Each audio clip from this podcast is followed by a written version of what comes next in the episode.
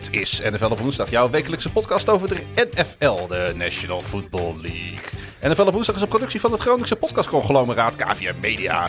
Tussen de kerstbouillon, kalkoen en cadeautjes door werden er volop wedstrijden gespeeld aan de andere kant van de plas. Waar sommige teams kreunend en kuchend aan de wedstrijden begonnen, leken andere teams wel voorgetrokken door een kudde vliegende rendieren.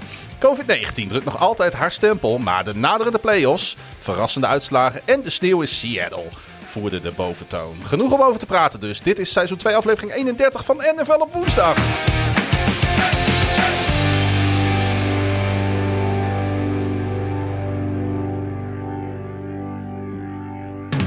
En daar was de roffel. En uh, ja, ik moet gelijk maar introduceren dat we in een bijzondere setting zitten.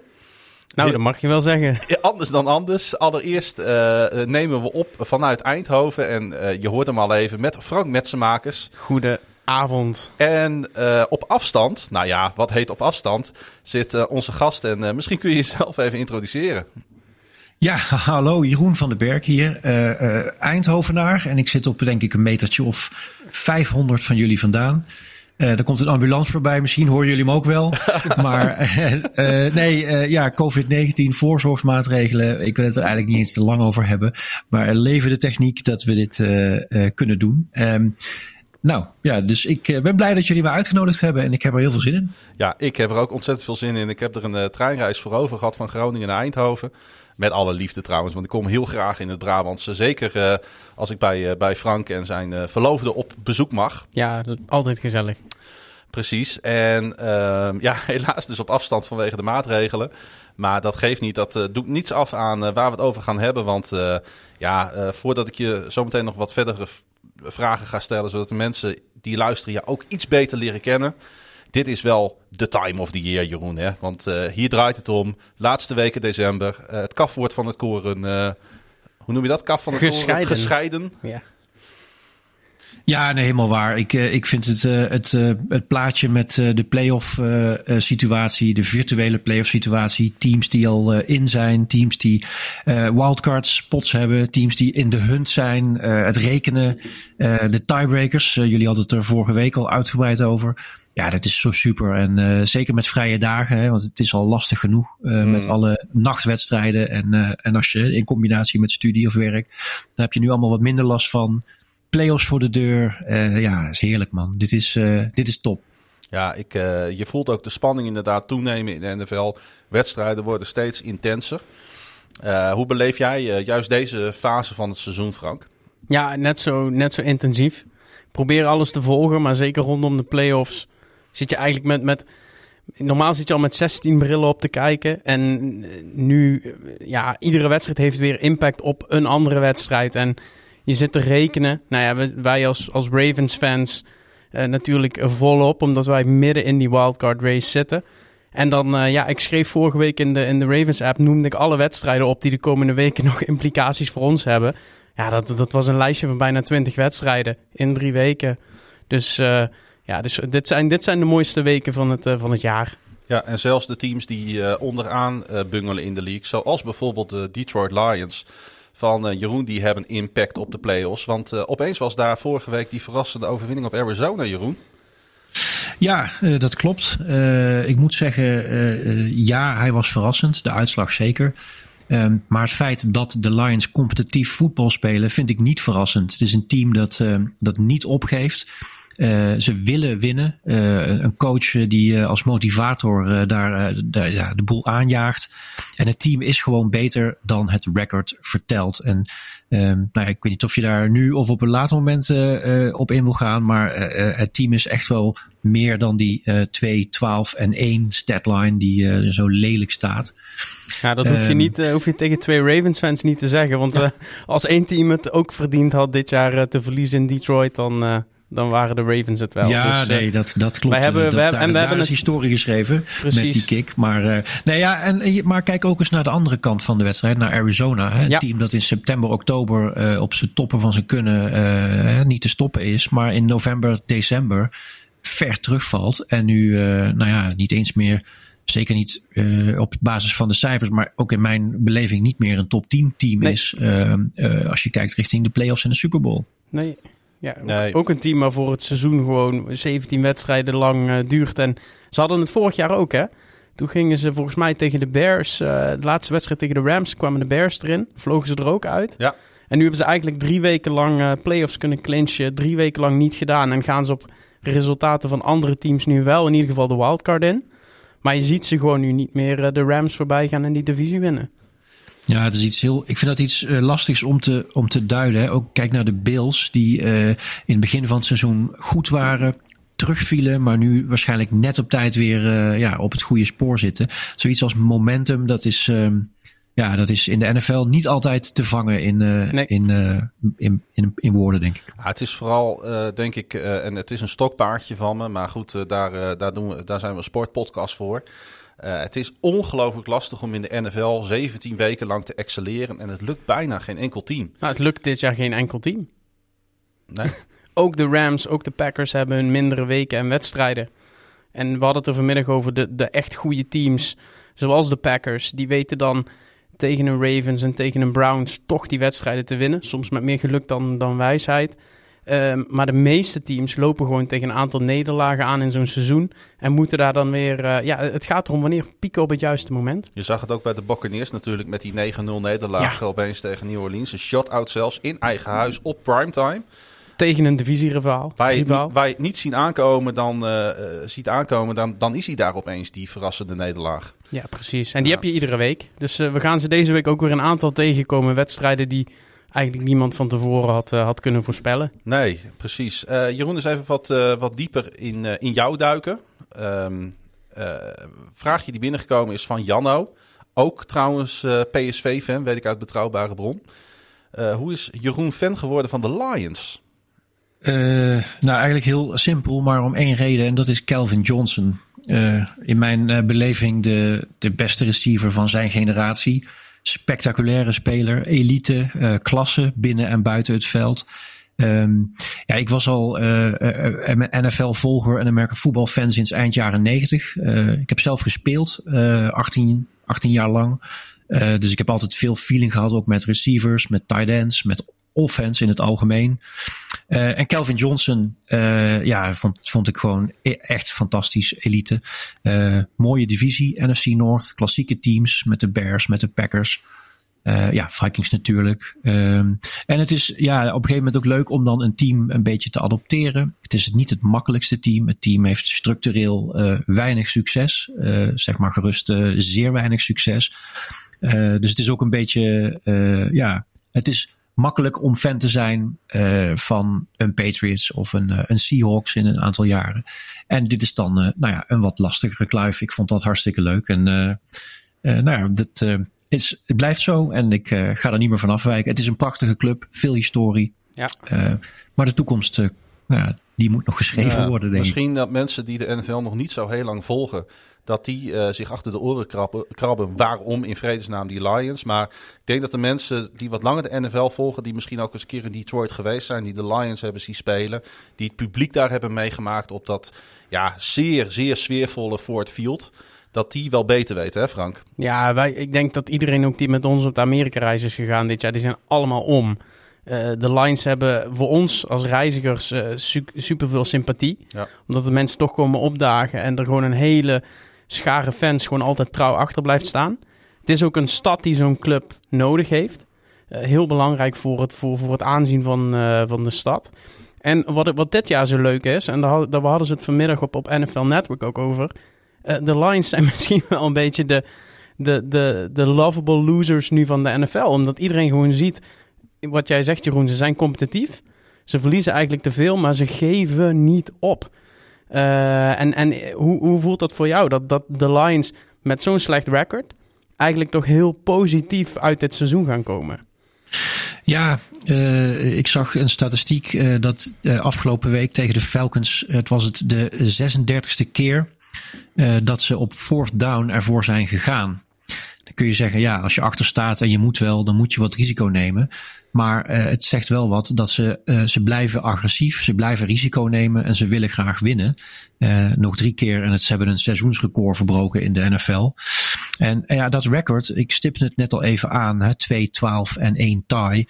Uh, daar zit een wedstrijd bij met uh, de historische kick uh, van Tucker van de Ravens. En ja, dat was NFL-geschiedenis.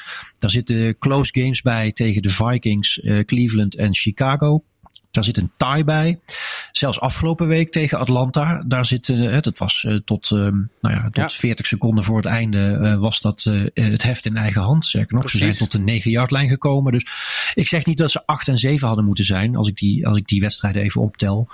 Maar er zit wel meer muziek in dit team. Ja, en meer uh, wil in dit team. En als ik de Redskins tegen de Cowboys de boel zag opgeven naar rust. Die gaven gewoon echt niet meer thuis. Met zelfs als dieptepunt uh, ruzie op de bank. Uh, vechten onderling.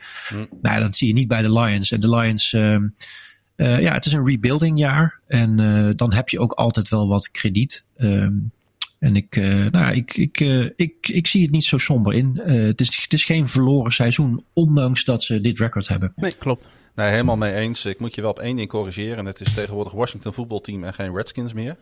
Oei, maar ja, dat, uh... die, die, zit er, die zit er diep in. Dat, nou ja, normaal, normaal doet Pieter dit één keer per podcast. Dus uh, de, de, de geest van Pieter waart gewoon weer rond uh, ja. vandaag. Maar nee, is, je hebt wel helemaal gelijk. En weet je wat ik interessant vind? En volgens mij stond die vraag ook in het script verderop. Maar ik ga hem gewoon nu alvast stellen, omdat we er net even lekker in zitten. iemand vroeg volgens mij via een van de social media kanalen... wat hebben de Lions nou nodig... Hè? Om, om, om door te groeien. Om, om, om, um, oh, sorry, ik heb hem hier al staan. Instagram story vraag van Diego. Voor de boys die aan het praten zijn. Wat heeft jouw team nodig om Super Bowl contender te zijn? En dan mag je daar natuurlijk zelf antwoord op geven. Maar ik wou uh, al graag een schot voor de boeg geven. Want ik denk als de Lions één ding nodig hebben, dan is dat een nieuwe cultuur. Uh, ja. En dat zie ik op dit moment ontstaan met, uh, met Campbell als headcoach. Ja, eens. Uh, de habit of winning. Uh, uh, er zijn teams in de league. De, kijk naar de Patriots. kijk naar de Steelers. de Packers. ja, die, die weten hoe je een wedstrijd moet winnen. Ook als het die dag minder is. En die habit of winning, die cultuur hebben de, de Lions vinden altijd een manier om te verliezen. Ook al spelen ze 59 minuten competitief voetbal. In die ene minuut Lions being Lions. En die cultuur, de, die sfeer, ja, dat kost tijd. De Patriots waren tot 2000 ook niet al te beduidend team. Uh, en hebben sindsdien zo'n beetje de grootste dynastie in de, in de NFL-historie neergezet. Uh, dat is cultuur. Daar heb je spijker op zijn kop. En uh, nou ja, dat, dat komt niet in een jaartje tijd. Ehm, ik zie wel genoeg bouwstenen uh, om uh, op in korte tijd stappen te maken. En, uh, en er zijn ook voorbeelden dat het kan. Hè? Dus de Cleveland Browns waren volgens mij een paar jaar geleden ook weer zo'n zo'n 0 en 16 jaar of zo'n dramajaar. En drie jaar later playoffs. Uh, dus je, je kunt in korte tijd, dat is het mooie aan het systeem in de NFL, je kunt in korte tijd ja. uh, weer, weer competitief worden. Wat dacht je van de uh, Buffalo Bills? Zeker. De Buccaneers. Zeker. De Buccaneers, ja oké. Okay. Nee, maar de, wat ik zeg, het je kan... Je hebt een beetje kan, gecheat, hè? Nee, maar het kan, het kan, uh, het kan verkeren. Ook, maar ook daar is cultuur, hè? Tom ja. Brady komt binnen en het is hetzelfde roster met Tom Brady.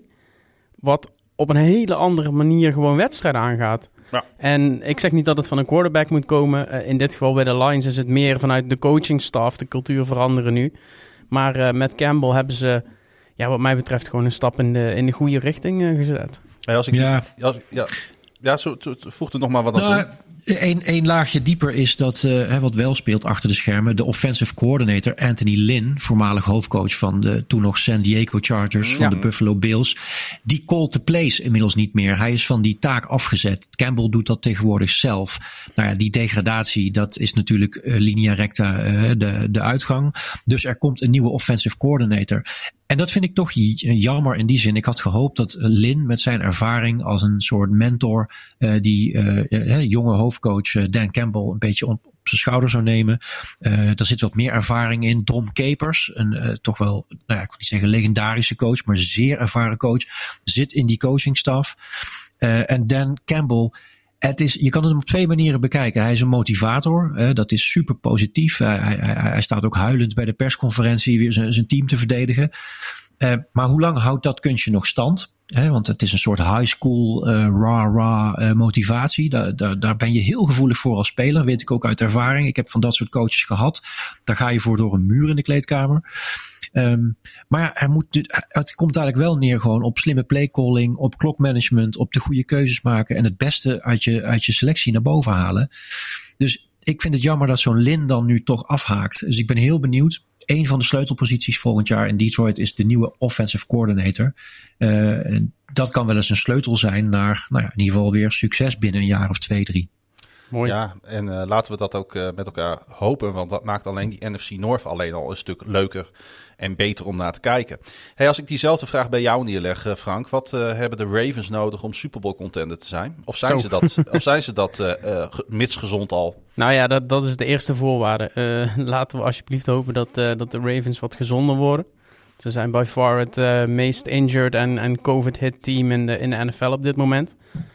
Um, ja, en we hebben er begin het seizoen ook naar gekeken. Dat roster zit gewoon heel goed in elkaar. Mits fit.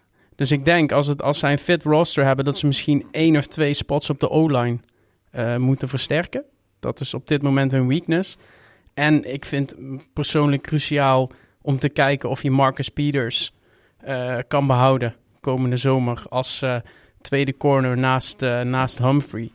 Um, en dan denk ik dat je met het huidige roster, mits fit, best, een, best een Super Bowl waardig team al hebt. Ja. Maar daarbij wel dat het dit jaar niet, niet gaat gebeuren. Ik denk dat we afhankelijk zijn van één man die we moeten terughalen. Hij speelt op dit moment bij de Atlanta Falcons. Ja, Hayden Hurst. Hè? Ik denk dat we gewoon Hayden Hurst weer moeten terughalen. de tight end van de Falcons. Heeft jarenlang bij de Ravens gespeeld. Is toen een beetje slachtoffer geworden van van de, de, de, de nodige cuts in die ja. offseason. Ook omdat Mark Andrews er natuurlijk uh, keihard uh, overheen kwam. Nou, we speelden in dat seizoen uh, tight end sets met Boyle, uh, Andrews en uh, deze. De, de, en dat was waanzinnig ja, om naar te kijken. Uh, precies. En wij hebben Hurts een, een 50-yard touchdown zien maken in, in Buffalo. De, Klaas-Jan en ik. Dus wij zijn voor de rest van ons leven niet ja. meer objectief over, over Hayden Hurst. ja, nou ja, goed. Nee, maar de, de Ravens zijn, op de, zijn mits fit in mijn ogen een Super Bowl caliber team. Misschien ja. de offensive line als, als weakness.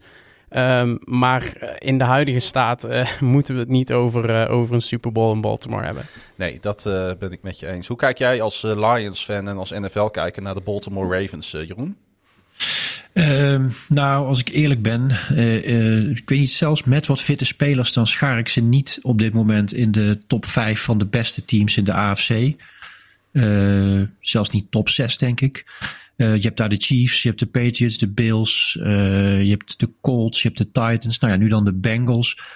Dus ik denk uh, met een neutrale bril op, gewoon als NFL-liefhebber. En, uh, en ik kijk en ik volg en ik zie zo'n beetje bijna alles. Um, ja, zeker geen top 5, top 6, alleen al in de AFC op dit moment. Nee. Uh, ik ben, uh, dat is vloeken in uh, jullie paarse kerk, maar ik ben minder fan van het type quarterback dat Lamar is. Uh, omdat ik denk dat dit, uh, ja, dit is ook niet zo lang houdbaar, deze speelstijl. Hij is niet de eerste quarterback met zijn mobiliteit, met zijn dynamiek in de loop der jaren. Je had, je had, je had 30 jaar geleden had je al een aantal spelers die, uh, ja, die dezelfde stijl hadden. En dan zijn er daarna nog meer geweest. Maar ik denk, ik ben, het is niet mijn favoriete type. Ik ben meer van de pocket passer, van de, de, de speler die het spel echt leest die uh, lang durft te wachten. Um, uh, ik heb veel met Josh Allen, die mixt het een beetje van allebei. Maar goed, ik draaf door. nee, Ravens, op zich helemaal niet. Ik vind, wel, ik vind het wel een zinvolle opmerking. maar ik heb het idee dat ze dat bij de Ravens zelf ook al een beetje gezien hebben. Want Lamar heeft natuurlijk al de omslag gemaakt naar eigenlijk stiekem pass first. Heeft hij ook uitgesproken. Uh, met als optie B natuurlijk de, de run option. Of, de, of eventueel een design run natuurlijk. Want die kun je altijd met hem uitvoeren. Dus ik heb het idee dat ze ook bij, bij, bij de Baltimore Ravens ondertussen wel doorhebben. Dat het inderdaad niet sustainable is zoals hij zijn, uh, zijn MVP-jaar uh, speelde. Wat natuurlijk wel ja. awesome was om te zien. Laten we dat voorop stellen.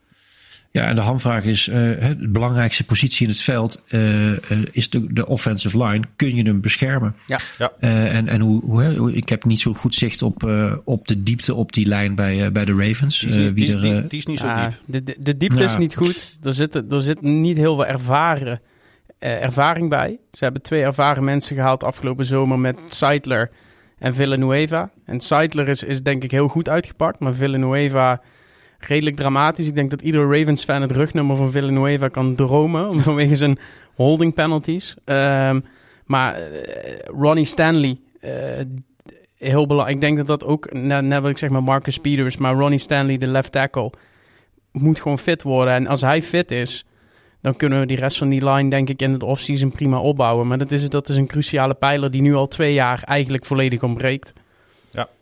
En dat is ook het lastige van het bouwen van een NFL-team. Er zit altijd ergens een zwakte.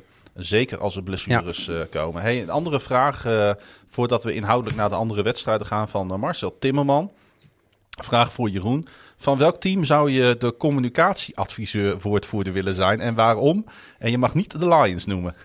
Nee, snap ik. Eh, eh, nee, superleuke vraag. Eh, ja, dan kijk ik wel met. mijn eerste antwoord is elk team. Eh, elk van de 32 die morgen belt, daar, die, die krijgen van Misschien, mij. misschien heel even, Jeroen, uitleggen waarom dat het interessant is om aan jou te vragen om de communicatieadviseur van een NFL-team te zijn.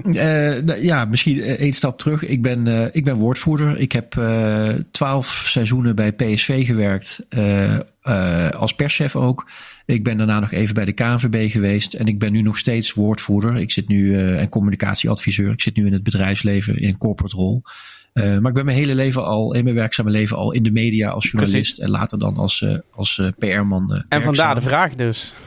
Dus de vraag, eh, ja, de vraag is eh, ja, heel herkenbaar. En eh, nogmaals, als elk van de 32 teams eh, of de league zelf, eh, het league office in New York, als die bellen, dan, eh, nou, dan eh, sta ik op mijn stoel, denk ik. Nou, als je, als je, Ehm. als je nou echt de keuze hebt. eh, Nou, dan ga Eén ik denk team. ik voor één team. Dan eh, ga ik toch voor een Oostkustteam. Eh dan ga ik denk ik voor eh, eh, of voor Philadelphia vanwege eh, de, de beleving van de fans, of voor Chicago omdat het zo'n klassiek team is. Eh, eh, een prachtige stad natuurlijk. En er zijn genoeg uitdagingen. Hè. Kijk naar Washington, daar wil je toch ook werken, want Ja. hè, die hebben dadelijk die, die, die, die make-over van hun team. Daar, zit, daar speelt van alles buiten het veld de Giants met de New Yorkse media die altijd eh, ja, overdreven agressief op je reageren. Of de Rams in dat mooie stadion. eh, hè, Ja. Nog heel veel toekomst. Maar ik zou zeggen eh, Chicago Bears. Mooie stad, mooi team, klassiek. Eh, eh, ik hou van, eh, van eh, die kant. Je bent ook met één vlucht eh, zonder overstap ben je weer thuis. Ja. Eh, Chicago. Mooi. En Oké. hoe, hoe kijk je dan, even kort vraagje tussendoor, naar bijvoorbeeld hoe de Jacksonville Jaguars omgaan met, met de heisa rondom eh, hun inmiddels ontslagen coach en de manier waarop dat allemaal in de pers komt. Kijk je daar dan ook met een professionele blik naar? Ja, natuurlijk. Ik kijk wel altijd hoe reageert een club, eh, hoe reageert de hoofdpersoon. Er zijn natuurlijk meer eh, off-the-field issues. Hè. Eh, kijk naar de Raiders dit jaar, die hebben er ook een paar gehad. Ja, klopt. Dus ik kijk altijd wel naar hoe communiceert een team. Hoe transparant zijn ze of hoe gesloten zijn ze? Houden ze zich op de vlakte? Ehm, en, maar ja, dit, was, dit is volgens mij nooit een heel geslaagd huwelijk geweest tussen deze coach en deze club. Dus dan is de communicatie daar, ja, dat was al een, dat is dan een, een afgeleide daarvan. Eh, maar ik kijk inderdaad wel heel graag naar, eh, naar, sowieso naar Amerika, naar de Amerikaanse sportwereld. Hoe zij omgaan met, ja, met dergelijke media kwesties. Ja, en eh, ja, ik heb die ervaring van PSV, ik heb daar, ik heb daar lang gezeten. Ook veel off-the-field dingen meegemaakt, on-the-field dingen meegemaakt. Ja, dat is, dat is een bijzondere dynamiek. Het is een wereld onder een vergrootglas. Het is de grootste publiciteitsindustrie die er is. Alles is nieuws. Elke teennagel waar iets mee aan de hand is, is, is, is, is groots. Eh, nou, zeker in Nederland. Hè. Camera's bij de trainingen, veel openheid, veel persconferenties.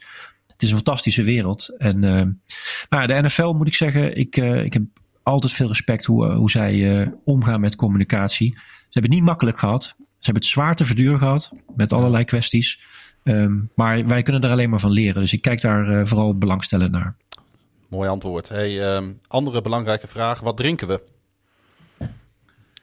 Nou, Wat drinken heb- we? Ja, heb, mooi. Ik heb een cadeautje voor jullie gehad. eh, eh, keurig aan de deur afgegeven. Een, eh, eh, van Frank. Een eh, kruikje blond van de Tilburgse stadsbrouwerij 013. En die smaakt mij prima. En jij zat aan de stout, hè? Ja, ik, eh, ik moet nog rijden. Dus ik heb een lichte stout eh, ook bij de bierbrigadier in Tilburg gehaald. De Kernel uit van een brewery in Londen, een dry stout. En ik heb voor jou, Klaas-Jan, heb ik ook de laatste, eh, wat is het, een, een double of een triple IPA? Nee, en, eh, de U-Trip-In. You Trippin', oh ja, dat was Double. New England IPA. Inderdaad, eh, ook eh, gebrouwen bij de stadsbrouwerij van, van Tilburg. En ja, kijk, wij maken natuurlijk vaak reclame voor Groningse brouwerijen, Pieter en ik. Nou, dan doen we dat nu een keer voor, voor Tilburg. Ja, nou ja, ik kan nagenoeg alle biertjes van de Stadsbrouwerij Tilburg wel aanraden. Ja, mochten ze ons willen sponsoren, dan weten ze ons te vinden. Precies. Goed, um, we moeten het erover hebben, uh, mannen. Uh, Covid. Want uh, ik denk dat Robert Roodzand een terechte opmerking plaatste op Twitter. Hij zegt, doet de NFL er goed aan de wedstrijden kosten wat het kost door te laten gaan, ongeacht de impact op COVID op een team. Bijvoorbeeld Washington voetbalteam, at Cowboys en zeker ook Miami, at New Orleans waren nauwelijks competitief doordat de, de defense van Washington voetbalteam, offense van de Saints cruciale spelers miste door het COVID-protocol. Uh, met jou beginnen, Frank. Uh, de Ravens hebben bijvoorbeeld uh, ook niet gevraagd om uitstel. Nee. Hadden ze natuurlijk wel kunnen doen. Nee, dat klopt. Je ziet het nu bij, in, in Engeland bij de Premier League, waar ze de ene na de andere wedstrijd eruit gooien, omdat er een x aantal spelers besmet zijn met, met COVID. De NFL heeft natuurlijk de naam, want daar hebben jullie het in de voorgaande podcast ook over gehad. Maar meer toen vanwege het weer en de omstandigheden om altijd door te spelen. En de protocols zeggen nu eenmaal dat als jij uh, volgens mij 48 spelers op de been kan brengen, dat, jij, uh, dat je moet spelen. Uh, en met, met practice squads en met free agency en of, of gewoon de, de waiver zeg maar die je hebt, kunnen alle NFL-teams onder die regels gewoon 48 man hmm. in, een, in een jersey hijsen en het veld opbrengen. en dat is op dit moment hoe de NFL daar, daarnaar kijkt. En wat ik wel fijn vind, is dat ze het nu het hele seizoen constant doen. Want vorig jaar zijn de Steelers natuurlijk enorm genaaid. Die zijn gewoon een bye week afgenomen. Uh, en de Ravens zijn toen enorm bevooroordeeld. Ook al hadden ze uiteindelijk niks aan die, uh, aan die wedstrijd, want die mm. verloren ze uiteindelijk in Pittsburgh. Um, de Ravens zijn toen enorm gematst. Uh, de Titans zijn toen enorm gematst. en dit jaar hebben ze gewoon eigenlijk gezegd: we laten alles zoveel mogelijk doorgaan. Er zit natuurlijk ook een commercieel belang achter, want die Super Bowl die staat en die moet en zal gehaald worden. Ja. Uh, in tegenstelling tot bijvoorbeeld het ijshockeyseizoen, dat eerder in het seizoen zit en nu gewoon een kleine week er helemaal uitgegooid uh, gegooid is om die corona-besmettingen in te dammen. Um, maar ze zijn, ik, ik, ja, ik vind het een hele lastige kwestie, maar ze zijn nu in ieder geval het hele seizoen al bijzonder consequent. En dat vind ik al een verbetering ten opzichte van vorig seizoen. Maar je krijgt wel wedstrijden zoals afgelopen nacht, uh, Monday Night ja. Football, Miami op bezoek bij New Orleans. Die uh, uh, met een uh, groenteboer onder center moeten spelen, Jeroen. Waardoor de strijd er niet meer is, hè? Nee, um, ja, ik vind het lastig. kijk, je hebt maar een betrekkelijk klein aantal wedstrijden. Hè? Zeker als je kijkt naar een ijshockey of NBA seizoen. dit zijn veel minder wedstrijden. De belangen zijn enorm de zakelijke, de, de businessbelangen zijn, uh, zijn gigantisch. Uh, en je zit gevangen in een, in een tijdlijn. Uh, die Super Bowl kun je niet even vier weken uitstellen. daarvoor ja, zijn er te veel zaken waar rekening mee gehouden moet worden. dus er is ook gewoon geen uitwijk. Het is niet dat je zegt, we halen het later wel even in. Nee. Um, dus ik, ik denk dat ze het um, met de beste middelen die ze hebben laten doorgaan. Dat er inderdaad een paar teams benadeeld zullen worden. Um, maar dat het niet anders kan. Nee. Uh, en, en, we hebben nog geluk dat het tot relatief laat in het seizoen. Hè, dit seizoen is eigenlijk tot week, nou ja, week 14, uh, week 14, bijna 15, redelijk gegaan. Uh, en pas nu, de laatste twee, drie weken, ja, gaat het compleet mis. Ja, die extra, maar het kan, het, het kan niet die, anders. Die extra week komt wat dat betreft niet goed uit, hè, dit jaar. Ja, maar je hebt ook play-offs daarna. Die, die komen ook weer een week later. Ja. Uh, en uh, dus daar gaan ook uh, klappen vallen waarschijnlijk. maar ja, ik denk dat de belangen het niet toelaten om...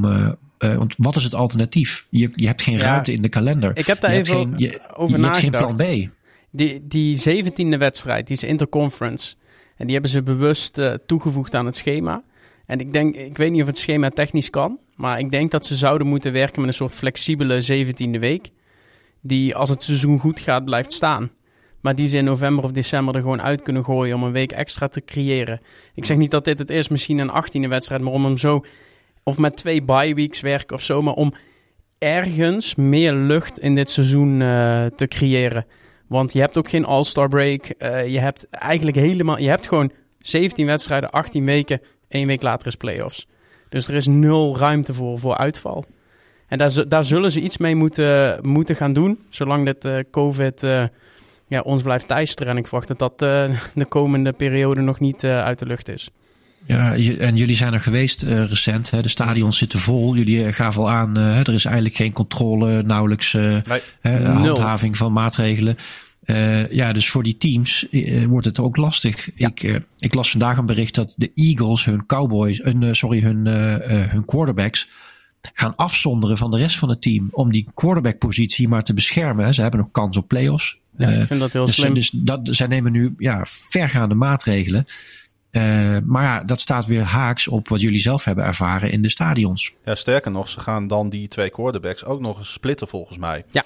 Dus ze worden en afgezonderd en ook nog eens die twee quarterbacks afzonderlijk van elkaar.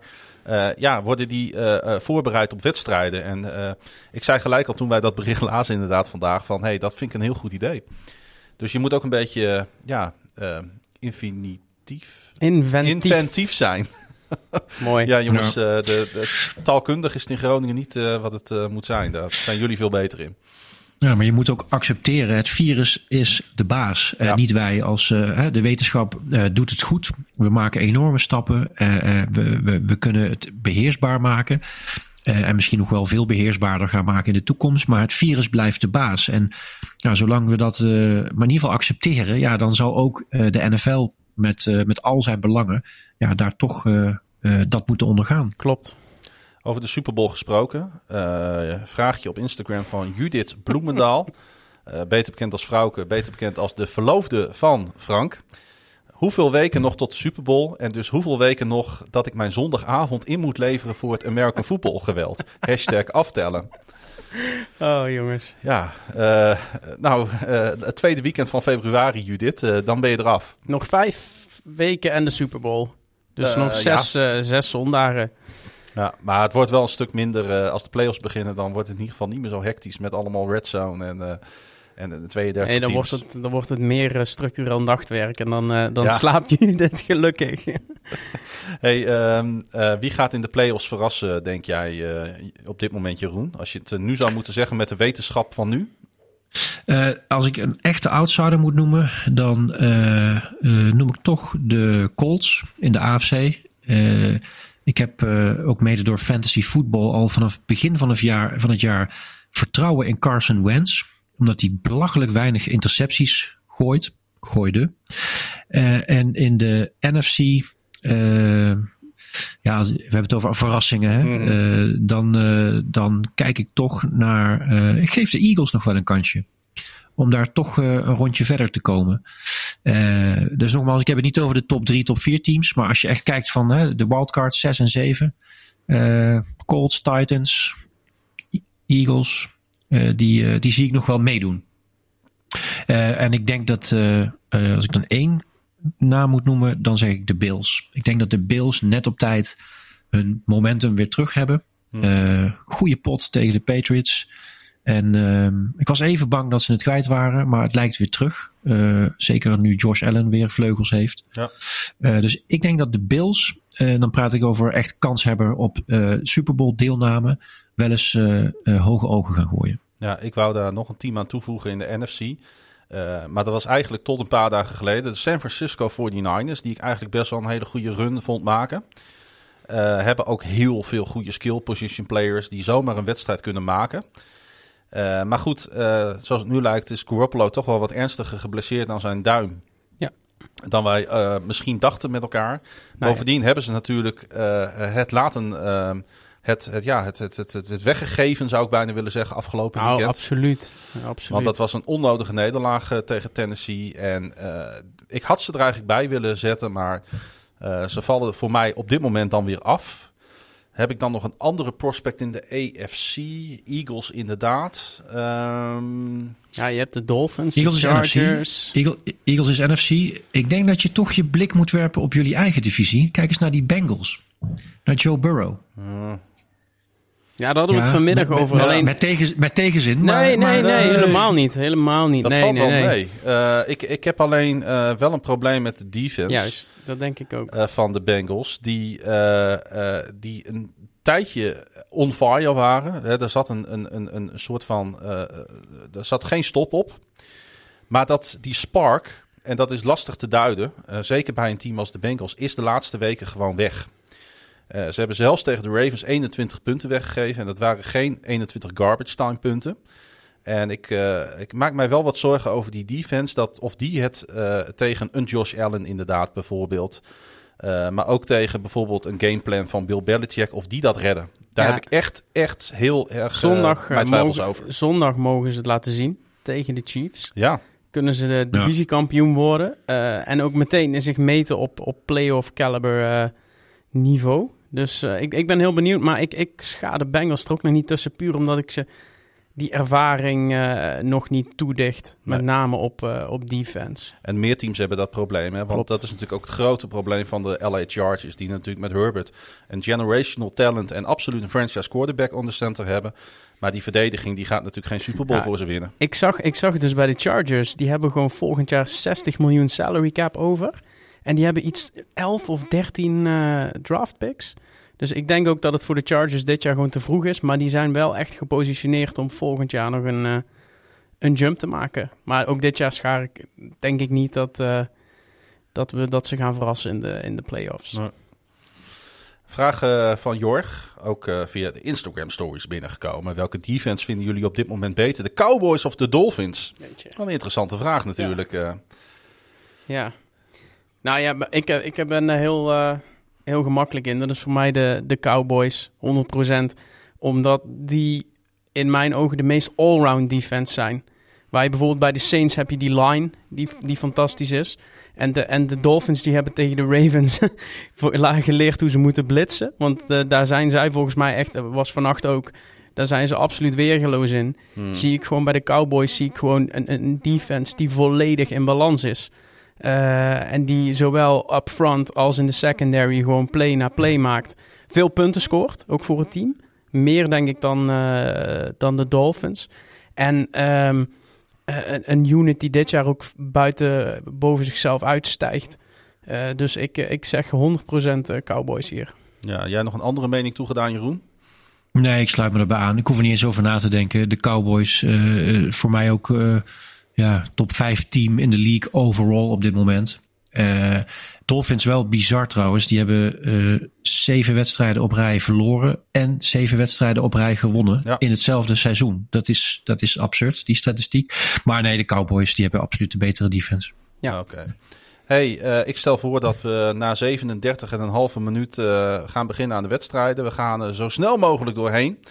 Eh, maar er is natuurlijk zoveel gebeurd dat we, ehm, dat we bij iedere wedstrijd even willen stilstaan. Bovendien, voor een aantal fans die luisteren, gaat eh, over een paar weken het seizoen, eh, als het om hun team aankomt, toch echt eindigen. Dus het eh, is juist leuk om ook even stil te staan bij de teams die eh, de play-offs niet gaan halen. En eh, misschien kunnen we al heel kort ook even een soort van bespiegelen van hoe staan die teams ervoor en Ja. eh, gaan ze volgend jaar wel de play-offs halen. Ehm, om natuurlijk te beginnen, traditioneel beginnen we met Monday Night Football. En dat was dus die wedstrijd tussen de Dolphins en de Saints. En de Dolphins, eh, Dolphins defense wist Saints rookie Ian Book tweemaal te intercepten, acht keer te sacken. Meer dan genoeg om Miami's winning streak uit te breiden naar zeven wedstrijden. Daarnaast had rookie sensation Jalen Waddle een big day met 10 gevangen passes voor 92 yards en een touchdown. Gevolg was een 20-3 overwinning. En de Dolphins werden het eerste NFL-team, je zei het net al Jeroen, dat zeven wedstrijden op rij wint nadat het zeven wedstrijden op rij verloor. Ehm, ehm, eh, ja, het is altijd flauw om gelijk natuurlijk iets onderuit te halen. Maar als we kijken naar de strength of schedule in die zeven wedstrijden, dan zaten daar natuurlijk wel een paar winnable games bij. Hè? Dat klopt, maar ik denk dat we daarmee de Dolphins wel, eh, zeker in dit seizoen, eh, tekort doen. Ik denk dat er één moment was in het seizoen waarin de ommekeer heeft plaatsgevonden. En dat was vlak voor rust tegen de Ravens. Waarin zij zagen dat ze na twee kwarten niet kansloos waren. Brissett ervan afhaalden en Tua gingen laten spelen. Terwijl die toen nog geblesseerd was en volgens mij zijn duim. Ja. Eh, die wedstrijd eigenlijk eh, volledig, eh, volledig binnenhaalde met een defensive strategy met, met zero blitzes en, en zero coverage. Eigenlijk gedurende de hele wedstrijd. En die defense in zijn ritme vond. Ze hadden toen al, die, die winning streak was toen al bezig. Eh, maar die zetten ze gewoon door. En vannacht speelden zij een wedstrijd tegen een eh, depleted eh, Saints team. Want even kijken, wat was het? De Saints die misten volgens mij 20, eh 20 spelers zo'n beetje. Ze hadden 16 spelers ehm, op de COVID-lijst staan, waaronder quarterback Taysom Hill en veteran Ja, backup Trevor Simeon. Precies, ze misten 22 spelers en 4 coaches. Maar we moeten ook even bij Miami, die misten er eh 9 op COVID-IR. Maar die misten hun key players niet. Hm. En dat is het geluk dat je in deze fase van het seizoen moet hebben. En wat mij het meeste op is gevallen aan die wedstrijd vannacht... is dat Miami eh, deed het met wat die wedstrijd hun gaf. En ze maakten beduidend minder fouten dan de Saints. Ze waren niet exceptioneel goed. Maar zowel on offense als on defense maakten ze gewoon de plays op het moment dat het nodig was. Een pick six bij de allereerste snap van, van Ian Book, Ja. de, de Notre Dame quarterback. Ehm, die, ja, die liet zien gisteren waarom dat... Hij was in de, is in de vierde ronde gedraft. Maar hij is in het hele seizoen met al die geblesseerde quarterbacks nog eigenlijk helemaal niet ter sprake gekomen. Omdat ze toch nog te weinig vertrouwen hebben om hem te laten spelen. Nou ja, dat, dat gebrek aan vertrouwen, dat, dat werd gisteren wel heel snel duidelijk. Omdat die jongen komt eigenlijk nog tekort voor, voor de snelheid van de NFL. Meteen een pick six van de defense. En in, de, en in het tweede kwart of derde kwart was het een, een fantastische drive van de Dolphins. Waarin ze met een, ja, een briljante playcall uh, op, op, bijna op de goal line... Uh, Jalen Waddle uh, zijn touchdown laten maken. En je ziet gewoon dat, dat die combinatie Tua-Waddle... Ja, dat is de... Ja, je, je kan het vergelijken met Chase en, en Burrow. Maar die behoren al inmiddels gewoon tot de, tot de beste quarterback, wide receiver uh, connecties uh, in de NFL. Ja, en die jongen doet het gewoon fantastisch. Een hele goede connectie, maar Jeroen Tagovailoa individueel uh, staat er natuurlijk ook eigenlijk hartstikke goed op hè, dit seizoen. Uh, ja, hij, hij, maakt zijn ontwikkeling door. Um, ik heb altijd uh, een klein beetje moeite met, met de hype die er al bij de draft en dan in het eerste jaar van een, van een quarterback is. dat was bij hem dan niet dit jaar, maar. Um, maar ja, laat hem zich ontwikkelen. Laat hem eens een keer een x aantal wedstrijden fit op een rij spelen. Hij doet het goed. En ik vind het een leuke speler om naar te kijken. Ik vind het een leuk leuk team, hè, wat ze nu mm. laten zien. Uh, dankzij Waddle heb ik een uh, fantasy voetbal finale bereikt in een van mijn twee leagues. Dus ik ben hem heel dankbaar. uh, nee, maar zonder dolle Tua doet het, doet het goed. ja, Miami, het, het, mag ook wel weer een keer. Hè. Het is al jarenlang een anoniem team, met ja. alle respect. Ja. ik word er altijd een beetje droevig van. Dan zie je dat stadion, dat zit nooit vol. En het leeft niet. Uh, structureel uh, niet heel veel succes. Nee. Uh, ik gun het ze van harte dat ze met hem de komende jaren succes gaan hebben. Ja. ja. en de cijfers liegen natuurlijk niet, want hij begon aan deze wedstrijd met een NFL best 69,9 completion rate. En hij connecte tijdens Monday Night Football op 19 van 26 passes. Dat is natuurlijk keurig. 73,1% dus hij zat nog boven zijn gemiddelde. Um, ja, uh, met slechts één interceptie, natuurlijk van Marshawn Lettermore. Ja. Uh, maar een domme bal, ook trouwens, ja. vond ik dat helemaal niet nodig. Ik snapte ook niet dat die playcall voorbij kan, maar daar kun je natuurlijk over discussiëren. Want als, één wedst- als, als de Miami Dolphins in één wedstrijd niet agressief hoeven te zijn, was het in deze wedstrijd. Nee, dat klopt. Tot op third down. Want op third down waren ze eigenlijk 100% gingen ze op de blitz. En gaven ze alles. En je zag gewoon, die quarterback was er niet klaar voor. En, en de Saints waren 0 uit 12 op, op third down. En dan zie je eigenlijk dat Tua met zo'n wedstrijd misschien nog wel te weinig doet. Wat je al zegt, die, die interception was gewoon doodzonde. En die interception voedt ook weer die speculatie of hij het wel of niet is. Terwijl de mensen die de hele wedstrijd zien, zien gewoon dat hij die game gewoon echt heel goed managt. Uh, en de andere, het andere moment wat je ook van hem ziet is... Ze waren uh, aan een goede drive bezig. Dan komt uh, vervolgens die, wordt hij wordt die gesackt. Fumelt hij de bal. natuurlijk, fumelt hij de bal. Natuurlijk ja, Cameron Cam Jordan. Jordan. Zeker, ja. Cameron Jordan. Uh, en dat, dan moet ze uiteindelijk voor een field goal gaan in eigenlijk een hele lekkere drive. En dat zijn, van die, dat zijn twee momenten die halen de highlight reel. En ik zie de Dolphins ook niet iedere week. Maar ik heb vannacht die hele wedstrijd, niet vannacht, maar ik heb hem vanochtend helemaal gekeken. En ik ben toch gewoon eigenlijk wel onder de indruk van, van Tua. En misschien vraag voor jou, Jeroen.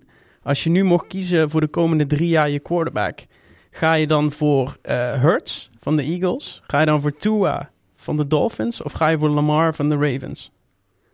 Oef. Um, Omdat het, het, zijn vergelijkbare spelers voor, volgens de mainstream media. Een beetje eh, mobiele quarterbacks. Allemaal jong, allemaal in hun eerste aantal jaren. Ehm, je was net al kritisch op Lamar. Maar zou je dan eerder voor een andere van die twee kiezen en zo? Ja, waarom? Moeilijke vraag. Eh, ze zijn ook niet allemaal even ver in hun carrière. Ik vind dat niet helemaal fair om ze te beoordelen. Ehm, maar ik denk dat Tua ja, dat is vloeken. Maar ik denk dat Tua, Tua er voor mij wel, eh, wel nipt bovenuit steekt. Eh, niet de vloeken, andere twee. nou, nee, maar goed. Ik, nogmaals, ik heb al uitgelegd. Ik ben niet, het, niet de grootste aanhanger van dit type eh, eh, spelverdeler. Ehm, maar Tua, ja, nogmaals, laat het er maar eens zien. Beoordeel, geef hem even de kans om eens een heel seizoen fit te zijn en, en, zijn, en zijn beslissingen te nemen. Ik denk dat hij nog heel veel po- potentie heeft, dat er nog heel veel plafond in zit. Bij Lamar hebben we dat plafond al gezien. En Jalen Hurts, ehm, ja, goede speler, ook dynamisch, ook spectaculair. Maar dan ga ik toch voor Tua. Oké. Oké, oh, nog even over Waddle, want ik moet het even benoemen. Hè, wij zijn een podcast ook van de statistieken, want dat, daar houden we van. Daar zit deze sport vol mee. Hij staat nu op 96 catches dit seizoen. En daar, hij speelde, eh, eh, eh, en daarmee ging die New Orleans Michael Thomas, ook niet de minste naam voorbij, voor op één na meeste receptions door een rookie. Ja. Hij komt nog vijf tekort voor Enquan Boldin's rookie record van 101 catches in 2003. Hè, Boldin toen de tijd, denk ik, bij de Cardinals. Cardinals. Ja, zeker Cardinals. Eh, later natuurlijk ook nog voor de 49ers en de Ravens gespeeld. Maar eh, die heeft het rookie record 101 catches. En eh, ja, ik, ik, het moet raar lopen. Wil hij de komende twee wedstrijden eh, niet dat record natuurlijk gaan pakken? Nee, ze spelen nog tegen twee goede defenses. Met Tennessee Ja. en, en, en, en New England. Maar Vijf? vijf catches gaat eh Waddle wel maken. En, en volkomen terecht. Misschien, wat ik net zei, ondergesneeuwd bij Jamar Chase geweld. Hmm. Maar ook Waddle heeft gewoon bewezen dat hij zijn first round pick meer dan waard is. En dat Tua er ook heel blij mee is. Ja, absoluut. Dan ook nog even naar die Miami defense, die maar liefst acht keer een sack wist eh, te produceren. Een evenaring zelfs van het teamrecord. Ze zijn nu eh, het eerste team in de Super Bowl era met in één wedstrijd zoveel sacks, een defensive touchdown en een verdediging die hun tegenstander onder de 200 total yards houdt, zonder een touchdown en een third down conversion toe te staan. Want de Saints gingen 0 uit 12 op third down. Ja, dat, eh, ja. De, de, de, Lion, of de, de, de, de Dolphins hebben vannacht een fantastische wedstrijd gespeeld. En Ja. zijn gewoon echt... eh, ze zijn nu staan op de seventh seed. En zij horen ook gewoon met, met het team dat ze nu hebben... en de wedstrijden die ze spelen... horen ze op een wildcard plek. En het is nu aan de Dolphins zelf om te bewijzen... tegen twee teams die playoffs gaan spelen... eh, om te bewijzen dat ze daarbij horen. En ik denk dat we ook hebben gezien bij de Saints dat eh, zelfs met Hill of met Simeon dat dit een veel beter team is dan eh, natuurlijk met een eh, oproep eh, quarterback zoals ze afgelopen nacht moesten spelen. Nou ja, dit is in de vierde ronde van de draft gewoon opgepikt van Notre Dame, waar hij alle records heeft staan als, als college quarterback. Dus ja, dat, Ik begreep, ik begreep- ik begreep dat ze eh, een wanhoopstelefoontje hebben gepleegd aan Drew Brees Ja. en aan Philip Rivers. Wauw. En Drew Brees die eh, eh, op vakantie was met zijn gezin op Hawaii, die het zelfs nog even overwogen heeft, die een paar passes heeft gegooid eh, daar bij het strand en toen dacht, ik doe het toch maar niet. Maar dat zegt wel wat over de wanhoop van het team. Ik begrijp het overigens volledig hoor, want ze, staan, ze stonden natuurlijk op 7 en 7 eh, bij een win op 8 en 7 en dan doe je nog hartstikke mee. Ja. Ehm, maar ja, dat je dan Rivers en Breeze eh, belt om eh, alsjeblieft eh, in het vliegtuig te springen. maar dan heb je eh, dus nou. heel weinig vertrouwen in je draft picks. Eh, eh, ja, zeker. En Want de nood, ja, goed. Ze, de draften hem in de En- vierde ronde met de 133ste pick. Ja, kijk, ik wou ook niet heel oneerbiedig doen hoor. Want iedere quarterback die een bal gooit in de NFL, die kan on- ongelooflijk goed quarterback spelen. En daar mogen wij de veters niet van strikken. Laat dat duidelijk zijn. Maar, en ik vond trouwens ook dat hij qua mobiliteit, eh, dat het er best wel aardig uitzag af en toe. Hij heeft ook geen dramatische wedstrijd of zo gespeeld. Maar goed, het was natuurlijk niet goed genoeg. De Dolphins spelen in Tennessee komend weekend. Sluiten het seizoen trouwens af met een thuiswedstrijd tegen AFC East rival New England. En de Saints hosten Carolina. Dat is eh, op zich een eh, lekkere reboundwedstrijd wellicht. En ze sluiten af in Atlanta. Gaan we naar de volgende pot. Blijven we natuurlijk in die divisie met eh, Die uh, Bills en Patriots die tegen elkaar speelden. Ja, het was natuurlijk de wedstrijd die het seizoen kon maken of breken voor de Buffalo Bills. Ondanks het ontbreken van behoorlijk wat keyspelers werd overtuigend gewonnen in het hol van de leeuw. 33-21 bij divisiegenoot New England Patriots. En Josh Allen gooide drie touchdowns. Isaiah McKenzie ving een career high 11 catches. En uh, Micah Hyde is het volgens mij. Heel veel mensen zeggen Mika, maar ik heb geleerd dat het Micah is. Micah Hyde was goed voor twee intercepties. En het leidde allemaal tot een overwinning die ervoor zorgde dat de Bills weer eerste staan in de AFC titelrace. Wedstrijd waar veel naar uitgekeken werd, denk ik, Jeroen. Was ook de wedstrijd die om 7 uur werd uitgezonden door ESPN Nederland. Uh, maar het was eigenlijk niet zo heel spannend, hè? Nee, uh, je had natuurlijk die wedstrijd van, uh, wat was het, twee weken geleden nog in je, in je hoofd. Diezelfde affiche met uh, drie passes van Mac Jones, alleen maar rennen. ja, de, de, de Bills waren, waren echt een stuk beter en Allen kreeg vleugels. terwijl ik dit nog steeds, ook nu, na deze uitslag, uh, behoren deze twee teams voor mij tot de drie beste teams samen met de Chiefs in de AFC. Ik denk dat dit, dit zijn nog steeds teams die, uh, die ver in de playoffs gaan komen.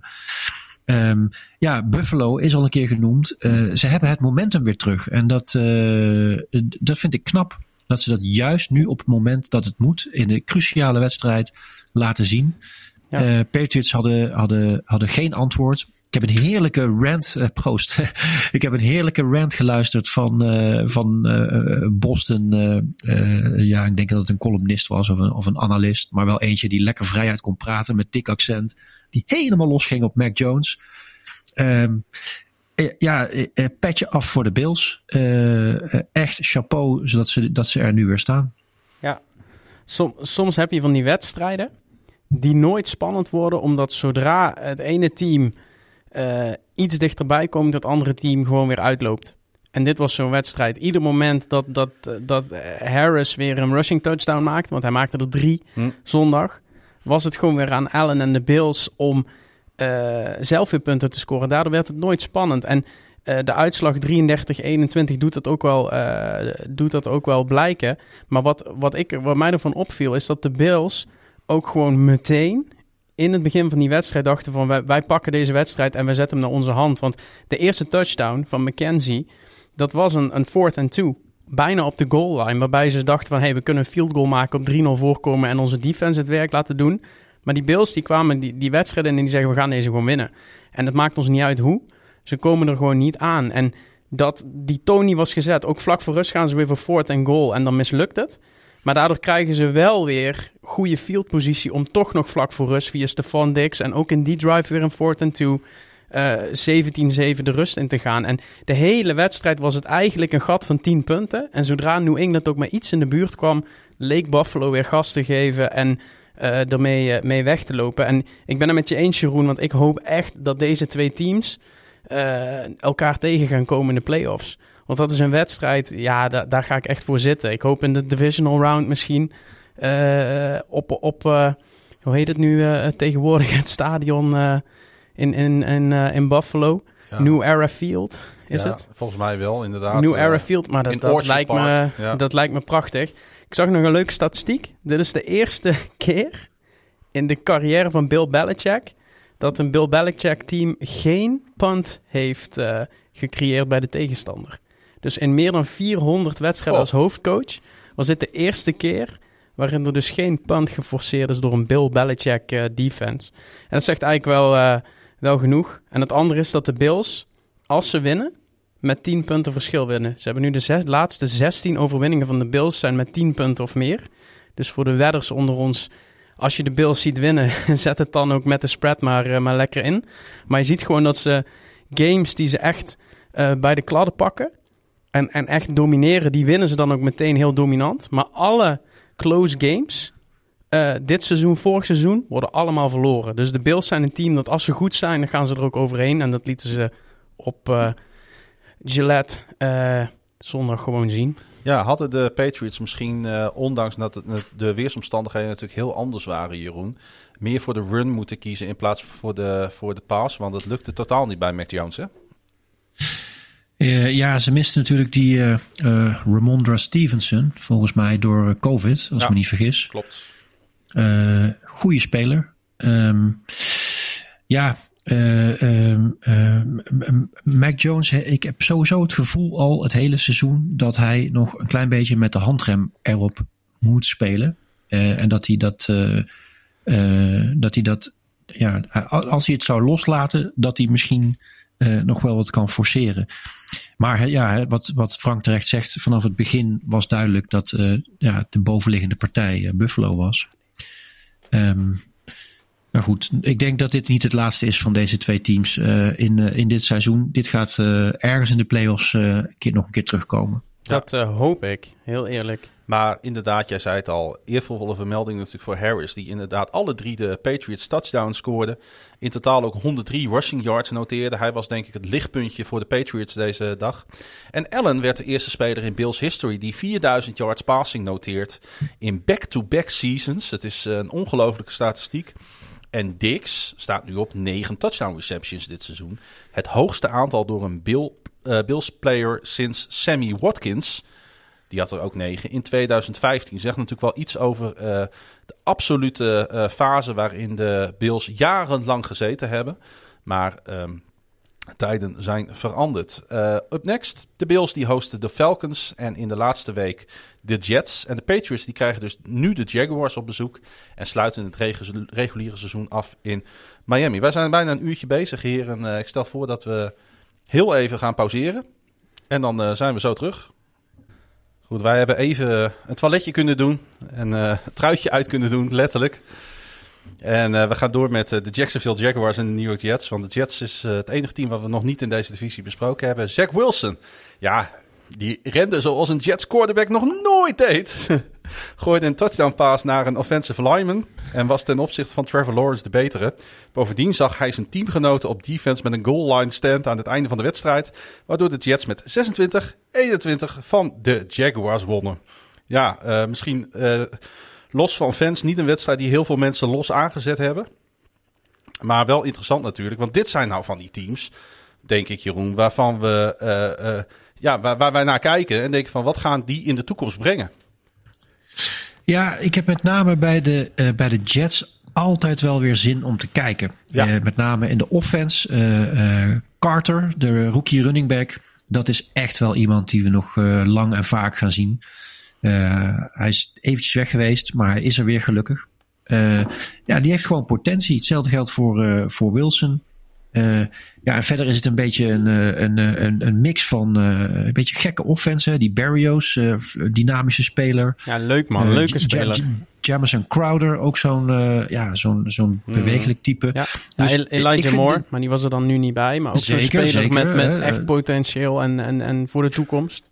Ja, dus ik, ik, vind de, ik vind het nooit een straf om naar de Jets te moeten gaan kijken. Uh, zeker op offense. Uh, defense laat ik even achterwege. En ja, de Jaguars, uh, Trevor Lawrence. Um, ja, daar, daar blij, nogmaals, ik ben altijd van. geef iemand de tijd om te wennen aan het tempo. Geef iemand de tijd om ja, gewoon de, de NFL te leren kennen. en dus ook als je de nummer 1 draftpick bent.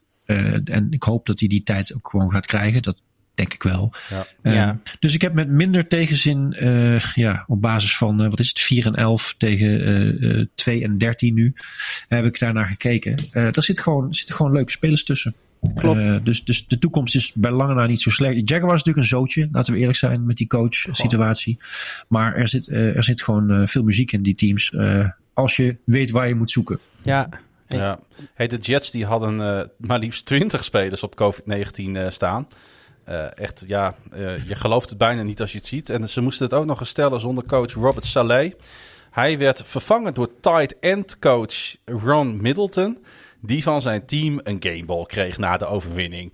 Ja, dat zijn dan toch de kleine verhalen in de schaduw van de NFL. waar ik wel een klein beetje ja, van kan smullen. Maar je ziet, je ziet die Saleh toch ook gewoon thuis op de bank staan. Ja. Bij, bij iedere touchdown en dat hele huis bij elkaar schreeuwen. Dat, die, zal, net, die, die zal thuis net zo fanatiek meekijken als dat die normaal uh, langs de lijn staat.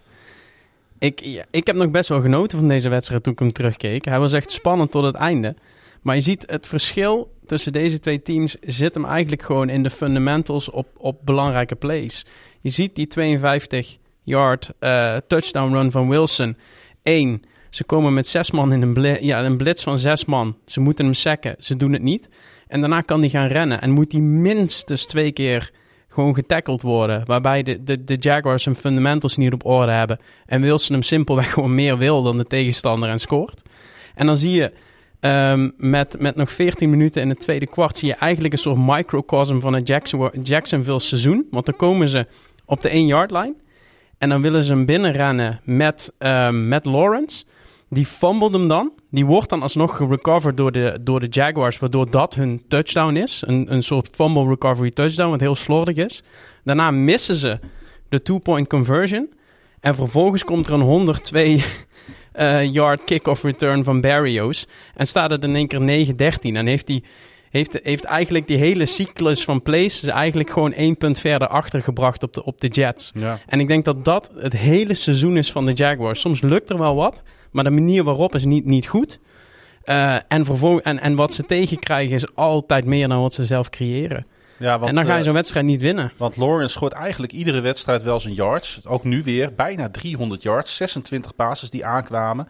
Hè, als je dat gewoon gemiddeld in de NFL bekijkt, is dat gewoon echt, echt gewoon prima. Ja. Um, en heeft dan weer de pech, en daar, daar is het natuurlijk eigenlijk misgegaan voor de Jaguars deze wedstrijd, dat ze het al vrij rap moesten doen zonder running back James Robinson, die met een zware Achillespees uh, blessure uh, uitviel. Ja, die lijkt niet meer terug te komen dit seizoen. Nee, en dan valt opeens je run option weg. Ja. En dan, uh, dan ben je zeker niet goed genoeg, zelfs niet tegen deze Jets defense. Nee. Maar de Jets zijn dan wel weer zo dat het pas op de allerlaatste play goed ja. komt. Uh, maar de Jaguars zijn dan ook weer zo dat ze in die laatste red zone offense, waarbij ze echt volgens mij tot op de 1 yard lijn komen, uh, die wedstrijd niet, uh, niet binnenrennen voor de overwinning. En het verschil tussen die twee teams zit hem niet zozeer in, in, in, de kwaliteit van de spelers, maar de manier waarop ze geleid zijn, denk ik, op dit moment. En dan zie je gewoon dat de Jets een stap, stap verder zijn. Ja. Um, aansluitend bij wat Jeroen zei over Michael Carter. 16, uh, 16 carries voor 118 yards is fantastisch. Maar wat het mooiste eraan was, is dat hij dus 6 plus yards per carry doet. En hij doet het tegen zowel de light, neutral als stacked box. Dus op het moment dat de Jaguars uh, zeg maar klaar gingen staan voor de run en de run wilde stoppen, dan rent die man nog uh, 6 yards per carry. En dat maakt hem volgens mij gewoon zo, uh, zo ontzettend gevaarlijk en zo ontzettend, uh, ontzettend goed. Dat zelfs als je erop gaat spelen, gaat het je nog niet lukken om deze man in deze vorm te stoppen. Ja. En ik denk dat hij bij ieder ander NFL-team en bij ieder playoff-waardig team een hele mooie plek op een roster zou hebben op dit moment. Dat is een interessante opmerking van jou, Frank. En uh, dan gaan we iets meer richting het tactische, Jeroen. Uh, is dat ook iets waar jij naar kijkt, naar formaties en naar hoe de O-line uh, staat? in dit geval natuurlijk de D-line staat. Uh, ja, zeker. Het, het, eerste wat ik doe is het tellen van, uh, van de skillspelers. Hè. Hoeveel mensen in de backfield, hoeveel mensen, uh, hoeveel receivers, tight ends. Mm. dus het eerste waar ik naar kijk, instinctief. Ehm, ja, goed, ik sta niet in het veld, dus ik lees niet meteen de hele defense. Maar ik kijk vooral naar wat een offense, hoe een offense staat hoe ze um, het hele, de hele wedstrijd zich ontwikkelen. Ik vind daarom Red Zone vind ik een prachtig product. Maar je, maar je leert er niks van. Dus daarom kijk ik veel liever naar de Jets, Jaguars. Uh, de hele wedstrijd dan naar een Red Zone. Want dan, dan weet je echt wat hoe een team speelt. En hoe ze in elkaar steken. Uh, ja, dus uh, dat, daarvoor moet je gewoon film kijken. Film is, is cruciaal. Dat is een open ja. deur. Maar dan leer je wat. En ik, kijk, ik kijk altijd naar formaties inderdaad. En uh, uh, ja goed, dit, nogmaals, de, de, de Jets met Wilson en Carter ziet het er best wel goed uit hoor. Het, het, is wisselvallig, de defense is slecht, maar op offense nou, heb ik wel... wat je nu eerder krijgt is, want er wordt altijd gesproken over tanken of over een draftpositie of over wie, uh, de, de Jaguars staan nu op de eerste plek uh, voor de eerste keuze in de draft. Ja. Maar die spelers die, die knokken ook voor een contract. Hè? En het overgrote deel van de spelers keert niet meer terug volgend jaar. Dus die willen ook laten zien wat ze waard zijn. Die hebben helemaal niks te maken met het belang van de organisatie om een draftpick meer of minder hoger of lager te hebben. Nee. Die willen gewoon spelen voor een contract. Dus uh, daar kan ik van genieten. Uh, van zo'n wedstrijd 21-26. Ik had het van tevoren niet ingevuld. Nee, ze spelen ook nog eens in Amerika voor uh, uh, familie, God en vaderland. Dus het is uh, zelfs nog meer vaak bij spelers. Hè. De intrinsieke motivatie is ongelooflijk. En is wat dat betreft niet echt vergelijkbaar met nou ja, hoe dat in het Europees voetbal bijvoorbeeld vaak terug te zien is. Maar goed, dat is een hele andere discussie. Ik wilde één touchdown even uithalen, heren. Dat is die touchdown op backup offensive lineman Connor McDermott. Um, en dat vind ik dan mooi. Hè? Dan zie ik zo'n backup een, bal vangen. En ik, ken hem, uh, ik kende zijn naam wel, maar ik ben toch even in zijn historie gedoken. Hij werd in 2017 in de NFL-draft gekozen door de Patriots met de 211e pick overall. Werd op straat gezet in september dat jaar. Opgepikt door de Bills, waar hij nog aardig wat wedstrijden speelde. En uh, tot nu toe heeft hij 31 wedstrijden op zijn naam staan, waarvan hij slechts drie starten. En hij maakte dus die uh, big man touchdown. En zijn oudere broer Kevin McDermott, misschien kennen jullie die naam wel, was longsnapper bij de 49ers in 2014 voor de Ravens, waar hij Morgan Cox moest vervangen, die dat jaar zijn ACL scheurde. En daarna speelde hij nog een paar jaar voor de Vikings, waar hij het topje van zijn pink verloor in de face mask van een tegenstander. Dat, voor de goede orde, dat is dus de broer van. En zo, als je, ik weet niet of jij dat herkent, Jeroen, maar als je gaat duiken in historie, als je gaat duiken in Wikipedia-pagina's. Houdt niet op, hè? Het houdt niet op. uh, ja, nee, heerlijk. Uh, familieleden, broers. Ja. daar kun je een boekje over open doen. Uh, de, de, de, anekdotes die zijn eindeloos. Ik, uh, ik had er eentje uh, over de familie van Penay Sewell, de rookie lineman van de Lions. Ja. Wie, ook weer met een aantal broers en, en ooms en nou ja, allerlei geschiedenis. Ja, ik, ik, denk dat we allemaal diehards genoeg zijn om daarvan te genieten. Dus ja. daar proosten we op. We hebben niet voor niks natuurlijk het onderdeel Who's That Man in deze podcast waarin we ook alle mogelijke zijwegen bewandelen die we maar kunnen vinden. Uh, de Jaguars die reizen af naar New England, uh, waar ze in het bestaan van hun franchise nog nooit wonnen. En één keer hadden moeten winnen. De AFC Championship game ja, toen. Ja, ik, uh, dat, die staat trouwens niet. Zo. Die staat niet in deze statistiek, die 0 en 8. Want dit gaat alleen over regular season wedstrijden. Ja, die werd ook verloren. Dus ik weet niet of die Nee, die werd ook, precies. En de Jets die hosten Tom Brady en dus verdedigend Super Bowl kampioen Tampa B. Uh, we gaan naar de volgende wedstrijd, jongens. Dat zijn de Chargers en de Texans. Uh, want uh, laten we het eens even over de Texans hebben. En natuurlijk ook over de Chargers. De Chargers die hebben uh, uiteraard nog genoeg om voor te spelen. Maar de wisselvalligheid en de zwakke defense geven wel te denken. Dit keer werd er verloren van laagvlieger Houston. 29-41. De Chargers die kregen 41 punten aan de kont, jongens, in, in, in Houston. En dat zal bij menig één toch de wenkbrauwen gefronst hebben. Was dat bij jou ook het geval, Jeroen? Uh, ja en nee. Uh, de Chargers zijn slecht tegen de run. Volgens mij staan ze ergens, uh, wat is het, 2, 3, 24ste in run defense. En de Texans hadden eindelijk een run. En wat voor een. ja, dan is dat gewoon een, een, een, een matchup, een, een, een mismatch. Ja, ja. En dan valt het deze week zo uit. Dat, dat kan. En uh, dat wil niet zeggen dat de Chargers het nou helemaal kwijt zijn. Maar in, in deze week uh, pakte het zo uit. En uh, ik vind het tof. Rex Burkhead, ja, je noemde net de cijfers op. 140, nee, 149 yards. Ja, career high. Twee touchdowns. Ja, top. top. En nou ja, de, de Texans kunnen het succes wel een keertje gebruiken, denk ik. je kan ervan vinden wat je vindt. Um, jonge quarterback, uh, moeilijk seizoen, al een paar jaar een rommeltje. En ja, dan is dit wel een opstekertje. Ja. Dus, uh, en dat is ook zo'n ja, team. Uh, mismatch. Dat, dat, is ook zo'n team waarvan je het gevoel hebt dat ze echt ergens voor spelen. Iedere week zie je ze toch proberen competitief te zijn, alles geven. En deze wedstrijd is ook totaal niet gestolen. Het staat op het einde, staat volgens mij staat het 27, 23 of zo. Is het een four-point game. Uh, maar ze winnen hem daarna gewoon, uh, gewoon ook echt, uh, echt verdiend. Ja. En voor, voor, mijn gevoel is de, het, het, zal niet zo zijn, maar voor mijn gevoel is de run defense van de Chargers is de 32e run unit van, van de league. want dat is echt, ik denk ook dat mochten zij de playoffs halen, dan is er in, in de AFC geen playoff team wat één onderdeel van het team zo zwak heeft als de Chargers een run defense. Nou, als ik me niet vergis was dat vorig jaar ook al zo. Dus ze zijn er niet in geslaagd om dat te repareren. Nee, nee dat, uh, dat blijkt. En uh, ja, je ziet gewoon dat, dat zij dan ook... Ze, ze misten een aantal key spelers. Joey Bosa was er niet bij. Uh, heel belangrijk op de defense. Austin Eckler, zowel uh, op de run, maar ook voor pass catching, uh, super belangrijk voor ze. En je ziet gewoon, ze hebben de, de diepte dan niet om dat op te vangen. Mike Williams was er niet bij, Corey Linsley was er niet bij. En dat is voor dit Chargers team gewoon te veel om toch die overwinning op een team als de Texans even, even binnen te halen.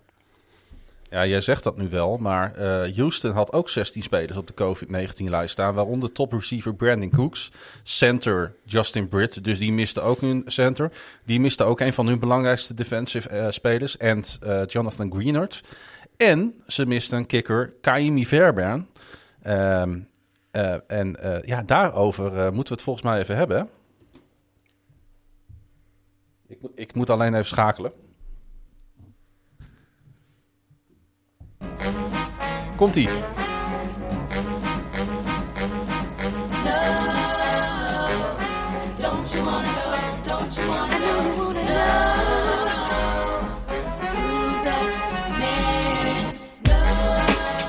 Want uh, we zijn aanbeland uh, bij de Who's That Man van deze week. Dit keer niet aan het einde van de aflevering, maar uh, ongeveer in het midden. En het was aangedragen door jou, Jeroen. Had je daar een reden voor? Dominic Eberle. Ja. Uh, ja, nou ja, de enige reden is, uh, uh, het is een, een Duitser. Het is geen Amerikaan. Hm. En uh, internationale spelers in de NFL, ja, daar heb ik altijd wel een, uh, al een zwak voor. Uh, ik vind het knap als je weet door te dringen tot de NFL. Ehm, deze jongen die, ja, die heeft al een kleine reis achter de rug. een paar keer losgelaten, weer getekend, practice squad. ja. Nou, is, is, is in ieder geval, hè, hij hangt er met zijn vingernagels aan. En nu heeft hij een kans gepakt. En uh, nou ja, als een, als een Europese speler, uh, Europees, uh, hè, ik geloof dat hij pas een jaar of 13, 14 was toen hij die kant op ging. Dus hij Europees genoeg. Het haalt in de NFL, ja, dan is dat tof. dan, moet je, dan moet je zuinig op zijn. Ja, Dominic Eberle, denk ik noemen ze het in Amerika. Wij zeggen natuurlijk Eberle. Um, uh, is placekicker bij de Houston Texans. Hij moest dus de uh, geblesseerde Fairbairn uh, vervangen. Hij werd geboren op 4 juli 1996 en hij is dus 25 jaar oud. Eberle werd geboren in Nuremberg, Duitsland, als kind van Günther Eberle en Carmen Romero Eberle. En hij heeft één zus. En ja, wij staan altijd stil bij de geboorteplaats van Who's That Man's. Dus ook moeten we dat doen bij Dominic. Want Nuremberg, ik denk een uh, plaats die heel veel mensen kennen, ligt in Beieren. Is na uh, München natuurlijk de grootste stad van de deelstaat. Met bijna 520.000 uh, inwoners is de stad de 14e van Duitsland. En de stad is een van de weinige steden in Duitsland die de oorspronkelijke vestingsmuren en torens grotendeels heeft behouden. Ik moet eerlijk zeggen, ik ben er nog nooit geweest in Nuremberg. Jij wel, Jeroen? Nee, helaas niet. Uh, maar uh, uh, het kerstbier uh, dat ik in Duitsland heb gekocht uit Nuremberg, dat smaakte me goed. Kijk. Dus ik denk dat, dat het volgend jaar COVID-vrij wel een keertje zou mogen. Ja, uh, Nuremberg heeft terug in de geschiedenis van de 15e tot de 17e eeuw had Nuremberg een bloeiende metaalindustrie. Daarna raakte de stad in verval. Tot de Tweede Wereldoorlog had de binnenstad een vrijwel geheel middeleeuws karakter bewaard met gotische bouwwerken. Door luchtaanvallen en een vier dagen durend grondoffensief aan het einde van de oorlog werd de historische binnenstad helaas vrijwel geheel verwoest. Na de oorlog werd de middeleeuwse bebouwing van de binnenstad trouwens wel weer grotendeels gereconstrueerd. In 1927, 29 en 33 tot en met 38 werden in deze stad de Nationaal-Socialistische Partijdagen van de Nazi-partij, de NSDAP, gehouden. De keuze voor Nuremberg kwam voort uit de plaats die de stad in het middeleeuwse Duitse keizerrijk had ingenomen als verzamelplaats voor rijksdagen en hoeder van de rega regalia van de keizer. En ja, het is een beetje een nare bijsmaak, maar uh, ik denk dat heel veel mensen Nuremberg natuurlijk ook kennen van de processen van Nuremberg. Hè, die werden in uh, 45, 46 door het Nuremberg-tribunaal gehouden tegen de leiders van Nazi-Duitsland, die natuurlijk ja, beschuldigd werden van oorlogsmisdaden. Het is toch wel natuurlijk naar dat heel veel mensen uh, jouw stad natuurlijk daarmee gelijk associëren. Uh, ja, ik denk dat heel veel voetballiefhebbers natuurlijk uh, de stad ook kennen van die eerste FC, FC Nürnberg. Hele mooie club trouwens. Ja, kun je eens uitleggen wat er zo mooi aan is? Ja, dat is een, eh, een echte traditionsverein, zoals ze dat noemen. Een van de oude clubs. Ik denk dat ze een keer of acht, Negen. negen keer kampioen van Ja. Duitsland zijn geworden. Eh, Voor het laatst in 68. dat klopt. Ze, dus ze bungelen nu weer in de, in de Zweite Liga. Maar dat doen ze het eh, verrassend goed dit jaar.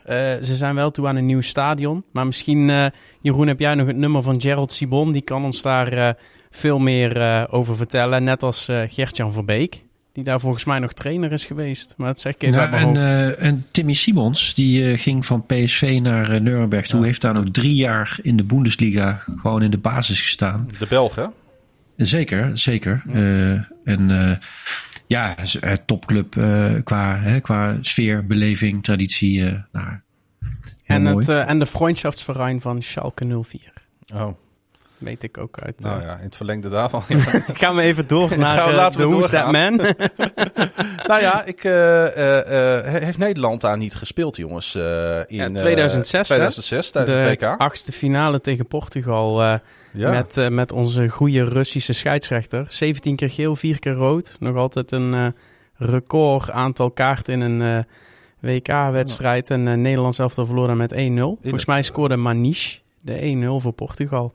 In een het, zwarte eh, dag, Frankenstadion. In onze nationale sportgeschiedenis. Ja. Weet je wie er ook geboren is in Nuremberg? Herman Zapf. Dat Ja. zegt mij helemaal niks. Herman Zapf. De Duitse lettertype ontwerper. Hij heeft onder andere de lettertype Palatino en Optima ontworpen. ja, Dat is ook de Who's That Man. dat is ook Who's That Man. En weet je wat nog mooier is aan Nuremberg? Er is ook een Nuremberg in Amerika. Namelijk, en dan mag jij raden in, welke, in, welke, in welk deel van Amerika, Jeroen?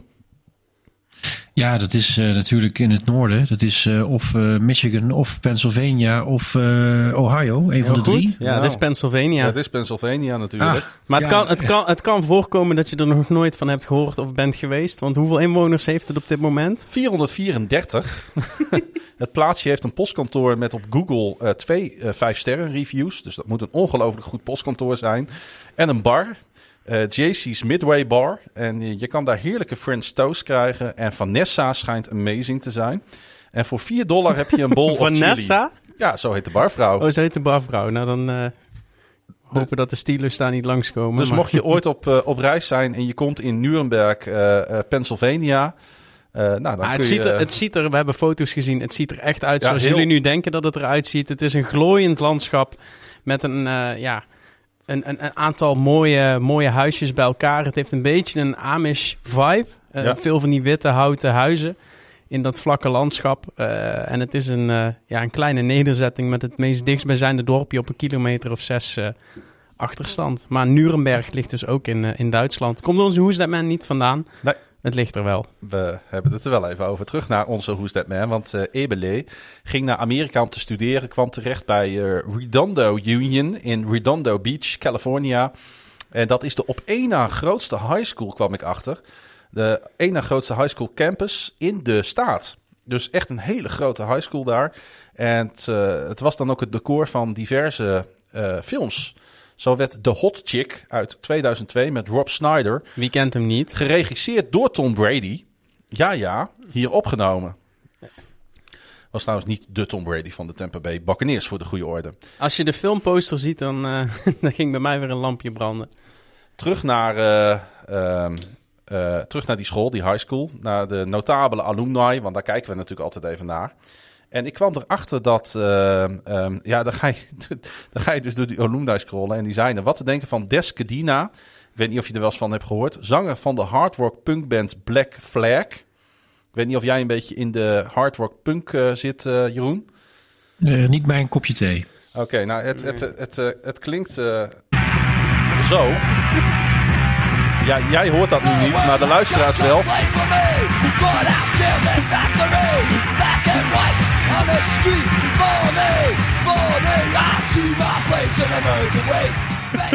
En ik denk al, dat alleen al dit de moeite waard is om deze podcast voor te luisteren. Nou, ik ken een aantal luisteraars die vinden dit fantastisch. Ja. Dus eh, Dus eh, Black Flag. eh, verder zat de dochter van zanger Marvin Gaye ook op eh, deze high school. Wie kent hem niet? Marvin Gaye, volgens mij van het eh, beroemde nummer Sexual Healing. Als ik me niet vergis. Uh, en uh, zij was ook actrice in de Matrix-films. Nou ja, goed, voor wat het waard is. Demi Moore, dat moet iedereen toch wat zeggen, hè? Ik weet niet, uh, jij toch, Frank? Demi ja, Moore? Iedereen, denk ik toch? Demi Moore, bekend actrice van Ja. onder andere A Few Good Men, eh, G.I. Jane. En ze was eh, drie keer getrouwd, onder andere met Bruce Willis en eh, Ashton eh, Kutcher. Ook bekende namen. En eh, ja, qua NFL trouwens verder eh, weinig opzienbare namen. Dan naar zijn college van onze Who's That Man. Dat was Utah State. De Aggies. De Aggies eh, voetbal inderdaad. Ja, Heel mooi. goed, jij weet dat soort dingen gewoon uit je hoofd hè? Ja, dat, dat weet ik wel, ja. Ja. Ik ben, ooit, ben ooit een keer in Utah geweest. Dat is wel bijzonder hoor. Want dan moet je, om sommige kroegen binnen te komen, moest je dan lid worden van een of ander Mormoons gezelschap. Dus ik ben, ik ben officieel lid van drie van die Mormoonse gezelschappen. Nooit meer iets mee gedaan, wel, eh, wel lid voor het leven. Ja, dat is een hele andere streek weer, eh, Utah. Aan de andere kant misschien ook wel weer vergelijkbaar met Pennsylvania. Ja, zeker, ja. Ja, maar dan op, eh, streng gelovig. Op een andere manier, maar streng, eh, streng gelovig. ja, ja. Zijn dat, eh, zijn dat eh, plekken in Amerika waar jij graag komt, Jeroen? Utah en Pennsylvania? Eh, nee, allebei nooit geweest. Eh, ik ben al toch wel een aantal keer die kant op gegaan, maar daar nog nooit. Eh, ik ben wel een aantal keer bij mensen thuis geweest. En dan eh, hè, dus niet in een stad, in een centrum, in een hotel, maar gewoon echt bij mensen thuis. eh, eh, dat je gewoon een ritje hebt van vier uur rijden. Eh, in, eh, ergens in eh, Missouri of in, god, wat is het? Eh, in de buurt van Milwaukee. Ja. Ehm, maar nou goed, ik ben Amerika-liefhebber. We- Ik zou hier, eh, we dwalen nu wel heel erg af van de NFL, maar ik zou hier uren over kunnen Da- daar praten. is dit onderdeel wel, wel geschikt ik voor merk het. natuurlijk. ik merk het. Waar blijft de volgende wedstrijd? Ja, zijn we bijna. je want, ziet ook de wanhoop in Jeroens ogen hier. college eh, van Ebele was dus Utah State. En eh, zij wonnen trouwens dit jaar nog Ja. de 2021 LA Bowl tegen de Oregon State Beavers voetbalteam. Eh, ze spelen hun thuiswedstrijd in Maverick Stadium op de campus in eh, Logan, Utah. En eh, dat voetbalteam, dus Utah State, heeft toch wel wat aardige NFL-spelers voortgebracht. Niet hele bekende namen. Maar Jordan Love bijvoorbeeld, de eerste ronde pick van de Packers in 2020, komt van Utah State. Bobby Wagner, de middle linebacker van de Ja, die mag Seahawks. er zeker zijn. Ja, misschien is dat wel hun grootste speler die ze voorgebracht hebben. Donald Penn, jarenlang de starting left tackle van de toenmalige Washington Redskins, want nu mag ik het wel zeggen. En eh, quarterback Robert Frank Bob de Goose Gagliano. Hij speelde van 81 tot 83 voor de Chiefs, daarna voor de Denver Colts, de San Francisco 49ers, de Houston Oilers, de Indianapolis Colts, de Detroit Lions, de San Diego Chargers, de Atlanta Falcons, weer de San Francisco 49ers en uiteindelijk, weer de, uiteindelijk de Packers in 1995. Nou, en hoe noemen we zo iemand? Dat noem je volgens mij een journeyman. Precies. Eh Ebele werd in 2020 undrafted getekend door de Las Vegas Raiders. Dat was zijn eerste team. In 2021 belandde hij bij de Panthers en uiteindelijk natuurlijk bij de Texans. En maakte hij afgelopen kerst zijn debuut voor de Houston Texans.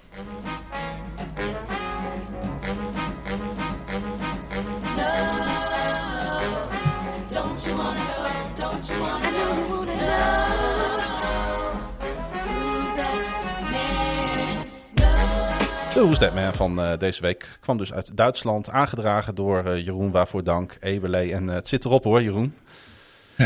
Nu, mo- nu mogen we over de wedstrijd hebben. Want Arjen Kruithof die kwam met, een, met een vraag over de Texans. Hoe kan het dat zij af en toe toch zo verrassend uit de hoek komen? Is dat dan enkel en alleen dat spelers voor hun contract en voor hun vaderland spelen? Of zit er meer kwaliteit bij, bij Houston, Jeroen? Eh, ja, eh, een combinatie van. Eh, je, je denkt toch niet dat ze het veld in stappen om maar met de pet ernaar te gooien. Nee. Dus, dus nee, het is, een, het is een team. Ja, er zit gewoon ook echt wel talent in. Ze winnen nu vier wedstrijden volgens mij. En wie weet winnen ze er daar vijf of zes. Verloren jaar. Ehm, maar ja, goed. eh, eh, het, is een andere cultuur. Het is niet, eh, we staan onderaan, we hebben niks meer om voor te spelen. Nee, ze hebben alles om voor te spelen. Ze hebben hun toekomst om voor te spelen. Eh, en dat zie je terug. Heel Ja. veel mensen die schatten ze voor het seizoen in als dat team wat eh 0 en 17 zou gaan. Maar daarmee kijken we toch echt te simpel naar het spelletje, denk ik, hè Frank? Ja, en te simpel naar die belangen die die spelers hebben. Ja. En eh, je ziet het, eh de, team, de team gaat ergens voor.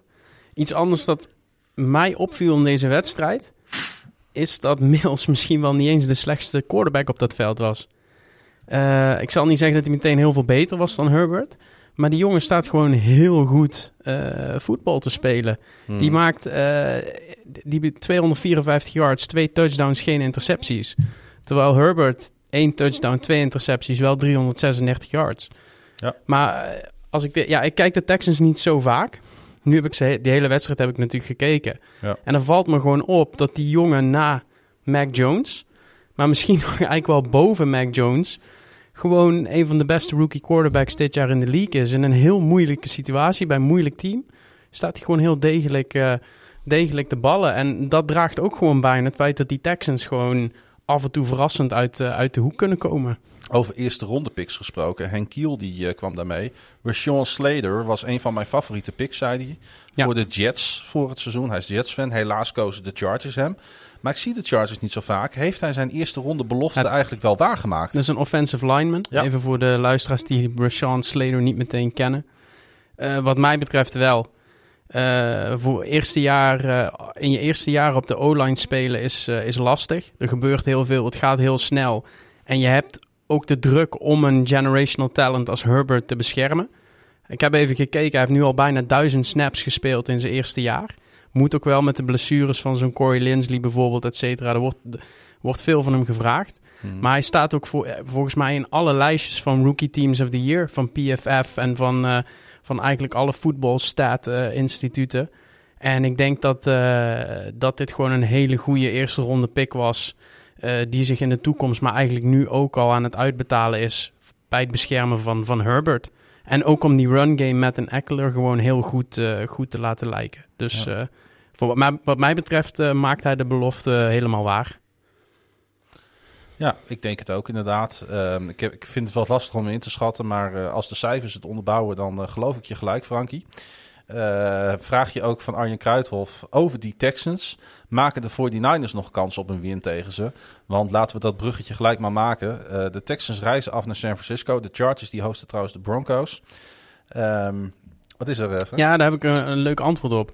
Oh. Ik denk dat, dat broer Bosa even, even de Texans wil laten zien dat, eh, dat het ontbreken van een Bosa aan de ene wedstrijd en het aanwezig zijn van Bosa en de wedstrijd van de Niners wel even verschil gaat uitmaken. Ja, dat, Dat, dat, eh, ik denk dat broer Bosa even wraak gaat nemen voor, eh, voor het broertje die daar een pijnlijke nederlaag heeft geleden.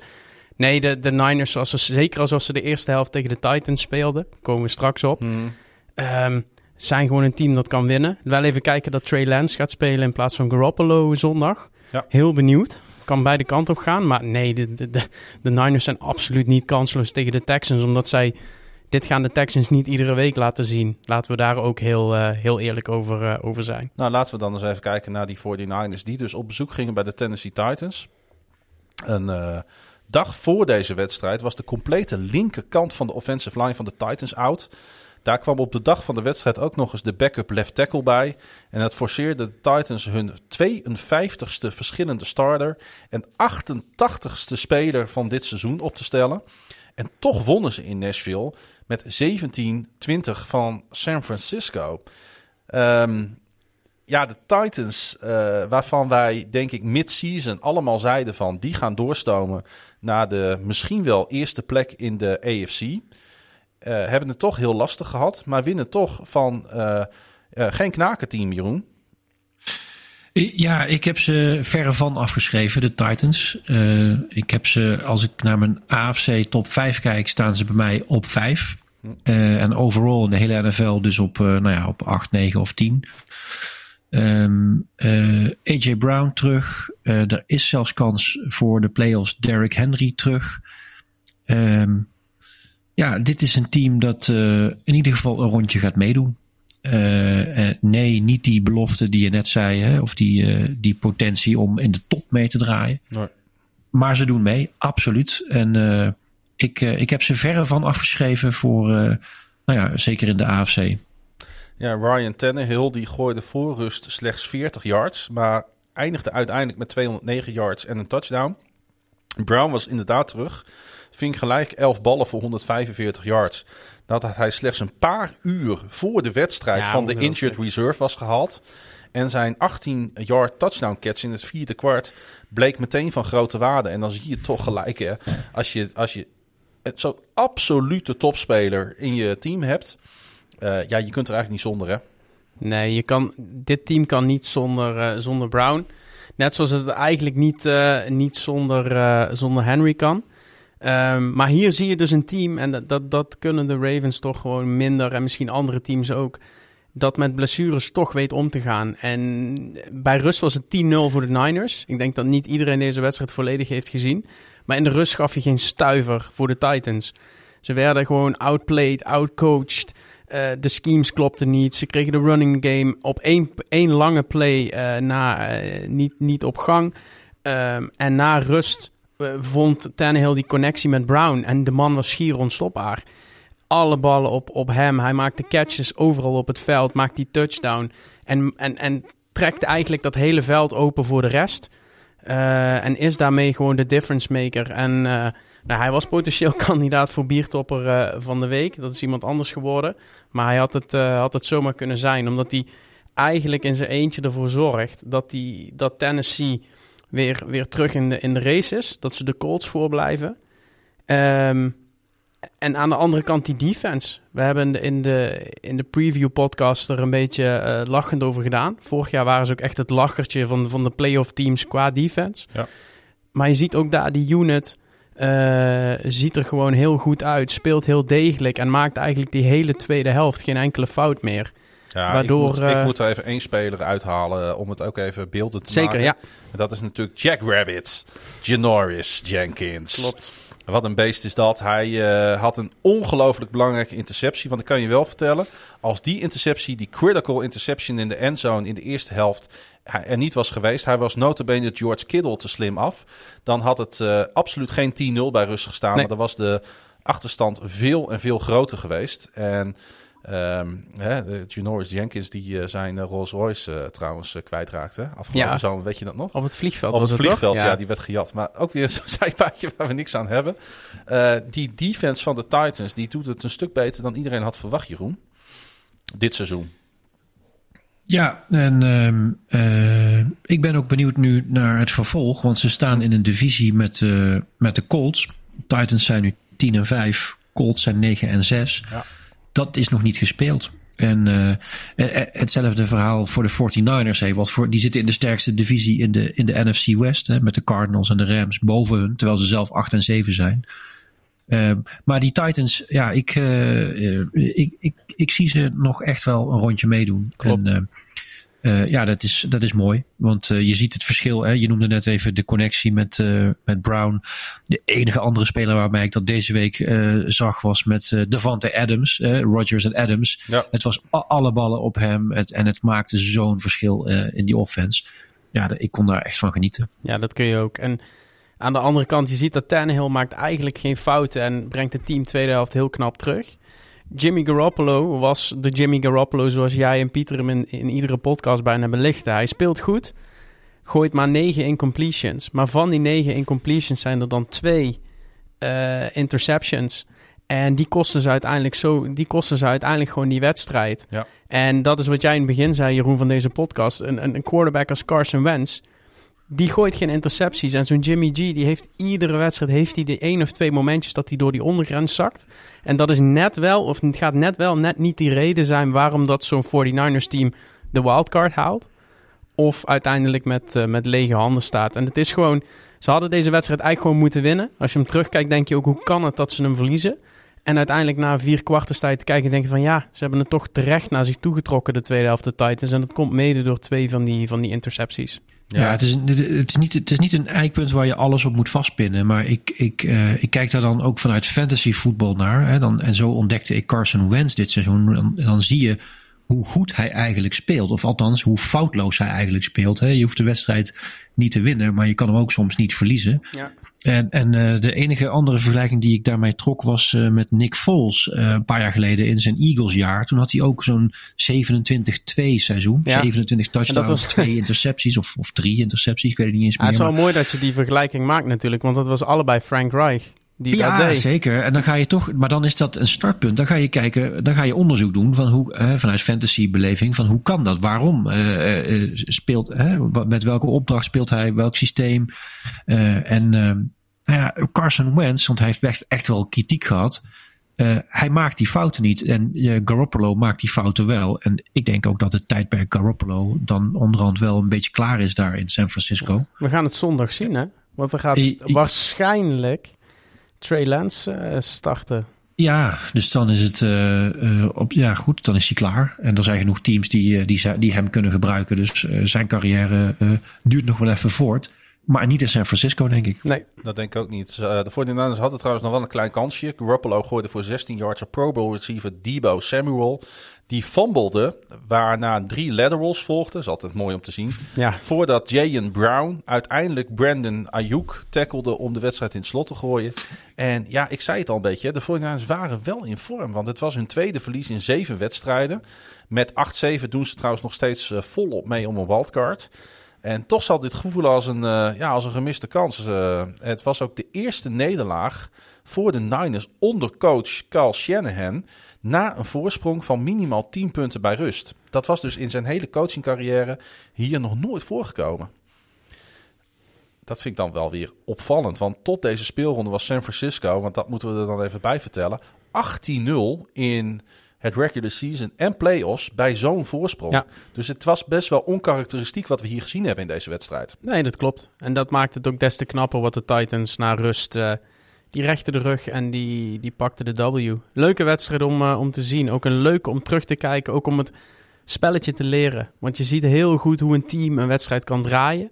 Hoe, hoe, hoe, het, hoe het uiteindelijk... eh, ze krijgen door wat de Niners doen. En die weten eigenlijk niet meer wat, wat ze daarna moeten doen. Dus een, eh, ik vond het een hele leuke wedstrijd. Ja, en je ziet toch ook de ervaring, denk ik dan, van zo'n quarterback. Hè? Want juist op third down, dus op de momenten waar het op gaat, weet hij zijn mannetjes te vinden. Ja. Weet hij zijn plays te maken. 9 uit 16. Inclusief natuurlijk die 42-yard completion van Tannehill op Brown. Een free play nadat Arden Key, eh, Key moet ik zeggen, sorry, Arden Key offside sprong, sprong op de laatste play van de derde kwart. Eh, ja, ehm, ik wil niet zeggen dat Garoppolo niet die ervaring heeft. Maar ervaring heeft denk ik de Titans wel door deze wedstrijd heen gesleurd. Helemaal eens. De Niners hosten de Houston, we zeiden het al. En de Titans ontvangen Miami. En dat is, eh Ja, dat wordt heel leuk. playoff implicaties gaat, een eh, ongelooflijk belangrijke wedstrijd wordt dat. Ja, en voor de Niners een, een potentiële bananenschil. En voor de Titans en Miami, dat- gewoon must-wins voor allebei. Ja, en als we het over de Titans hebben, dan moeten we het natuurlijk ook over de Colts hebben. We've got a ton of ways to beat you, zei receiver T.Y. Hilton na afloop.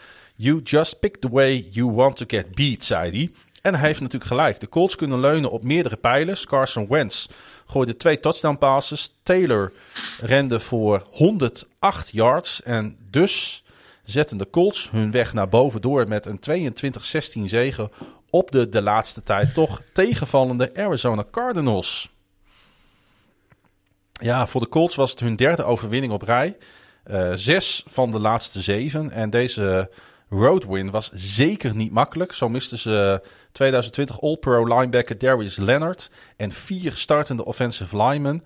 En toch eh, doen de Colts volop mee, Jeroen. Eh, we moeten ze veel credits geven. Ja, ik heb ze in het begin van deze eh, uitzending al, eh, al een keer genoemd. Eh, na de Chiefs, de Patriots en de Bills zijn, zijn voor mij het team in de AFC dat, eh, dat het meest meedoet. Samen met die Titans dan in hun eigen league. Eh, die naam hou ik het meest in de gaten. Eh, ja, en Carson Wentz, eh, bakken kritiek gekregen. eh, maar hij, hij maakt, eh, hij doet veel dingen, doet hij gewoon goed. Hm. En dat bewijzen zijn statistieken. En hij kan natuurlijk leunen op Jonathan Taylor, wat eh, MVP-kandidaat is voor het regular season. Hoewel die, eh, ik heb hem in mijn fantasy in één team. Hij had een, die 108 yards zonder touchdown is natuurlijk niks waard in fantasy. Daar, daar ga je mee de bietenbrug op. Hoor hem hier Hij even klagen. Ja, hij wordt elke week geprojected voor, eh, voor, voor een maximale aantal punten. ja, maar die is haalt hij ook één. bijna elke week, hè? Jawel, maar dan Laten nu, we wel het is- wezen. Het zit, je zit nu of in play-offs of bijna play-offs. Eh. Dus nu, nu heb je hem nodig. Maar fantastische, fantastische speler. Eh, tweedejaars. Eh, en eh, ja, daar- nee, dus ik, ik- vind de Colts absoluut een, een dark horse Ja. om, om een leuk rondje mee te doen. Nee, niet het niveau van de Chiefs of de Bills. Maar who knows? Ja, Frank, Reich. Frank Reich is geen, geen onervaren coach. En ik, ik zie ze nog wel wat gaan, gaan doen dit jaar. Ja, het mooiste aan deze tijd van het jaar en ook eh, laten we dan iets positiefs uit deze hele COVID-shitshow halen. Is dat onbekende spelers opeens boven komen drijven. Dat bijvoorbeeld een Desmond Patman eh, een bal ving van Wentz in de endzone. Patman, een zesde ronde draftpick in 2020, die in zijn hele carrière slechts twee ballen ving. Inclusief de touchdown van dit weekend. Wat een 22-13 voorsprong betekende. En uiteindelijk dus de bepalende score ook voor de overwinning. en eh, eh, eh, ik denk dat, dat uiteindelijk eh, de teams die de playoffs halen... het slimst en het best omgaan met de COVID-perikelen. Ja, dat klopt. Dat klopt. Nou, we weten nu vandaag dat Carson Wentz ook in COVID-protocol moet. Ja. Hij is niet gevaccineerd. Dus dat betekent eh, dat de kans groot is dat hij er eh, volgende week niet, eh, niet bij is. Nou, dat, dat wordt wel een gemis. Maar als we kijken naar afgelopen weekend, ja, dan is het heel simpel. De Colts maken minder fouten. En die defense van Arizona was best goed, hè? Met, met, met, met Buda Baker, eh, met Jones. Maar je ziet gewoon die hele offense, die, die mist vertrouwen. De, de punter, of de, de kicker mist, mist twee field goals. En Ja. dan kom je er eigenlijk net niet, eh, net niet aan te pas tegen een team eh, zoals de Colts, waar Wens fitter oogt dan die, wat mij betreft, het hele seizoen heeft geoogd. Eh, hij, hij heeft onder Reich ook echt het vertrouwen om, om een, ja, ik, ik zat er na te denken, waar moet je het mee vergelijken? Maar misschien een, een Flacco-achtige run te maken in de playoffs. Hmm. Waarin hij eigenlijk geen fouten maakt en, en het team het werk laat doen op weg naar, naar playoff overwinningen. Hij heeft het team om, om het mee te doen. En ehm, het, het beste, het mooiste stuk van de wedstrijd was voor mij betreft het, het laatste stuk van het, van het tweede kwart. Waarbij ehm, eh, de Colts eigenlijk een drive hebben met heel veel fouten erin. Aantal false starts. Eh, Arizona is ook het stadion waar de tegenstander de meeste false starts maakt, omdat het geluid daar blijkbaar heel lastig te, te bespelen is. Eh, en dan moeten zij een, een punt, ze forceren een punt, Ja. maar daarna heeft die defense zo'n goede fieldpositie, omdat die punter van, van, van de Colts echt, echt heel goed, Ja. waardoor ze een safety maken. En daarna eh, een, een, een, een drive neerzetten met, met een field goal. En dan zie je dat ze eigenlijk uit een matige drive uiteindelijk met hun defense, met hun special teams toch punten halen. En dan hebben we het, heeft iedereen het over die twee drives waarin Wentz die touchdowns gooit. Die, die trouwens allebei echt heel mooi waren. Maar je ziet ook op de momenten dat het even niet loopt, dat zij met special teams en defense ook punten maken. En dan ben je eh, in mijn ogen een heel gevaarlijk team in, in een hele sterke AFC. Laten we er toch niet aan voorbij gaan, want eh, je hebt helemaal gelijk hoor. En eh, kudos wat dat betreft voor de Colts. Maar Matt Prater, die ja, ongelooflijk ervaren kikker, twee field goals mist, inclusief een potentiële go-ahead try Ja. vroeg in het vierde kwart en een extra point. Ja. Dat zijn zeven punten in een wedstrijd die je met zes punten verschil verliest. Ik zag nog wel iets heel leuks. Eh, de touchdown van Arizona, de 12-13 touchdown, die komt voort uit een punt. Waarbij de, en dat is leuk om terug te kijken, de hele Arizona receiving team doet net alsof eh, de speler aan de rechterkant van het veld hem gaat vangen. En die bal wordt naar links gekikt. Maar doordat de he Arizona had het zo gedaan alsof ze de speler gingen beschermen die die bal niet kreeg.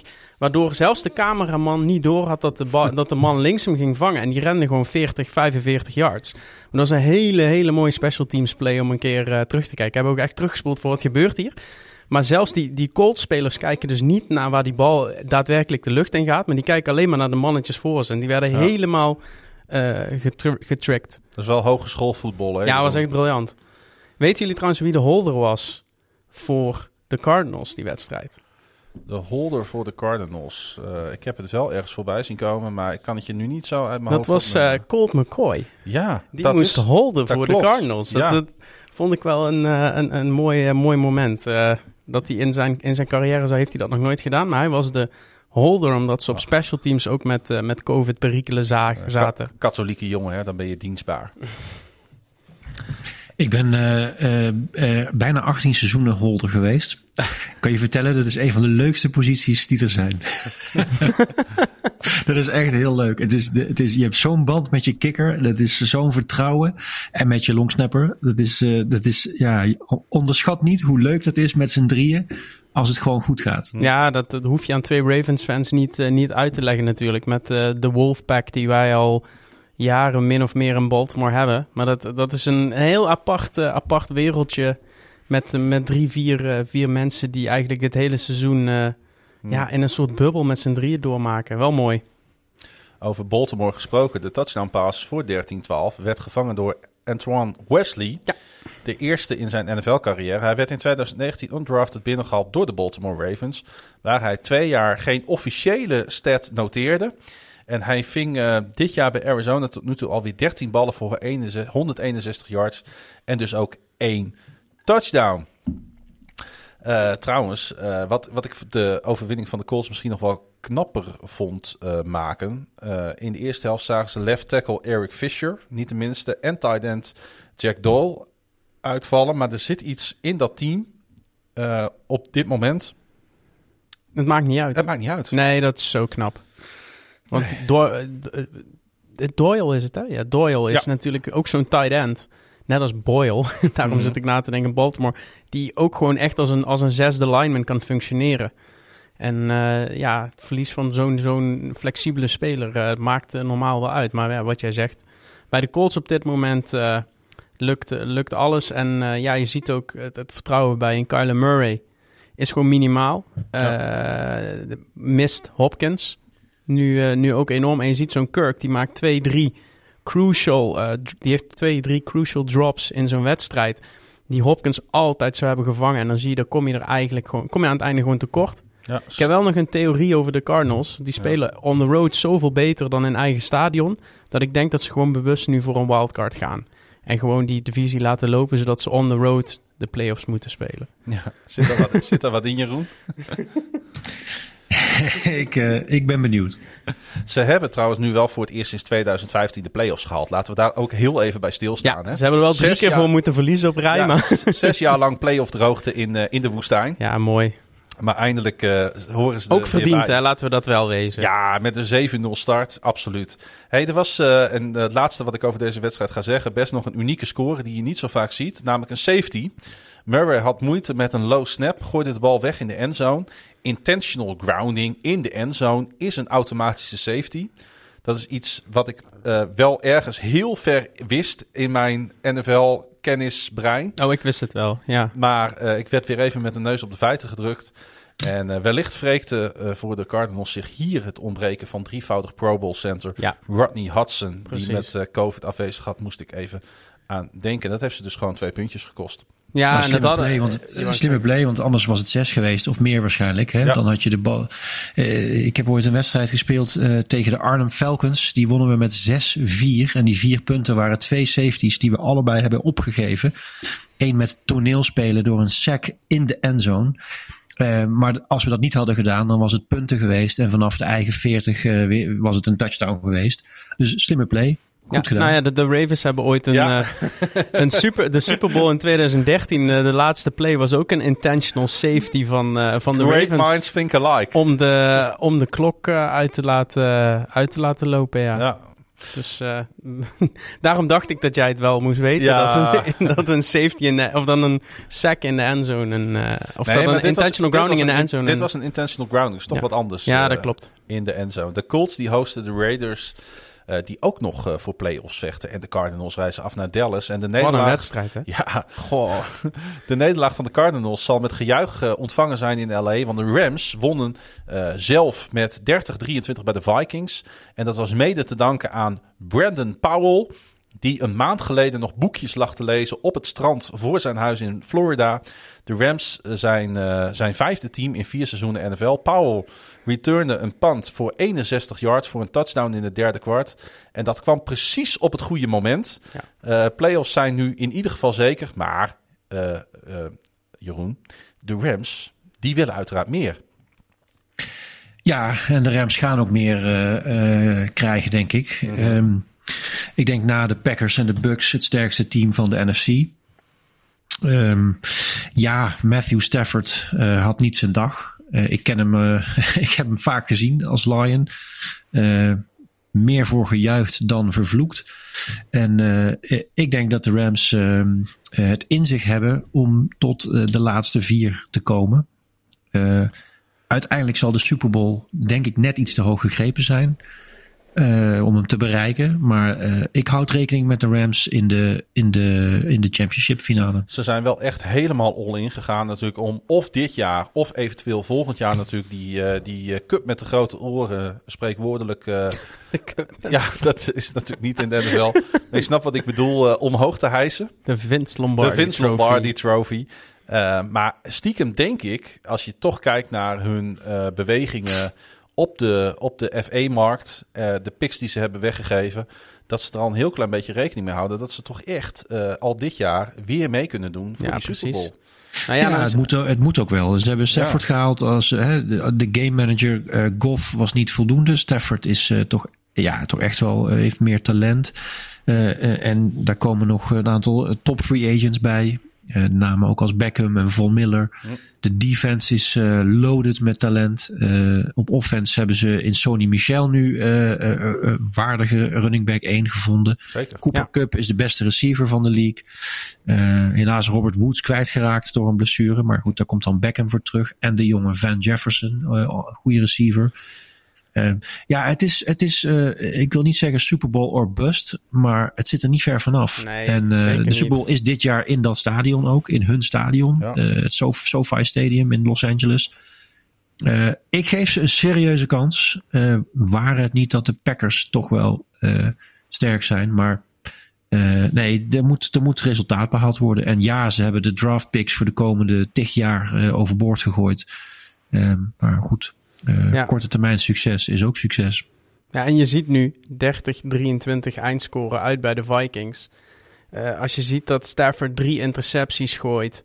eh, dat hij twee passes laat aankomen boven de 15 yards. En, en dat er niks aankomt boven de 20 yards. En dat ze toch winnen. ja, dat zegt, dat zegt wel genoeg.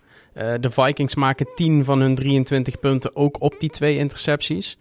Dus eh, buiten die, die intercepties van Stafford spelen ze gewoon een hele degelijke wedstrijd. En neemt eigenlijk de rest van het team eh, Stafford op de, op de schouders. En, Ja. en halen ze die, eh, halen ze die, die win binnen. Ja, wat je zei, Sony Michel doet het fantastisch. Alweer 131 yards en een touchdown. Cooper Cup had dan geen touchdown dit keer. Ook dat is voor fantasy mensen in de finale wel heel erg. Ik snap het allemaal. Maar die man gewoon weer 109 yards. En waar we het nu nog niet over gehad hebben is... Ja, is Aaron Donald. Ehm, ik zag een quote. Donald ripped through block attempts like they were wrapping a Christmas present. en hij had gewoon... Hij had three tackles for loss. Three, three run stuffs.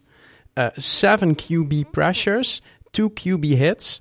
En een sack. Eh, de man is gewoon een, een, een, een, een wrecking crew. En als je Aaron Donald noemt op die defense, dan moeten we het ook heel even hebben over, wat mij betreft, de allermooiste matchup van deze week. En dat was Justin Jefferson tegen, tegen Jalen Ramsey. Hm. Eh, een van de top receivers tegen, in mijn ogen, de beste eh, eh, corner in de league. Gewoon in zijn eentje. En dat waren, da, daar, daar spatten gewoon de, de klassen vanaf. Al die gevechten tussen die twee waren op het scherpst van de snede. En je zag ook dat Jefferson gewoon zijn touchdown, maar ook de meeste van zijn yards haalde in, in momenten dat hij niet tegen, tegen Ramsey gepositioneerd was. Ja, hij wordt wel onderschat, hè, die Jefferson. Want Ja. eh, hij noteerde in deze wedstrijd acht catches voor 116 yards tegen Jalen Ramsey. En Jefferson passeerde daarmee zijn kameraad en mede LSU-alumni Beckham voor meeste receiving yards door een speler in zijn eerste twee seizoenen. 2851 Ja, maar hij wordt toch- maar liefst. Hij wordt toch niet onderschat, neem ik aan. Nou, misschien valt hij een beetje in de schaduw. eh, bij, bij, bij al dat andere geweld wat ze natuurlijk ook bij de Rams eh, hebben staan. Ja, er zijn heel veel goede Je receivers zou hem bijna vergeten. Maar Justin Jefferson is absoluut een top 10 eh, receiver in de NFL op dit moment. Samen met een Cooper Cup natuurlijk. Ja. Maar deze man in zijn tweede jaar, wat je zegt, hij, hij breekt alle records en staat gewoon een, een, een topseizoen te spelen. Ehm, dus ja, dat, dat, is, dat is top. En om het even over de Vikings te hebben. Ehm, die hebben gewoon voor de twaalfde keer op rij een wedstrijd. Dus eigenlijk nagenoeg het hele seizoen. Die beslist wordt met minder dan acht punten verschil. Ja. En zij zijn volgens mij ook de perfecte mediaan van de NFL eh, op dit moment. Alles is close. Het is net wel en net niet winnen. Eh, het ene moment spelen ze eh, fantastisch, zoals de eerste helft tegen, tegen de Steelers. En dan de tweede helft geven ze het weg. En hier komen ze er eigenlijk buiten die 10 punten uit die twee intercepties niet aan te pas. Maar houden ze het uiteindelijk toch weer op een, op een, op een one-score eh, score game. Eh, ze komen gewoon net tekort, denk ik, dit jaar voor, voor playoffs. Ik ben ook benieuwd of Mike Zimmer na dit seizoen nog de coach is. Nou, daar twijfel ik heel sterk aan. Eh, hebben we het natuurlijk ook met, met Colin in Amerika, die Vikings-fan, is heel veel over gehad. Ehm, maar ze houden het. Dit, is, dit was eigenlijk een beetje net zo'n wedstrijd als, als de Patriots tegen de, eh, de Bills. Eh, het, het, de einduitslag eh, laat zien dat het, toch wel, dat het toch wel spannend had kunnen zijn, maar het eigenlijk nooit, nooit werd. Omdat die Mhm. Rams eigenlijk op alle fronten gewoon een klasse beter zijn dan de Vikings. Ja, want we hadden het net even over Brands. We hebben het ook over Tannehill gehad. Eh, dat zijn quarterbacks die dus relatief weinig fouten maken. Dat zou je op zich ook van Kirk Cousins kunnen zeggen. Want hij noteerde toch 315 yards. Er was ook die dure interceptie. Zijn vierde in drie wedstrijden. En in de eerste 12 wedstrijden eh, noteerde eh Cousins er slechts drie. Dus er lijkt toch wel eh, sprake van een lichte decline op dit moment Ja. bij Cousins. Ja, ik denk ook dat dit het mak. het- dit is het maximale wat je van deze Minnesota Vikings gaat, gaat krijgen. Er gaat niet. eh, er, er zit gewoon niet meer in dan een ongeveer 50-50 record. Precies omdat je zegt. Cousins was in de eerste helft gewoon speelde die eigenlijk heel goed. Was die eigenlijk boven gemiddeld. Eh, en nu zie je dat hij weer een beetje vervalt in, in oude patronen. En dan zie je waar bij de Rams een slechte wedstrijd van Stafford wordt opgepakt door de rest van het team. Zie je dat dat bij de Vikings gewoon eh, nog niet, eh, niet kan met deze Ja, selectie. eh, op, opgevangen door de rest van het team. Een punt return dus van die Powell. Een interceptie van backup linebacker Trevin Howard. Een noodgedwongen debuut op left tackle voor undrafted rookie Alaric Jackson. Ja, eh, als, als, als dit soort down-the-roster contributions eh, ehm, eh, dus, eh, dus ook goed gaan spelen. Ja. Met misschien wel door, eh, door een Donald, door een Ramsey, door een Cooper Cup. Die ook op het veld staan. Dan heb je dus als team heel weinig te vrezen. Eh, Anthony Barr, die eh, twee keer onderschepte. Eh, ja, eh, eh, het is net als bij de Colts op dit moment. Hè? Wie je er ook neerzet. Nee, dat klopt. er is een winning culture. En daarom de- heb, ik, heb ik in mijn ogen, zeker met de blessures die de Bucks nu hebben, heb ik de Rams nu toch wel in, in mijn ogen iets, iets hoger staan. Buiten het feit dat het Brady blijft, zie ik de Rams nu even als een, als een wat completer en vooral een Hmm. wat fitter team. Cooper Cup is trouwens de vijfde speler in NFL history met 130 plus receptions in één jaar. Kunnen jullie de andere vier noemen? Misschien ook leuk voor de luisteraars. Er zijn vier receivers in NFL history geweest die Ja. in één seizoen meer dan 130 receptions hebben gemaakt. En eh, er is er eentje van een, een, een tijdje terug, maar drie spelen nog allemaal. Ja, Antonio Brown. ja klopt. Wes Welker? Nee. Eentje speelt in Tennessee. Julio Jones? Ja. En eentje sp- ja, speelt niet in New Orleans, maar staat wel in New Orleans onder contract. Ja. Ja, Michael, Michael Thomas. Thomas. ja. Oh, ja. En, en natuurlijk eh, de, de, het fa- de favoriete target van Peyton Manning in, eh, in Indianapolis. Dat was natuurlijk Marvin Harrison. Oh, ja. Dus dat is, dat, is, dat is de moeilijkste, denk ik, voor de gemiddelde luisteraar. Maar om even te laten zien wat Cooper Cup dit jaar doet, is absoluut eh, uniek en, en eigenlijk zelden vertoond. Nou ja, st- sterker nog, hij werd de eerste speler met tenminste 90 receiving yards in 14 wedstrijden in één seizoen. Dat deed alleen eh, dezelfde Antonio Brown in 2014 en Michael Irvin in 1995 Ja. En die deden dat in 13 wedstrijden. Ja. Ongelooflijk. Ehm, de Rams, die spelen zondag in Baltimore. En de Vikings spelen Sunday Night Football bij divisierival Green Bay.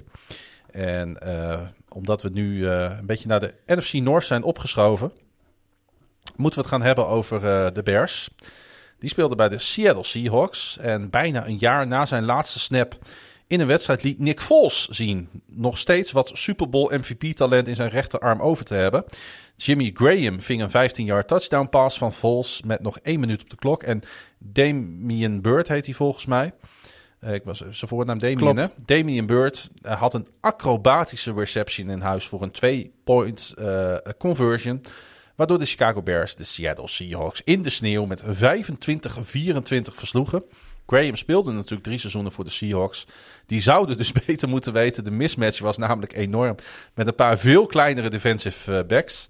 Het was de derde touchdown voor Graham dit seizoen. Het is Damir Bird. Damir. Ik dacht dat ik een spelfoutje had gemaakt in het... eh, Nee, het is Damir eh, Bird. Oké, ja. Ja. Damir Bird. die hebben ze van de Dolphins gehaald, hè? Ik zou het niet weten. Volgens Hij- mij van de Patriots, maar ik... eh, Ik dacht van de Dolphins. Hij rende toch ook die... eh, volgens mij Carolina en dan Patriots en dan... Oh, nou ja. Volgens mij. Hoe dan ook. eh de overwinning voor de Chicago Bears. En ja, we kunnen niet anders dan dat, dan dat, dat de biertopper tune erbij te halen.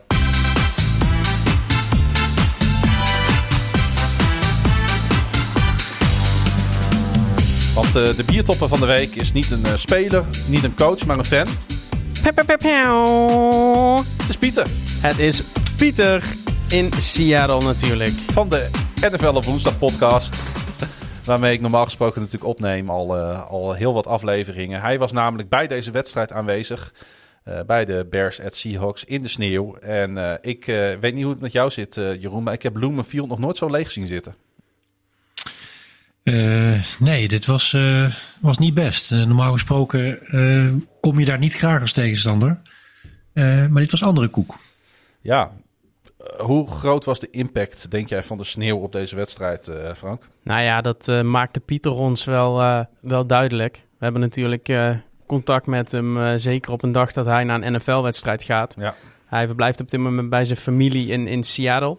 Die wonen een beetje in de heuvels eh, Ja. rond Seattle. Dus we kregen 's ochtends al foto's van hem dat het sneeuwde. En toen zei hij, ja, maar het wordt geen sneeuwwedstrijd, want we, we liggen een stukje hoger. En toen zeiden wij van, ho, wacht even. Kregen wij de beelden. En het bleek dat dit de derde sneeuwwedstrijd ooit was. Of Ja. de vierde, ik denk de derde. Het was de derde thuiswedstrijd voor Seattle met sneeuw sinds Lumen Field in Ja. 2002 opende. Ja, dus het komt niet heel vaak voor. Ehm, nou ja, er was nog even twijfel of ze naar het stadion konden gaan. De wegen waren heel slecht. Ehm, maar het bleek dus inderdaad dat heel veel mensen in Seattle besloten hadden...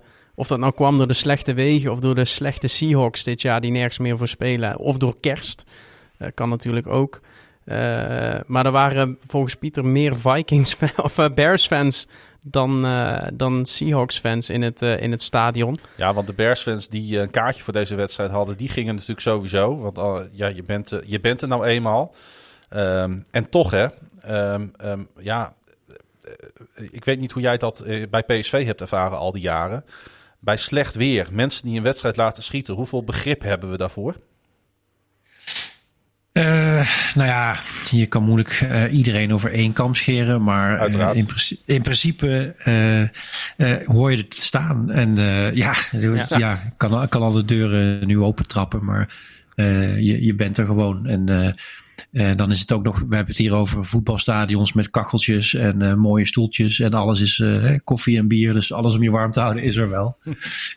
Ja, in Amerika is het ietsje anders misschien. Hè. Daar zijn de winters, eh, ik denk ook aan Buffalo en Green Bay en Boston, zijn wat, eh, we zijn wat harder. Ja, Eh, nee, in ja, Seattle bijzondere gewaarwording. En, en eh, ja, terecht punt, het is kerst. Maar inderdaad, de Seahawks, eh, het was ook, ja, goed, ze zijn voor het eerst in tien jaar hebben ze een, eh, Losing eh, season. een, een, een- ja, een losing season, een double digit losing season. Eh, dus dit zijn ze niet gewend daar Nee. in eh, Seattle. Nee, Nee. en da- daarom hebben wij natuurlijk... besloten om Pieter, die er vandaag niet bij is, om hem eh biertopper van de week te maken. Niet alleen omdat hij gewoon vier uur lang met min 8 op die tribune heeft gestaan. Eh, hij heeft een paar hele mooie biertjes gedronken daar. Daar vertelt hij vast wel weer over als hij als die terug is.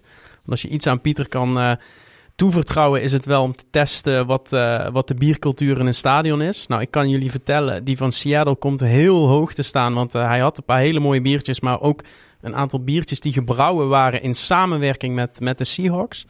Dat was heel leuk. Maar je maakt die jongen natuurlijk gewoon biertopper, omdat wij stonden in november in Chicago. Ja. eh, bij de Ravens Bears. En ik mag wel zeggen dat ik Pieter nog nooit zo chagrijnig en boos en verongelijkt heb gezien. Eh, toen de Ravens daar met 22 seconden voor tijd wonnen. En wij waren natuurlijk totaal euforisch, omdat je naar zo'n uitwedstrijd gaat, heel ver weg, in een vijandige omgeving. Op het laatst eigenlijk een tikkeltje onverdiend gewoon zo'n wedstrijd gewoon winnen. Dat is het mooiste wat er is. En dat gevoel gunde ik Pieter eh, zo afgelopen zondagavond. En toen het dan ook gebeurde, ik zag het eh, eerlijk gezegd de volgende ochtend pas. Heb ik ook nog even contact gehad met Pieter en hem ook gezegd dat, dat we dit hem ontzettend eh, gunnen. En hij Ja. zei ook dat dit de allermooiste wedstrijd was waar hij eh, ooit eh, bij is geweest van de, van de Bears. Omdat hij er gewoon zoveel moeite voor had moeten doen. En omdat de outcome, ja, die two-point conversion, één minuut voor tijd. om hem dan te winnen in, in een stadion waar jouw fans wel komen opdagen en die van de thuisploeg niet. En ja, hij was, hij was helemaal in de wolk. En daarom is hij ook met stip een eh, terechte biertopper eh, deze week. Dus eh, Pieter, hier vanuit het mooie Eindhoven, nogmaals eh, van harte gefeliciteerd met de overwinning van jouw Chicago Bears. Ja, en de vraag werpt zich op natuurlijk of de Bears eh, eindelijk dan een beetje karakter in hun donder hebben getoond eh, dit seizoen, eh, Jeroen. Eh, Zeker, zeker ook met natuurlijk die two-point conversion waar met Nagy terecht denk ik voor gaat. Ja, ja, ik vind het lastig. Ik kijk alweer iets verder en dan weet je dat dit de laatste twee wedstrijden zijn van deze coach. Eh, eh, hierna is hij weg. Ja. Eh, dat heeft niks met die spelers en hun inzet te maken, denk ik. Maar ehm, eh, ja, god, lastig seizoen. Ja. ze, ze staan nu 5 en 10. Hangen en wurgen. Hangen en wurgen. Een, een, potentiële goede quarterback ingebracht. Blessure leed. Mhm. Ehm, ja, eh, eh, eh, lastig, lastig, lastig. De Bears, ik, eh, ik zei het in- op de vraag, zou je er, eh, waar zou je willen werken? Daar, eh, zeker daar. Gewoon prachtig. Maar eh, ik weet niet zo goed waar ze moeten beginnen om dit te doorbreken, in alle eerlijkheid. Ehm, ik denk niet dat, eh, Ei- Eigenaarschap misschien? ja, daar heb ik niet genoeg zicht op om daar een, een zinnig antwoord op te geven. Ja, Nee. er, er zit iets fundamenteel mis in, in Chicago bij de Bears. En dat hebben wij ook aan de lijve ondervonden. Eh, in dat stadion heeft op het moment dat de Bears twee minuten voor tijd tegen de Ravens voorkomen, heeft letterlijk niemand in dat stadion nog maar enig geloof in het feit dat de Bears die wedstrijd gaan winnen. Dat zegt al heel veel genoeg over de, over de cultuur. En vervolgens is iedereen na die wedstrijd bijna blijer dat de Packers verliezen van de Vikings. Terwijl het voor de Bears veel belangrijker is dat de Vikings verliezen dan de, dan de Packers. Daar zijn ze veel blijer over dan dat ze teleurgesteld zijn over hun eigen resultaat. En ik heb, de, ik heb maar ik had het met Klaas-Jan, maar ook met alle andere reizigers. Ja. We hebben een, er zit iets in die, in die franchise en iets in die fanbase, een soort losing culture, die volgens mij alleen maar weg kan gaan met, met echt een fundamentele change in, in ownership, in coaching, maar misschien ook met het vertrek uit, uit Soldier Field. Dus gewoon het he- de, hele, de hele aanzien van de club letterlijk een keer gaan, eh, gaan veranderen. Want het, het, het zit in die stad zit het gewoon fundamenteel mis. Ja. Eh, en dat is, dat is niet leuk om te zeggen. We kennen natuurlijk heel veel Bears-fans. Maar je zegt ook, er zijn ook een aantal jongens op die reis die worden fan van de Bears omdat ze zo'n zo'n zo'n losing team zijn. Omdat ze het tof vinden om juist dan aan te sluiten. Dat is heel nobel en heel mooi.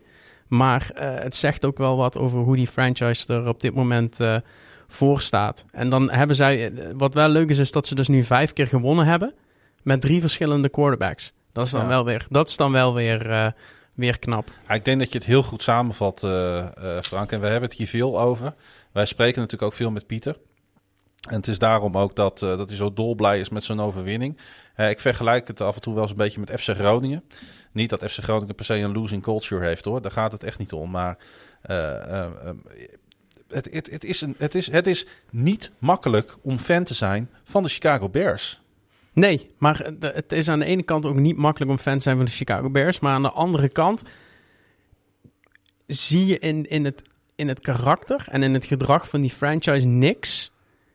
Dat, waarvan ik denk, oh, dit gaat voor de ommekeer zorgen. Mm. Die, die gelatenheid Ja. en het feit dat ze al van vooraf accepteren dat het wel mis zal gaan. En eigenlijk veel meer bezig zijn met dat beetje wat, wat Feyenoord ook af en toe met, met Ajax heeft. Dat ze de, blijer zijn met een verlies van Ajax dan met een, met een eigen eh, overwinning. Ja. Ja, dat, wij, wij hebben het aan de lijf ondervonden, overal in Chicago. Dat, dat, dat Bears-fans helemaal... En ook als het niet in hun voordeel is, zijn ze nog blij dat de Packers verliezen. En dat, dat, ja, dat zit gewoon verkeerd.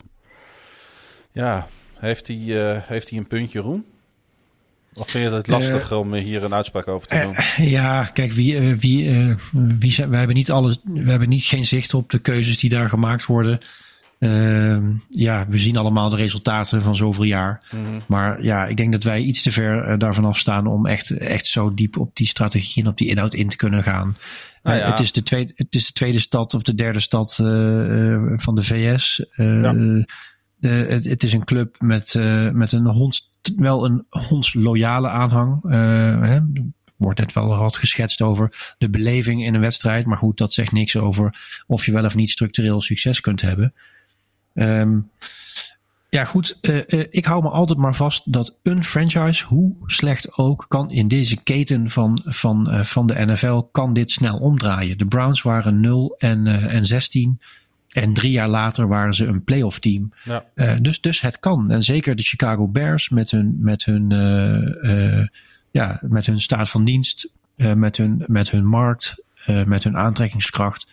Die kunnen dit ook omdraaien. En eh, ja, goed. Het is een lastige. Sowieso, kijk ook naar de divisie zelf. Hè. Je hebt altijd een strijd met eh, structureel goede Packers.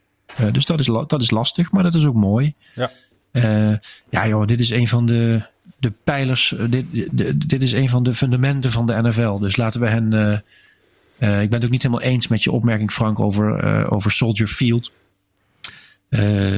Ja, wat dan? Hè? Dit, is, dit, is, eh, dit, is een, dit is een heilige grond. Het ligt aan het meer. Ja, dat Eh, klopt. pra- prachtig stadion. Eh, het is een jaar of twintig geleden verbouwd ongeveer.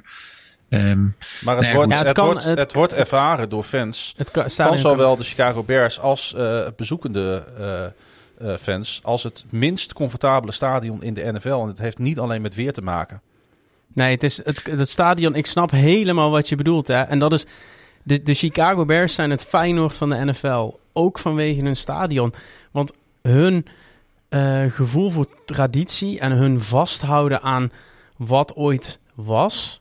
eh, staat ze gewoon in de weg om als franchise die stap te maken. die bijvoorbeeld de Minnesota Vikings eh, wel maken in die divisie. Met een nieuw stadion. Wat dan wel iets verder buiten de stad ligt dan, dan het oude, hoe heet het ook alweer, dat die dome. Eh, en, en, en denk ook maar eens aan, aan, een, aan, een LA, aan die LA-teams die toch kiezen om de nostalgie en het, het oude en het vertrouwde los te laten. En Soldier Field, ik ga het heel simpel zeggen, het kan echt niet meer. Het is een prachtig stadion op een prachtige locatie. En als je er in de zon zit, dan heb je een prachtige wedstrijd. Maar alle faciliteiten om dat stadion, de aanrijroutes, de parkeerplaatsen, de logistiek, de catering, de toiletten, het kan niet meer in de NFL. En dat is een beetje het verhaal van de hele, de hele Chicago Bears franchise, in, in mijn optiek. En ik ben er nu twee keer geweest en ik kan twee keer beamen dat het qua stadion experience gewoon geen prettige, prettige ervaring is. Buiten natuurlijk het spelletje? En, en het gevoel en de nostalgie in een game, nee. Maar gewoon praktisch gekeken moeten de Chicago Bears gewoon vooruit als, eh, als franchise. Daar ben ik eh, afgelopen november echt wel achter gekomen. Goed, genoeg over de Bears. Laten we het ook even over het geploeter in Seattle hebben. Want als de Bears een hangen en wurgen seizoen hebben, dan hebben de Seahawks dat ook. Ehm, en die staan natuurlijk op een kruispunt. Vraag ook van eh, Louis Teunissen. Heeft Pete Carroll nog een toekomst bij de Seahawks? Of is het beter om afscheid te nemen? En idem voor eh, Russell Wilson. Nou, Pete Carroll heeft volgens mij eh, heel kort geleden nog bijgetekend voor een jaar of drie minimaal. Eh, zijn contract loopt nog tot, eh, ik denk, 2024, ondanks dat hij nu al 70 jaar is. Eh, de GM heeft volgens mij bijgetekend voor een periode nog langer, tot 2027. Eh, dus ja, die twee die liggen voorlopig nog wel even vast. Ja, Russell Wilson is een ander verhaal. Dit is het eerste jaar in lange tijd dat hij, ja, dat hij eh, verval laat zien. Eh, dat hij eh, kwetsbaarder is. Ehm, dus dat is, hè, er is zelfs geflirt met de Chicago Bears, waar we het net over hadden. Ja. over een mogelijke overgang. Ehm, maar ja, vergeet niet, de Seattle Seahawks hebben al tien jaar structureel succes. Ehm, on, hè, dat is die, die, die habit of winning, die cultuur die al een paar keer is aangestipt. Die is niet na één jaar, hè, wat is het nu? Ze staan vijf en tien. Dan is dat niet meteen weg. En zeker niet als je die coach afgelopen anderhalf jaar nog bijgetekend hebt voor de komende paar seizoenen. Maar de toekomst van Wilson, dat vind ik wel een interessante. Als hij inderdaad dadelijk eh, eh, nou ja, gewoon eh, langzaam minder gaat worden. Nou, ik ben benieuwd eh, eh, hoe dan verder. Dus- Ehm, maar je hoeft niet hier een rebuilding programma te verwachten. Integendeel. Nee, maar ja, jouw gevoel is... Want ik weet dat Klaas-Jan en Pieter het daar de afgelopen week ook over gehad hebben. Juist over het potentiële einde van, eh, van Pete Carroll in, in Seattle. Jij ziet eerder dat Carroll blijft en dat Russell Wilson degene is die, die vertrekt. Want je bent het, ben je het wel eens met de stelling dat allebei behouden niet, eh, niet gaat gebeuren en niet houdbaar is voor deze franchise? Nou, de, de franchise heeft volgens mij nog eens eh, minder dan anderhalf jaar geleden gekozen om deze man een nieuw contract te geven, de coach. Dus dan spreek je, ondanks zijn hoge leeftijd, hè, want normaal is hij Nee, 70 dat, dat jaar. klopt. Dat klopt. Dus dan spreek je vertrouwen uit in, in de visie van de coach en de GM die daarboven zit, die nog drie jaar langer mag blijven. Dus dan, zal dat, dan zou heel raar zijn als je daar anderhalf jaar later of een jaar later op terugkomt en hem dan alsnog vervangt. Dus eh, ik kijk eerder naar Russell Wilson. Ja. Daar, daar, dat, dat, dat ging al, hè, dat waren scheurtjes, barsjes. Ja, Dat ging al een klein beetje, hè, voor het seizoen ging dat een klein beetje Klopt. eh, wrijven. En nu in het seizoen zelf is gebleken ja, dat, dat het ook gewoon. Nee, die eh, wrijving, die wrijving is duidelijk. En eh, vraag van, eh, op Twitter van Sander eh, Wisperwel. Als eh, Wilson dan toch gaat, hè, is, is Cleveland dan een, een goede, goede plek voor hem? Want we gaan zo het bruggetje maken naar die, eh, die wedstrijd natuurlijk. eh, de, de Browns tegen de, tegen de Packers. En, en of Mayfield nog de quarterback is voor, voor de Browns. Maar laten we even kijken naar Wilson. Ah, Zie jij Cleveland als een potential landing spot? Of zou je potentieel andere ploegen in, eh, in gedachten? Eh, nou, als ik kijk naar Cleveland, dan moet je dus ook vaststellen dat dan dus Baker Mayfield niet je franchise quarterback is waar jij de komende jaren op door wil bouwen. Eh, als dat je vaststelling is, ehm, dan is Wilson eh, absoluut hè, een- zeer capabel om in dat gat te duiken. Maar dan is hij een brug naar de echte toekomst. Hè. Wilson is niet de jongste meer. Dan is hij eh, de bridge quarterback voor, eh, voor een draft. Nou, ik neem, Ja, heeft nou- nog, nog, nog wel wat goede jaren in zich, eh, neem ik aan. Tuurlijk, ik schrijf hem niet af, maar eh, eh, misschien is hij toe aan een andere omgeving. Dat kan. Ik hoor ook een gerucht dat Cleveland bereid is om een eh Deshaun Watson te halen. Om hem uit de ellende te trekken bij de Texans en hem, en hem daarin te pluggen. Hè, die is nog piepjong, die is nog hartstikke talentvol. Alleen die heeft off the field ja, de meeste eh, eh, rare eh, juridische fratsen aan zijn Ja. broek hangen. Cleveland is daar niet vies van. Ze hebben ook ooit Kareem Hunt getekend. Dus die zijn bereid om risico te nemen van jongens die een, een, een vlekje hebben. Ik zie een Watson dan veel eerder als een potentiële landingspot voor Ja. Cleveland. Maar goed, dit is een gerucht. Ja, Wilson, ehm, eh, moet je hem wegdoen? Ehm, ik, pff, dat vind ik te vroeg om na één, één jaar minder om dat te zeggen. Maar je kan die stappen maar wel beter voor zijn. En in de draft zit er niet heel veel aan te komen. Ze hebben ook niet eh, de Nee. allerhoogste positie. Maar de- er komt een, een tussen aanhalingstekens matig quarterbackjaar aan. Wat betreft potentie in de draft. Ja. Ja, interessant. Maar dat de GM en de coach blijven zitten waar ze zitten volgend jaar. Dat, eh, dat, daar ga je mij, eh, het zal je mij niet vertellen dat dat, dat het anders is. Oké. Oké, de Bears hosten de New York Giants en de Seahawks die spelen thuis tegen jouw Detroit Lions, waar we het zo meteen natuurlijk ook over gaan hebben. En ehm, eh, Browns at Packers is dan toch de wedstrijd waar we het over moeten gaan hebben. De Browns deden namelijk alles aan om de milestone day van Aaron Rodgers te verpesten en eh, kwamen dichtbij. Maar het was uiteindelijk aan Rasul Douglas en de Green Bay Packers pass defense te danken dat Rodgers met een zege kon vieren dat hij Brett Favre passeerde op Green Bay's all-time leader in touchdown passes te worden. De Packers intercepten Baker Mayfield vier keer, net genoeg voor een 24-22 overwinning afgelopen zaterdag. En zo was het eh, ja, toch de tweede week op rij dat de Packers ehm, ja, eh, ehm, ehm, eh, er, goed van afkwamen. Mogen we dat zo zeggen? Ja, dat, dat mogen we zo, zo zeggen. Ik bedoel, iedereen schaart de Packers bij de beste teams in de, in de NFC. Ik denk dat daar geen twijfel over bestaat. Maar ja, dit zijn van die wedstrijden. Je weet niet zo goed wat je ervan moet vinden. Want ze hebben de grootst mogelijke moeite met, met een echt een depleted Ravens team. En, en een, een, een, een, een Cleveland team dat eigenlijk niet, geen raad weet met zichzelf. Hm. Eh, ze winnen de, de wedstrijden met één of twee punten. En is dit dan de kwaliteit van de Packers die ze nodig hebben voor die one seed? Of is dit, maskeert het een beetje de tekortkomingen van dit team op dit moment en de afhankelijkheid van één of twee mensen aan de offensive kant en, een- en een paar goede spelers op, op defense? Ik ben, ik ben er niet helemaal eh, over uit. Ehm, maar dit was wel een, ja, een wedstrijd die kwam uiteindelijk aan op, op, op het laatste balbezit van, van Cleveland. Die de wedstrijd eigenlijk goed begonnen. Het aflegde tegen de, wat jij ook al zei Jeroen, de Devante Adams, eh, Aaron Rodgers combinatie die gewoon weer, weer dodelijk was. Maar uiteindelijk kreeg Cleveland gewoon met twee minuten op de klok die bal. En ging Stefanski iets doen wat eigenlijk heel raar was. Eh, Baker Mayfield had al drie eh, hele lelijke intercepties gegooid in de wedstrijd. Dat was eigenlijk zelf de reden ervoor dat, eh, dat de Browns niet eh, op een voorsprong stonden op, op Lambo. En vervolgens ging je eigenlijk na een eerste run van, eh van Chubb, eigenlijk gewoon pass-heavy die laatste drive-in. Wat uiteindelijk ook resulteerde in een vierde en beslissende interceptie van, van Baker. Waardoor ze eigenlijk niet de field goal konden kicken om de, om de wedstrijd te winnen. Wat wel gezegd moet worden is dat op die laatste interceptie... Ja, dat was een enorme hold. Ja. Daar hadden ze echt absoluut een, eh, een flag moeten gooien. Eh, en eh, ik ben zelf geen liefhebber van de, van de Cleveland Browns. Maar zelfs dit, ja, dit was gewoon onrecht dat ze werd, werd aangedaan. Maar al met al verliezen de Browns gewoon weer een wedstrijd. waarin ze eigenlijk niet met. Ja, ze, ze komen niet uit de verf en ze, komen niet, ze, ze, kunnen niet met, zich- ze kunnen niet met zichzelf uit de voeten. Ik weet niet hoe ik het goed moet uitdrukken met deze Browns. De kwaliteit is er. Nou, ik denk dat eh, Jeroen eh, Mayfield eh, wat dat betreft karakter staat voor eh, de onkunde van de Browns om er een succes van te maken. Of ben ik Ja. te hard? Ja, ja, eh, ja eh, altijd even uitzoomen. Hè. Kijken, ze zijn nu 7 en 8. Eh, vorig jaar nog playoffs. Een overwinning in de playoffs behaald op de Pittsburgh Steelers. Nou ja, jullie kennen die teams.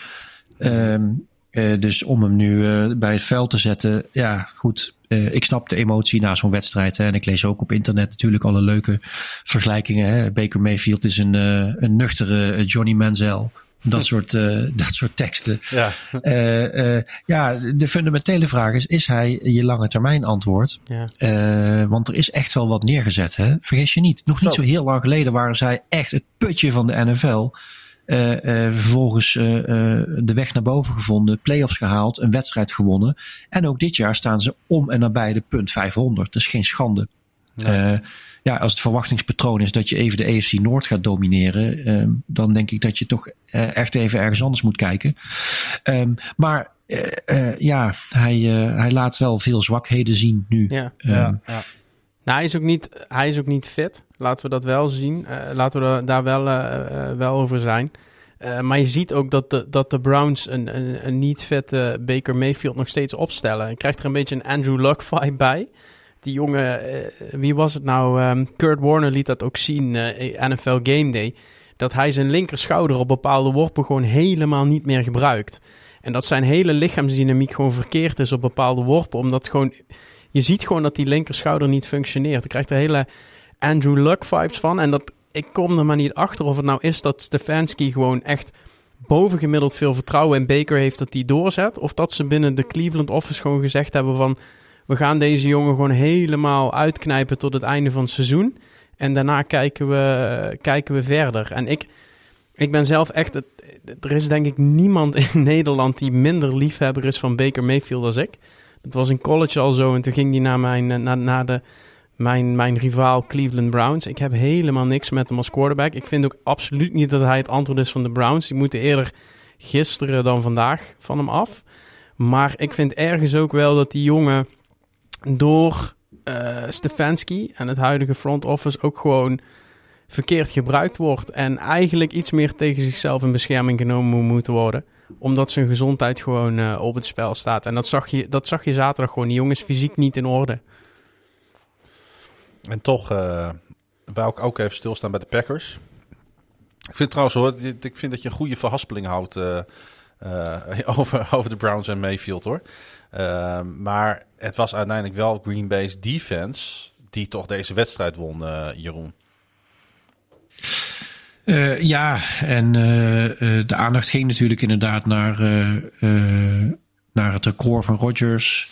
Ehm, maar het was een close game. Het was, dus- het, was, het was echt een close game. Het was bijna, hij is dan 22, 24 uit mijn hoofd. Ja. Ehm, eh, eh, de Browns, hè, dat zijn dezelfde Browns die, ja, die maar amper wisten te winnen van, eh, van de Lions bijvoorbeeld.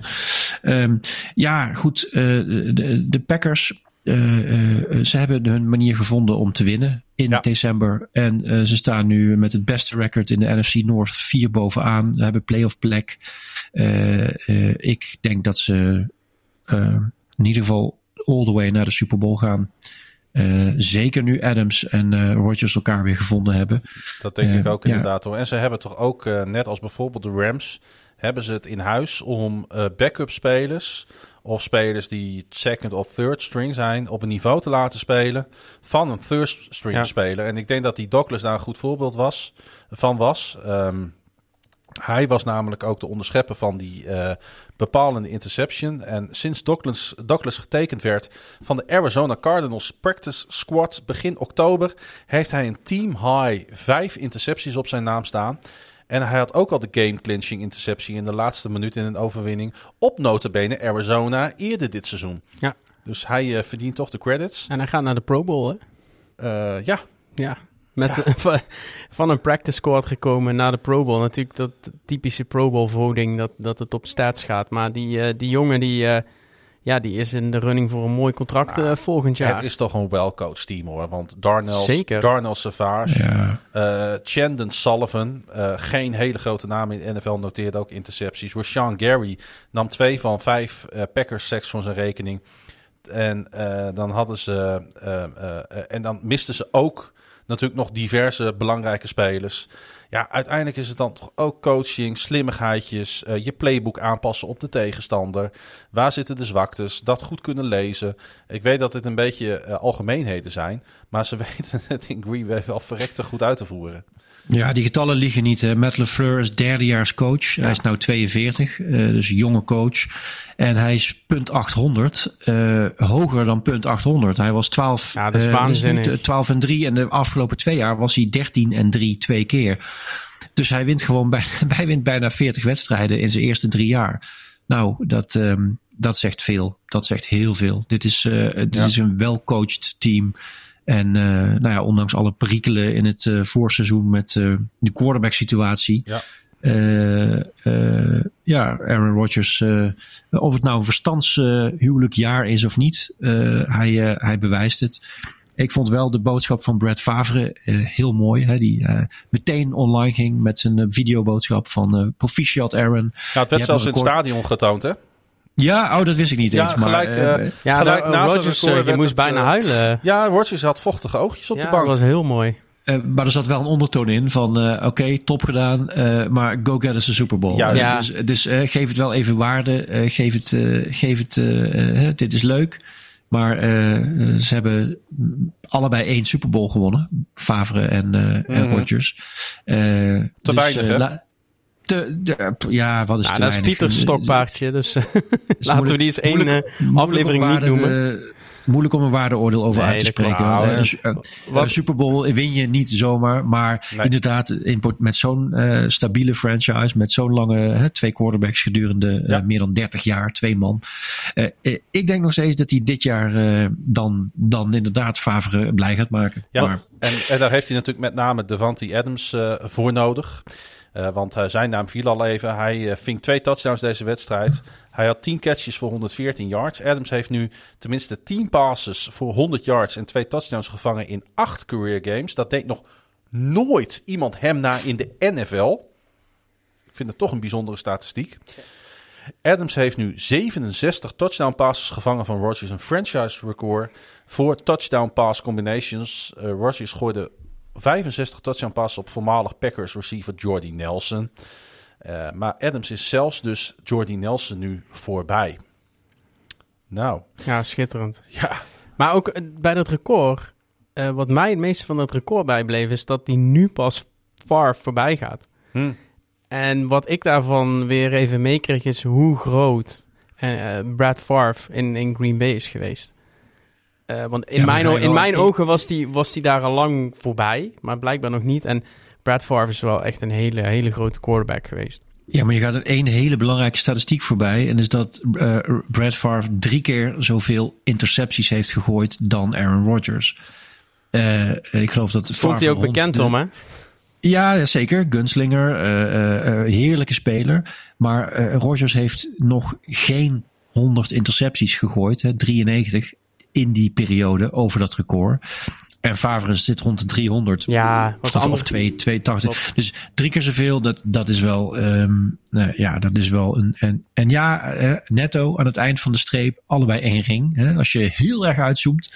Maar ehm, eh, nee, Rodgers heeft het wel, wat dat betreft, eh, wel een Beter mooier gedaan. rapport dan Favre. Ja, zeker. De Packers die waren natuurlijk al zeker van de NFC North titel en eh, zijn nu natuurlijk uit op de conference top playoff seed in de jacht op een plekje in de Super Bowl. De eerste zou dat dan zijn sinds hun 2010 championship seizoen. De afgelopen twee seizoenen verloren de Packers natuurlijk steeds de NFC Championship game. Dus ze zitten er natuurlijk ook al een hele tijd heel dicht tegenaan. De Browns die gaan eh, 3 januari op bezoek bij de Steelers. En de Packers die hosten een dag daarvoor de Vikings in hun laatste regular season thuiswedstrijd.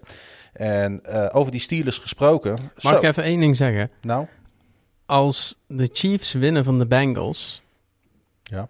hebben de Browns met twee overwinningen de AFC North gewonnen. ja, klopt. Dus even ervan uitgaan dat de Ravens niet eh, beide wedstrijden winnen. Maar Mm. de, de Browns hebben alles nog om voor, eh, voor te spelen de komende weken. En als je social media bekijkt en als je ze hoort...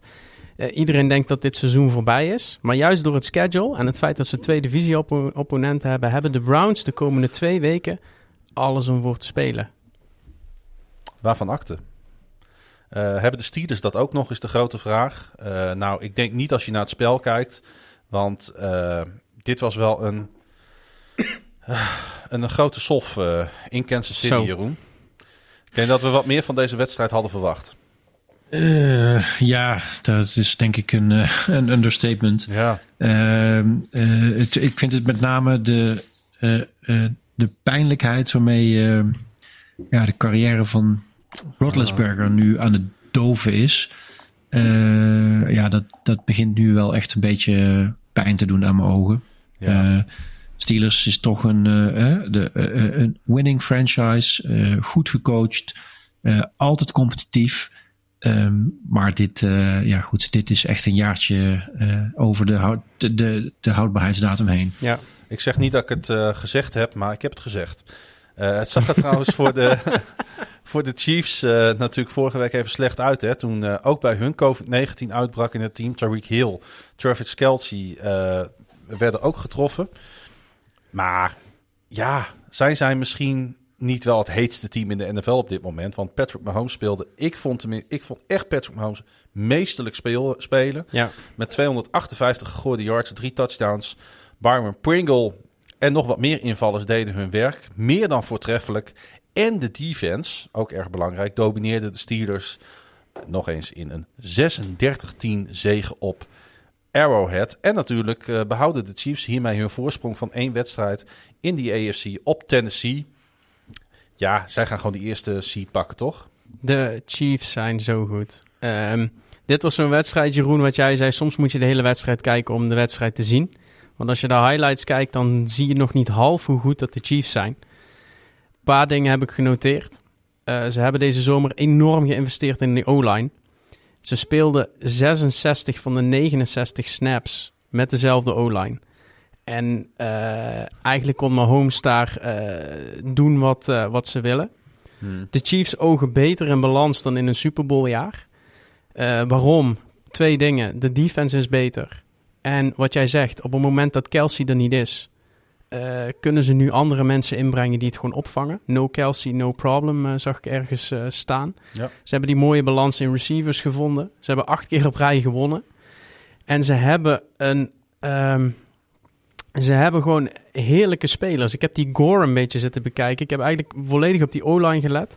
Maar dan zie je zo'n Gore, hè, die maakt dan 66 van de 74 yards op die 0-23 touchdown drive. Hmm. En het mooiste is de volgende snap. De kick-off. Dan staat hij dus weer special teams te spelen. En dan zie je hem daar als een gek over dat veld rennen. En dan zie je dat, dat, dat die spirit in dat team, zie je, zie je dat het goed is. Dat spelers gewoon eigenlijk alles, alles voor elkaar hebben. En de mooiste, eh, de, de mooiste cyclus was eigenlijk vlak na rust. Waarbij Johnson die bal fumbelt. En je ziet het moment dat Johnson die bal fumbelt, dan gaat hij er ook niet eens meer voor. Dan is het gewoon Tyron Matthews bal, die pakt hem op. Maar wat de Chiefs daarna doen, is echt... Ja, dat, dat, is, dat is echt het mooiste moment van die wedstrijd. Ze doen een 6-yard run, een 6-yard pass, een 3-yard run, een 9-yard pass, een 8-yard run, een 3-yard run en een 16-yard run op Pringle, die eigenlijk precies doet wat Kelsey normaal doet. Ja. Namelijk tussen de, de, de, de numbers die bal vangen en twee spelers eigenlijk gewoon op verkeerde been zetten en over een eh, 19 yards, ja in totaal dan die play, die bal binnenrennen. En net alsof Kel het had net Kelsey kunnen zijn. En dan zie je dus dat eigenlijk ze langzaam die lucht uit, uit Pittsburgh zuigen en dat team eigenlijk gewoon helemaal kapot spelen. En Pittsburgh had eigenlijk helemaal niks in te brengen. Ik vond dit een van hun beste wedstrijden van de afgelopen drie jaar. Ja, ab- absoluut. Maar daarom zeg ik, dit was een wedstrijd. Als je die helemaal terugkijkt, dan zie je pas hoe, hoe goed dat, eh, dat de Chiefs eh, hier waren. En hoe kansloos dat, ehm, dat Pittsburgh eigenlijk, eh, eigenlijk was. Ja, Chiefs, Packers, Super Bowl, Jeroen. Eh, boe, ik denk, eh, nou, het wordt Chiefs Bills in de AFC eh, Championship wedstrijd, in de conference wedstrijd. Ja. Dat zal erom hangen dan. eh, ja, maar eh, je, je noemde terecht Frank, die O-line. Eh, mijn aandacht gaat uit naar, eh, naar de center, Creed Humphrey. Een rookie center. Ja. Is niet gekozen in de Pro Bowl. En dat zegt niet zo gek veel. wat je ook vindt van de Pro Bowl. Maar daar had hij absoluut wel in, in thuis gehoord. Ehm dus ik ook denk aan die vraag die we net kregen van iemand over eh Rashawn Slater. Die is wel in de Pro Bowl gekozen. lineman van de, van de Chargers. Ja. Eh, nou, Penijs zowel van de Lions. eh, rookie eh, lineman die... ja, ik, mijn stokpaard is dat je... de waarde zit hem in dit soort, dit soort fundamenten voor je toekomst. Juist. Zo'n zo'n Creed Humphrey, daar kun, je, daar kun je tien jaar mee vooruit op center. Misschien wel langer. Dus dat is echt een goudklompje wat ze, Ja, hebben, mooi, wat ze hebben gevonden. Ja. En ja, de O-line is je motor. Dat, het is prachtig, al die skillspelers. Maar je O-line, daar begint het mee. En, ja, en die, die is dus, deze wedstrijd terugkijken. Ja, dan, dan daar, als, als O-line fan en als line fan word je daar heel, eh, heel blij van. En als AFC-team word je daar heel bang van. Ik heb ook gezocht naar een potentieel eh, minpuntje bij de Chiefs. En dat is Fry als kikker.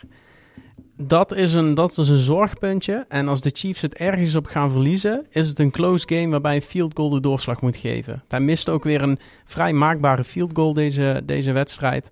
Ehm, dus als we dan toch een puntje van zorg moeten noemen bij de Chiefs, dan is het eh, de kicker. Ja, zo heeft ieder team toch ergens een minpuntje. hè? Ja. Dat blijkt wel weer. Eh, maar eh, ik denk dat we inderdaad kunnen constateren dat de Chiefs hun personeel management naar een hoger niveau getild hebben dit jaar. Ja, ze zijn, ik vind ze beter in balans dan in een Super Bowl jaar. Ja. En de Steelers die zakten natuurlijk juist gigantisch door het ijs. Ze werden het eerste team in de NFL history dat tenminste 23 punten achter staat bij rust in drie op één volgende uitwedstrijden. En ze slaagden er eh, vijf op één volgende wedstrijden niet in een touchdown te scoren in de eerste helft. En dat was voor het eerst sinds 1940. Dat is een eh, jaar van oprichting.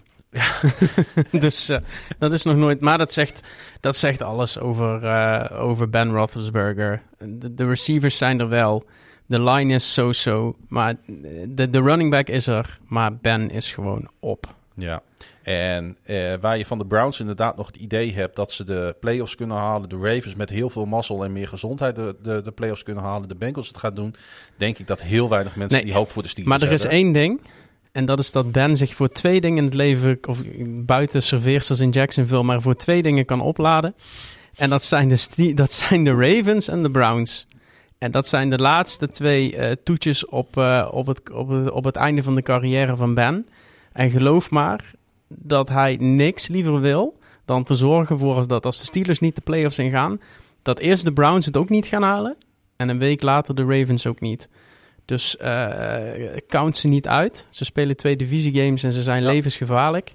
Maar eh, dit is wel het einde van eh, Big Ben in, in Pittsburgh. En inderdaad, de Steelers spelen Monday Night Football thuis tegen Cleveland en de Chiefs die reizen af naar Cincinnati. Ja, ehm, en daar komt hij, de Joe Burrow's 500 yard game. Ja, we gaan even pauze nemen en we zijn eh, zo bij u terug. Joe Burrow's eh, franchise record-breaking 525 yard passing performance betekende duidelijk veel voor de Bengals die de hele wedstrijd diepe ballen bleven callen. Terwijl ze al 20 punten voor stonden tegen aartsrival Baltimore. En ja, er zijn slechts drie quarterbacks in NFL history die meer yards in één wedstrijd hebben gegooid. Maar achteraf verklaarde Burrow dat hij meer geïnteresseerd was in de eerste plaats in de AFC North.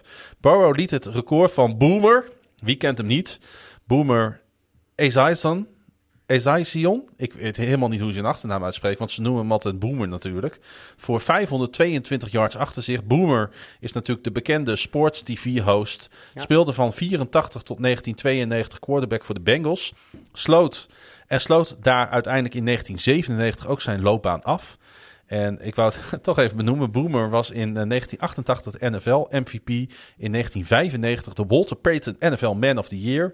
Speelde in vier Pro Bowls en was ook in 1988 de AFC Player of the Year. En eh, ja, die... eh, ja, dus het is wel terecht dat hij daar iedere halftime, pregame en, eh, en aftergame show eh, zitten. ja, Hij, heeft, hij heeft wel verstand van het spelletje, hij heeft er wel ervaring in. hoe moeten we deze, ehm, eh, ja, deze prestatie van Burrow inschalen tegen deze Ravens, Jeroen? Ehm, ja, dit is eh, knap. Eh, 500 plus yards. Eh, ondanks de omstandigheden, doe het maar even. Eh, ik ben fan van Burrow. Ik vind hem, eh, eh, weer even uitzoomen. Ik vind hem, eh, hij is echt een schot in de roos geweest voor deze, voor deze club. Hij, hij kan, ondanks die loeizware blessure die hij vorig jaar had, waar hij heel knap van terug is gekomen. eh, echt zo'n zware kniebandreconstructie kan hij echt nog wel een heel aantal jaar op dit niveau spelen. Eh, ik, ben echt, ik word hier echt blij van. Van dit soort quarterbacks. Ja. Dat, dat, dat er weer bloed is, vers bloed eh, in de league. En dat inderdaad de Big Ben Roethlisbergers eh, en langzaam de Russell Wilsons. Dat die naar de achtergrond worden geduwd.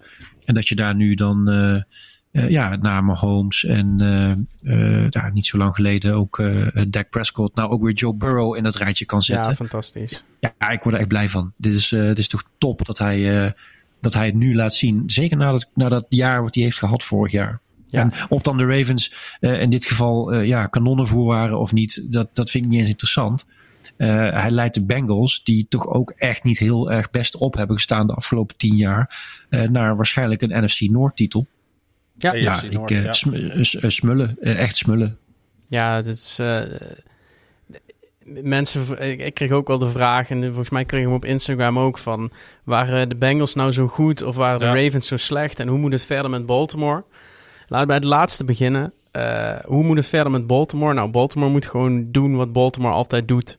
Want zelfs met, met 22 man op, op COVID, volgens mij misten ze in totaal 33 spelers. Het, het hoogste in de hele NFL. Ja.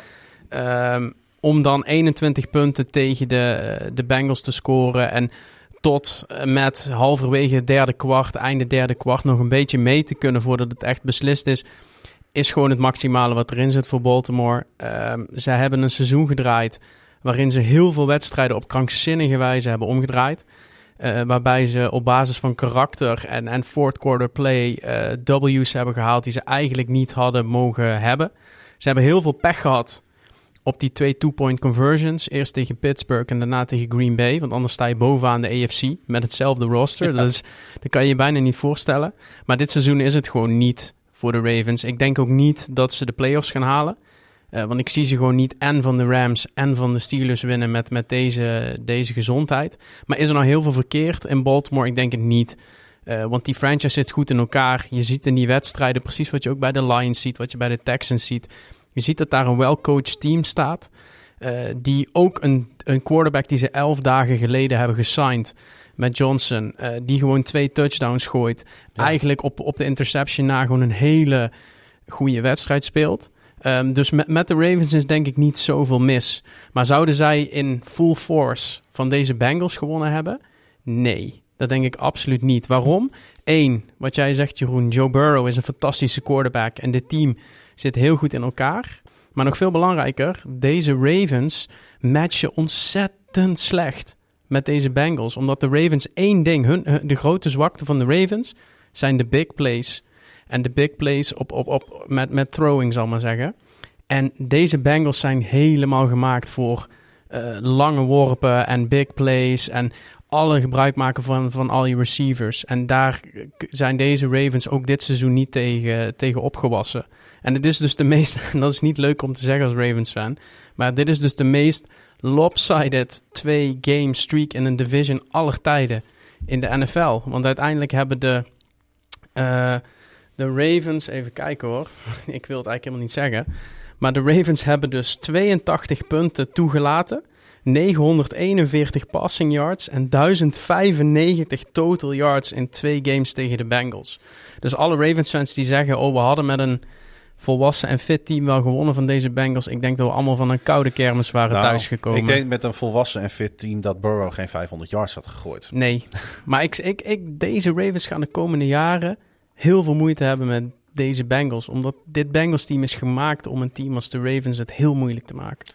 Ja, en eh, opvallend was natuurlijk ook dat ze Burrow niet van het veld haalden op een gegeven moment. Zijn 500 yard passing day was de 24ste in de NFL en de eerste dit seizoen. En hij werd de 20ste quarterback die de 500 mark bereikte. Ja. Alleen Norm Van Brocklin, weet je nog voor welk team hij speelde, Jeroen? Van Brocklin. Ja, voor de, Ra- voor de Rams. Heel goed. Eh, 554. Warren Moon, 527. En Matt Schaub Voor de Ja. Texans. hebben voor meer gegooid in één wedstrijd. Ik vind het toch mooi dat Matt Schaub hierbij bij staat. Hey, eh, uiteindelijk goed dat hij voor het record gaat. Of hadden ze hem van het veld moeten halen, Jeroen? Want hij liep wel gevaar hè, bij een paar sacks op het eind. Eh, eh, per- persoonlijk ben ik eh, eh, altijd conservatief in zo'n geval. En als de, als de overwinning eh, veilig is, eh, lekker op de bank. Ehm, maar goed, dat is mijn karakter. Eh, hij heeft het record, prima. Ja. Eh, en, eh, Ik vond het eh, eh, redelijk maar, dom. Maar die divisie, hè, want je zegt net wel even, even in een bijzin, als de Steelers twee keer winnen, dan staan zij op 9 en 7. Nou, de Bengals moeten dan ook nog. eh, eh, nou ja, het kan zomaar nog wel eh, even heel spannend Het worden. kan helemaal die- nog op de kop worden gezet hè, in die dat divisie. kan zeker. Dat kan ja, zeker. ja. Dus eh, Het, het Ja, is, leuk. Het is Het is een- de meest de- onvoorspelbare divisies, denk ik, in de NFL. En daarom, eh, daarom wat, wat jij, jij zei het vorige week in de podcast, dat eh, ik ga je voorspellen wat er gaat gebeuren, zei je. En toen zei je, ja, er komt de winnaar, gaat naar de playoffs en de rest gaat de wildcard niet Ja. halen. Maar de AFC North heeft één probleem. En dat is dat er geen zwak team in de AFC North zit.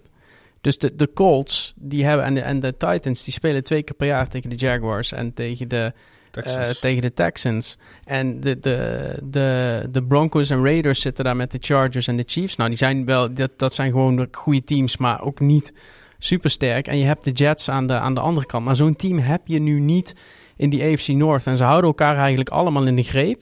Met uitzondering van de Bengals, die dus sinds 2009 voor het eerst zowel de Steelers als de Ravens eh sweepen. En eigenlijk gewoon eh, meer dan verdiend normaal gesproken deze AFC Noord gaan, eh, gaan Maar, de- winnen. maar de- wat, je, wat je nu aanstipt is natuurlijk de kracht van de hele NFL. Hè? De, Ja. de- want de Browns zijn, eh, noemen ze het lijstje op van mislukte of kortstondige quarterbacks van de afgelopen twintig jaar. Hè, de Browns zijn het lachertje geweest tot en met die 0 en, eh 0 en, 0 en eh, 16, 16 ja. naartoe. De Bengals is nou ook niet bepaald Nee, boven punt 500 gekomen heel veel seizoenen. Ook allemaal maar gewoon ja, echt ondermaats en weer hoge draftpicks krijgen. Dus ja, als dan ineens na een paar jaar twee van de vier teams wel aanhaken, dan heb je in één keer vier leuke teams. Ja, dat is de NFL. En Ja, dat, dat is de, de- dat is de ultieme kracht van het is de. ook niet een excuus, hè? Het is echt gewoon een Nee, constatering. maar het is, het is en dat maakt het ook heel schoonheid leuk. van, de, van het systeem. En eh, je, kan, je kan bij wijze van spreken van de acht eh, kwartfinalisten in de Champions League, kun je er nu vijf goed invullen. En dan heb je er denk ik vier goed, vijf goed. Ehm, eh, en in deze sport ja, niet. is competitie en, eh, en een turnaround van een team. Ja, dat, dat, maakt, het, dat maakt het leuk. En dat, dat snappen ze als geen ander. Ja. Nog één opmerking over Johnson, de backup quarterback van de Ravens. Hij werd de eerste speler die een touchdown pass scoorde voor meerdere NFL-teams in hetzelfde seizoen sinds, 19, eh, sinds 2015. Toen Brandon Whedon en Ryan Mallett dit deden. Johnson speelde drie wedstrijden voor de Jets, namelijk dit seizoen. Gooide ook drie touchdowns voor dat team. En dat waren zijn eerste starts sinds 2018 en de negende van zijn carrière. Hij speelde namelijk voor de San Diego Fleet in de Alliance of American Football in 2019 en voor de XFL's Los Angeles Wildcats vorig jaar.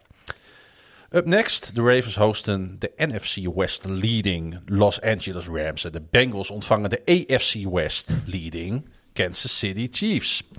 Ik, eh, zijn we aangekomen bij een van de eh, mindere wedstrijden denk ik van afgelopen weekend. De Denver Broncos en de Las Vegas Raiders. 13 tegen 17 bij rust stonden de Raiders nog 6 punten achter. En Josh Jacobs die voelde zich eh, schuldig na een lost fumble. En hij vroeg zijn coaches hem nog een kans te geven het goed te maken. En hij hield woord, want hij rende in de eerste drive van de tweede helft voor 57 yards. En de drive eindigde met een eh, Barber 5-yard touchdown run. En de voorsprong werd niet meer uit handen gegeven.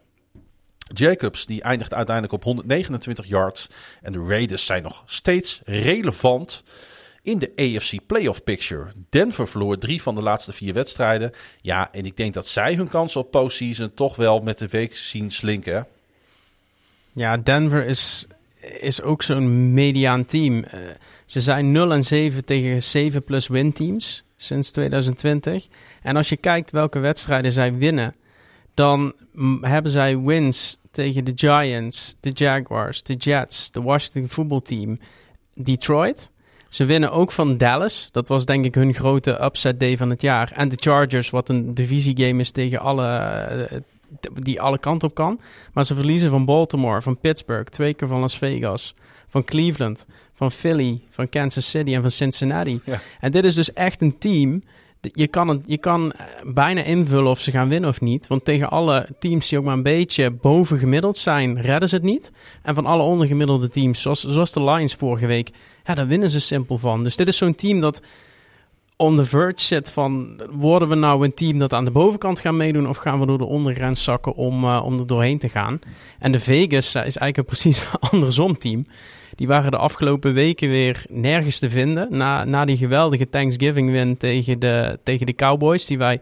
Ja, ik vond een van de leukste wedstrijden van het seizoen... maar Ja. dat kwam ook door de bar in Detroit waar we hem in de, keken. in de Ierse pub eh, in Greektown in de Detroit die wedstrijd te kijken. Ja, maar dat was, dat was genieten. Maar daarna zie je ze weer helemaal wegvallen.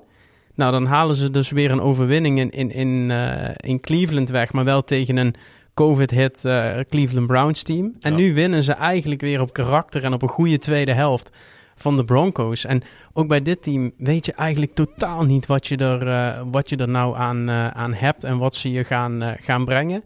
Ze staan allebei nog op, op, op playoffjacht. Ik denk dat voor de Broncos wel min of meer voorbij is. Maar de Raiders, ja, ik weet hun schema niet. Als die nog twee keer winnen, ja, het zou zomaar kunnen zijn dat ze toch de Nou ja, playoffs de, halen. de Raiders gaan naar Indianapolis. Alleen eh, waarschijnlijk tegen een eh, door COVID gedecimeerd Colts team. ja, Dus dan daar, hebben ze daar een- liggen een- opeens, en dat doet COVID natuurlijk ook, dan liggen er opeens mogelijkheden. Ja, Maar ik wou het eigenlijk even hebben over quarterback Derek Carr. Ik ben namelijk best wel fan van hem. Hij was eh, ook deze wedstrijd weer echt gewoon goed. 20 uit 25, 201 yards met één touchdown, wel één interceptie. Hij leverde tenminste één pass af bij al zijn zeven targets. Aangevoerd door Zay Jones, die zes receptions had voor 50 yards. Hunter Renfro had drie vangballen voor 40 yards, één touchdown. Foster Moreau, Deshaun Jackson noteerde ook allebei vier receptions. Weet je, als Derek Carr net genoeg tijd krijgt om zijn ballen af te Ja. leveren, is, het, is het absoluut toch een top 16 quarterback, eh, Jeroen. Ja, eens. Eh Raiders is ook moeilijk seizoen. Eh, ge- geef het je maar te doen. Hè. Je coach eh, moet weg. Ja. Eh, je verliest een, een ster receiver, of in ieder geval een goede receiver, door, door een off-the-field incident. Ik, ik denk hij, en vergeet ook niet zijn maatje Mariota achter hem. Hè, dat is toch een waardevolle backup met ervaring. Eh, ik denk dat er nog wat meer in het vat zit bij, eh, bij de Raiders. Ze hebben echt wel pech gehad. Ook die blessure van Darren Waller, die eh, ja, toch na Kelsey en, en Kittle zo'n beetje de, ja, de beste tight end is van de league. Ja, en die Foster Moreau is absoluut geen waardig vervanger. Laten we dat ook even stellen. Nee, die, ja, nee, die. Ik ben geen fan van dat, hem namelijk geworden de laatste weken. Dat is een typisch, eh, ja goed, die, die doet zijn ding. Die vangt vier ballen voor 60 yards en dat is het. En dat Ja. is dan keurig. Hè, dat is goed. Eh, nee, zeker. Eh, ja, is het, een, is het team een hoogvlieger? Nee. Zijn ze afgeschreven? Nee, ik denk het ook niet. Ze zijn nu 8 en 7. Eh, ja, eh, eh, ik denk niet dat je er graag tegen speelt. Nee, dat is wel een goede opmerking inderdaad. Ja, op een goede dag kunnen ze iedereen verslaan. Dat hebben, ze hebben de Cowboys eh, ook verslagen in hun eigen stadion nog geen maand geleden. Ja, ze hadden natuurlijk die knappe overtime win in week 1 tegen de Ravens. Waar ze ook al lieten zien dat er echt potentie Ja. in het team zit. Met name ook verdedigend. Want dat staat de laatste weken echt prima. Mede dankzij de natuurlijk dit seizoen verkozen Pro Bowl defensive end Max Crosby. Eh, wat een verhaal is dat, hè? Die een sack, een quarterback hit en twee tackles voor een los noteerde. En de Raiders stopten Denver 9 van de 10 keer op third down. Ja, weten deze jullie, wedstrijd. weten jullie hoeveel rushing yards Denver had deze wedstrijd? Ja, 17 of 18? 18. Ja, 18. En van de 13 punten waren er eh 10 na turnovers. Dus wat jij zegt, Ja. de defense van de Raiders heeft gewoon ja, een nagenoeg perfect, perfecte wedstrijd gespeeld. Men, en de run defense heeft een perfecte wedstrijd gespeeld. Want we kennen allebei de, de two-headed monster in, in Denver. Eh, met, eh, met Gordon en eh, Williams. Nee, hoe heet hij nou? Javonte Williams. Javonte. Williams, ja, met, met zeg ik net, we kennen ze allemaal. Eh, maar we kennen ze ook allemaal. Gordon en Williams, 18 yards. Ja, het is eh, gewoon een, een hele degelijke overwinning van, eh, van, de, van de Raiders. En eentje die ze hard nodig hebben om dit seizoen eh, winnend af te sluiten. Wat ze eigenlijk in mijn ogen ook gewoon wel verdienen eh, dit jaar. Ja, en ik ben stiekem ook wel een klein beetje fan van Renfro aan het worden. Hij werd de derde wide receiver in franchise history met 90 catches in één seizoen. En voegde zich daarbij, daarmee bij Hall of Famers Tim Brown, die dat overigens vier keer deed. En Jerry Rice. En dat zijn dan toch niet de minste namen waar je ja, naast komt te staan. Nou, hij doet me een beetje denken aan eh, Wes Welker. Zo'n kleine, Hmm. relatief kleine receiver. eh, vaak vanuit de slot. En dit is een speler die ik dit jaar ben leren kennen door fantasy voetbal. Ja. Eh, omdat ik hem in de, ik heb hem ge- gepikt en die heb je dan als wide receiver op je bank. En op een gegeven moment zie je gewoon dat hij iedere week een touchdown vangt. Ja. Hij staat bij mij overal weken in de basis en hij levert iedere, iedere week maakt hij zijn, eh, zijn touchdown. En ook deze week. Goeie speler. Goeie speler. Weet je wie, wie trouwens bij de Raiders het franchise record op zijn naam heeft staan? Qua receptions? In, Mar- in niet franchise Amari history? Cooper? Nee. Nee? In franchise history. Ja. Darren Waller. Echt? Ja. Vorig jaar. Vorig jaar 107 Oh, in één receptions. seizoen? In één seizoen. Oh, oké. Ik dacht all time. nee, nee, Sorry. nee. In één seizoen. In één seizoen. Ja, dan, eh, dan eh, kan ik me dat wel voorstellen. Ja. Gewoon een tight end, hè. Die, eh, die het franchise record receptions op zijn Nou, naam dat heeft staan. Mark Andrews, die moet nog 15 yards voor het all-time receiving record bij de. Ravens. En ook alle wide receivers meegenomen, dus het kan. Hey, Las, Vegas gaf de bal deze wedstrijd drie keer weg. Staat nu op 10 turnovers in de laatste drie wedstrijden. Daar ligt natuurlijk wel een probleem. En als ze dat kunnen voorkomen, dan wordt het team denk ik overal al een stuk beter. Eh, de Broncos reizen af naar LA voor een ontmoeting met de Chargers. En de Raiders spelen dus in Indy tegen de Colts. En het is echt de vraag wie er in die wedstrijd allemaal wel en Ja. niet op het veld staan. Dus daar valt ook eh, ja, qua voorspelling nog niet zoveel over te zeggen. Hey, we gaan snel door. Wacht nog even. Jeroen, kort vraagje. Kort antwoord. Waar word je liever nu quarterback? Bij Pittsburgh of bij Denver? Met, Eh, het, hui- je met het huidige roster. Waar word je liever de nieuwe quarterback? Korte antwoord. Eh, de Pittsburgh Steelers. Want eh goede running game achter je met Najee Harris. En genoeg talent op wide receiver. Eh, dus ik zou voor Pittsburgh gaan. Als je nou zou vragen waar je liever cornerback wordt, dan zou ik denk ik voor de Denver Broncos gaan. Vanwege de? Nou, die defense van de Broncos die staat de komende twee, drie jaar als ik naar hun roster kijk en hun contracten volgens mij als een huis. Ja, misschien. Volgens mij ik is ken de dat een hele bij, fijne eh, bij de unit om mee in te spelen. Goed, hey, de Tampa Bay Buccaneers jongens. 32-6. Ja, eh, volgens Bruce Arians was Antonio Brown in blakende vorm. En hij kreeg gelijk, hè, want Tom Brady gooide voor 232 yards en een touchdown. En Brown was helemaal terug van weg geweest. Precies op het moment dat de Bucks hun eerste NFC South titel sinds 2007 binnenhaalden met die 32-6 overwinning in Charlotte.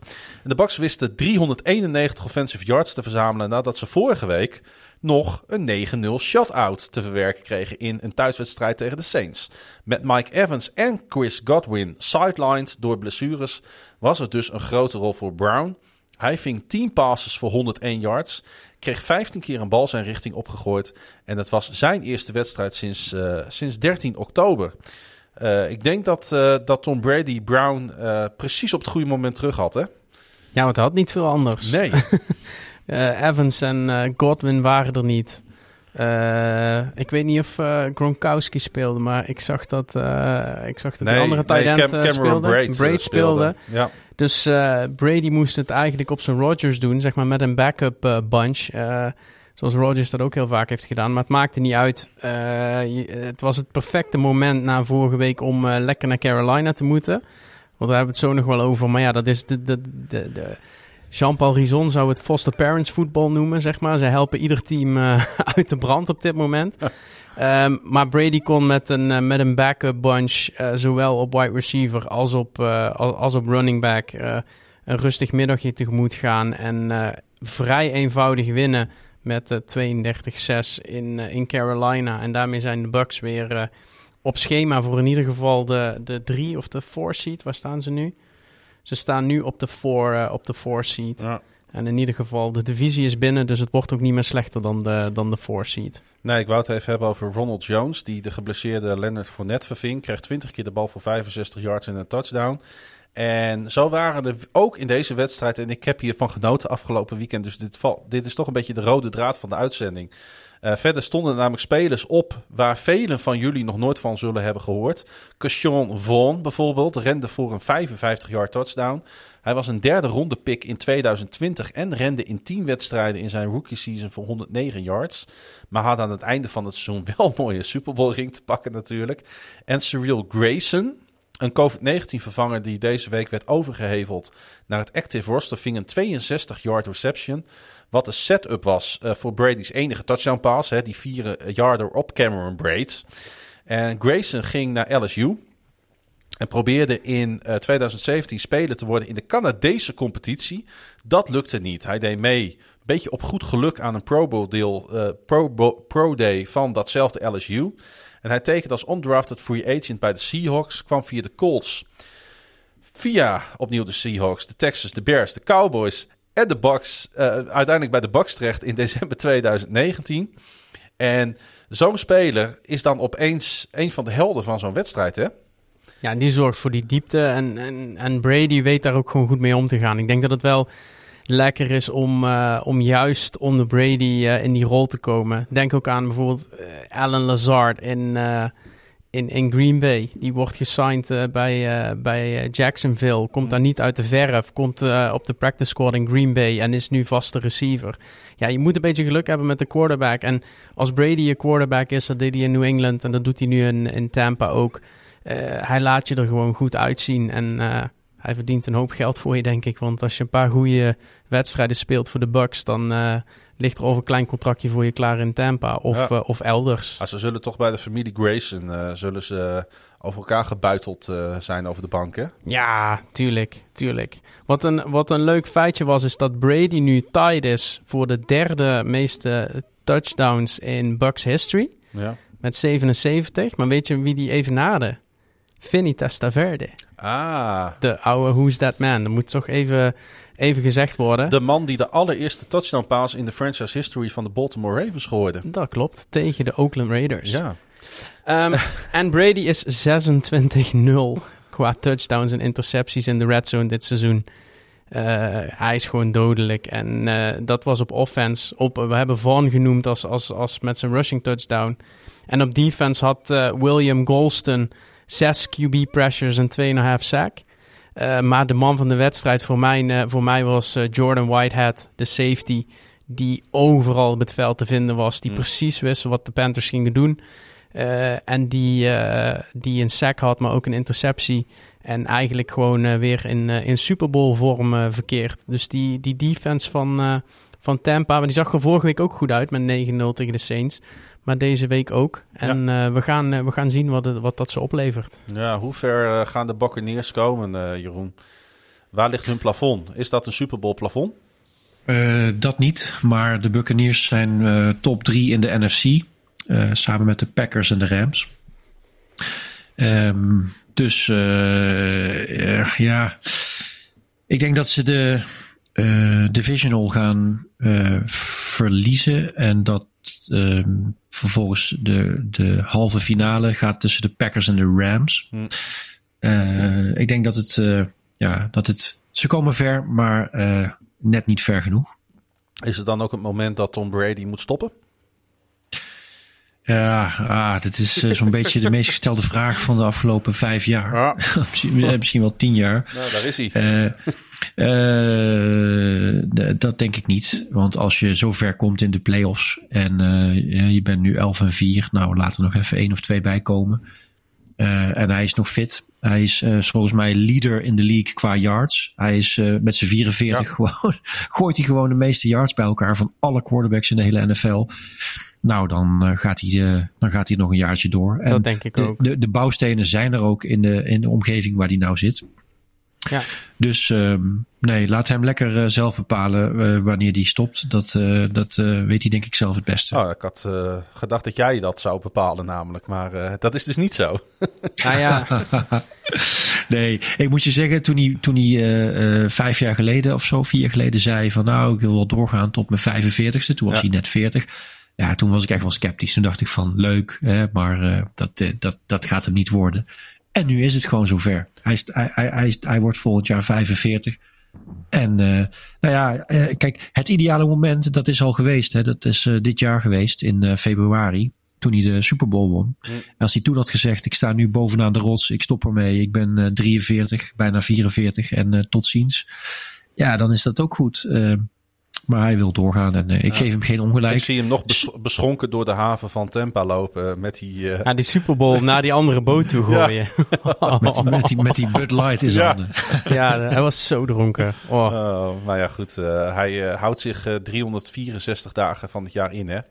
Want hij leeft voor zijn sport, eh, zowel fysiek als Hoe, mentaal. hoe smaken de biertjes? Ja, goed. Ja, toch?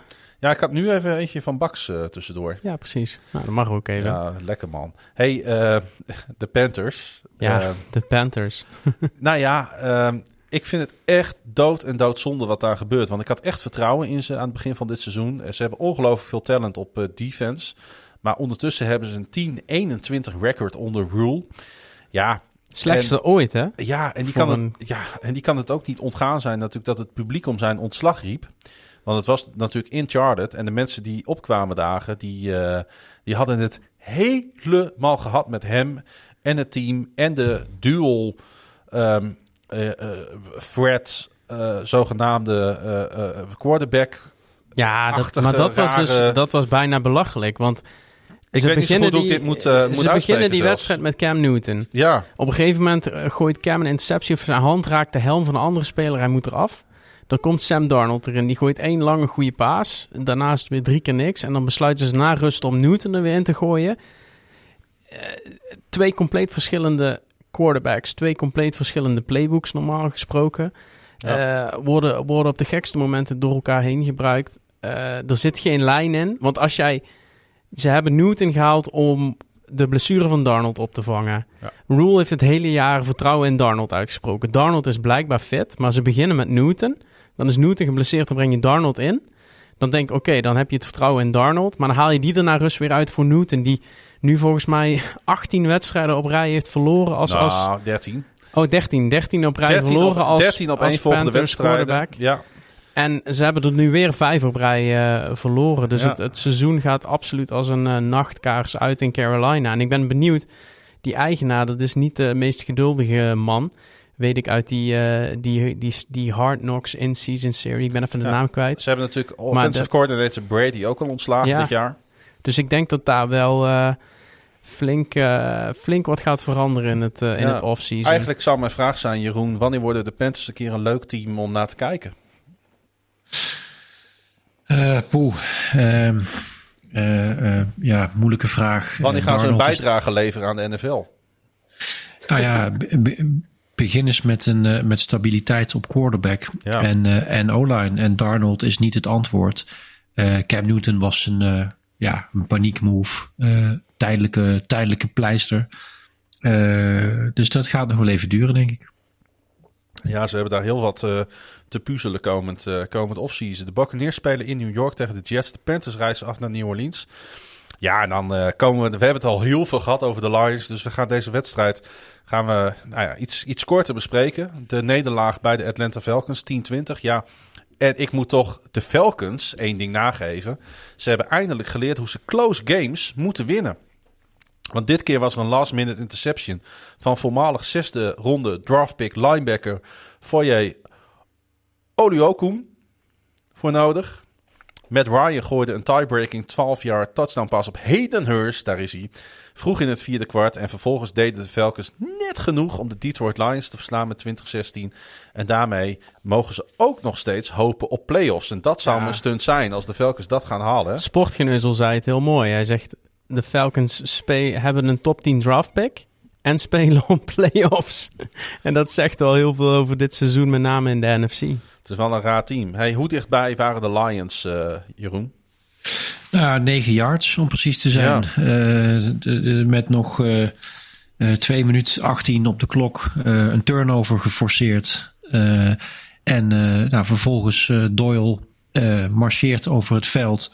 En met iets van 40 seconden op de klok gooit hij die, eh, die interceptie waarmee het eh, meteen klaar is. Op 9 yards van het einde. Ja, dat is dus weer een close game in het rijtje van eh, close games die de Lions hebben verloren dit jaar. Het was wel zonde, hè, want hij speelt op zich een goede pot. Ja, en hij werd ook goed beschermd. Ja. Ik weet niet of je het meegekregen hebt, maar de O-line van de Lions heeft geen sack opgegeven deze wedstrijd. Eh, dus dat is knap. Ja. Eh, eh, goede lijn, goede keuzes van, van Doyle. Wat dan wel weer slecht is, is zes false starts van de Ja. Detroit Lions. Ja. Dat zijn, er, dat zijn er dus echt zes te veel. Ja, ja eh, eh, het was weer een close game. Ik moet zeggen, het ging gelijk op. Het was een een gelijk opgaande wedstrijd. Met het grootste probleem voor de Lions zat hem bij, eh, eh, met name bij de tight ends van de Falcons. Hè. Carl Pitts, eh, Hayden Hurst.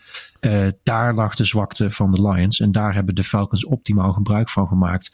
Maar toch, het was weer een wedstrijd. Het was weer competitief voetbal. Eh, Lions zijn ervoor blijven gaan. Hè. Ik noemde al eerder dat aantal van eh fourth down attempts. Het staat nou op eh 5,36 in het hele seizoen. Ook nu weer ging Dan Campbell op fourth down. Ging hij ervoor. Ehm, en zelfs een keer een punt paas. Hè. Ik weet niet of je hem gezien hebt. Maar Jack Fox, de punter, gooide gewoon een 21 yard completion. Die telde ik niet eens mee net met die fourth down attempts. Maar gewoon een 21 yard completion. Dus weer zo'n special teams eh, trucje uit de hoge hoed Nou, van de dus Lions. Zeker heb ik dat meegekregen. Het was inderdaad een 21 jaar pas op Cadarrell Hodge. Ik had, als je het niet heel erg vindt, nog nooit van Hodge gehoord. Eh, terwijl hij toch aardig wat yards al op zijn naam heeft staan. Ehm, het was inderdaad na een fake punt, eh, waardoor Detroit opschoof naar de Atlanta 24. En drie plays later gooide Ball natuurlijk die 20 yard scoring pass op Amon Ra St. Brown. Dus het had ook nog zin. Ja, nee, zeker. Het droeg echt wat bij. En eh, ja, daarom is het zuur dat ze dan eh, ja, toch in, in de goede positie... Hè, ze stonden goed gesteld. En dan met, ja, met 40 seconden te gaan, 9 yards... eh, die, die foute keuze, hij nam die schuld ook op zich, eh, Doyle. Ja. Ehm, nou goed, ehm, eh, het past in dit seizoen. Eh, het is een rebuilding jaar. eh, en ehm, ehm, ik denk dat dit, eh, nou ja, ik zoek naar de lichtpunten en dan vind ik geen sec opgeven. Eh, die Penay Sewell is al een paar keer genoemd, maar dat is echt een lineman voor de toekomst. En Amon Ross St. Brown, die jij net noemde, eh, die, die heeft zich ook wel gevestigd. Want vergeet je niet, de Lions zijn kwijtgeraakt. Eh Golladay, Amendola en Marvin Jones vorig jaar. Dat zijn drie receivers die, die je gewoon in één keer van het bord haalt. Daar kwam wat, nou ja, wat, wat, wat, wat, wat paniek voor terug. Perriman en Tyrell Williams en, en, en allemaal namen die je niet meer terug hoort. Maar met hem, met Amon Ross St. Brown, vierde ronde draftkeuze, heb je Ja. gewoon een, eh, een goede receiver in Ja, huis. E- Edu zei vorige week ook dat dit absoluut de receiver van de, voor de toekomst is van de, van de Lions. Ik denk dat hij WR1 is. En Ja. dan heb je nou nog Josh Reynolds erbij gekregen tussentijds in week 11. Die heeft al een band met, met Goff. Eh, dat is een jongen die, eh, nou ja goed, die kun, je, die kun je erbij halen. Kun je erbij houden. Moet je wel wat betalen. Hè. Die moet je dan een tweejarig contract geven voor, eh, voor een, een bedragje. Maar eh, die, heeft, die, die is bruikbaar. En je moet er eentje gaan draften. Eh, dus, dus, ja goed, eh, wat dat betreft. eh, eh, de, de, de vraag is eerder, wat doe je met Goff? Ja, Goff is nu een, eh, hij is een brug quarterback, een bridge QB. Eh, heb je geduld? Ja of nee? Ga je het nog een jaar met hem proberen? Haal je er iemand bij die druk op hem zet? Ik noemde al eh, Marcus Mariota, maar denk aan Tyrod Taylor, eh, Drew Lock van de, eh, van de Broncos. Hè, die, dan, Huntley. die zijn niet beter, maar die, die, die, zijn, die, zijn, die kunnen wel druk zetten op hem. Want volgend jaar zit er in de draft niet zoveel. Ehm, Anders doen jullie even een Ja. eerste ronde draft pick naar Baltimore voor Huntley. Ja, nou, is eh, een interessante keuze. Maar ik denk dat Huntley... eh, Jij houdt niet van dat soort quarterbacks, hè? Nou, nou ja, goed, dat is een persoonlijke smaak. Maar eh, kijk, ik hou ook niet zo van... Go- Golf is ook maar een, een beetje suffe game manager... die je vooral niet uit de pocket moet halen. Nee, dat is waar. Eh, maar ehm, nee, ik denk dat voor de Lions de, de, de voornaamste keuze eh, zit hem ook vooral in de offensive coordinator. Je noemde net even Joe Brady van de Panthers. Ja. Dat is een ge- gewilde naam. Ik denk dat hij, een jonge jongen nog, eh, dertiger.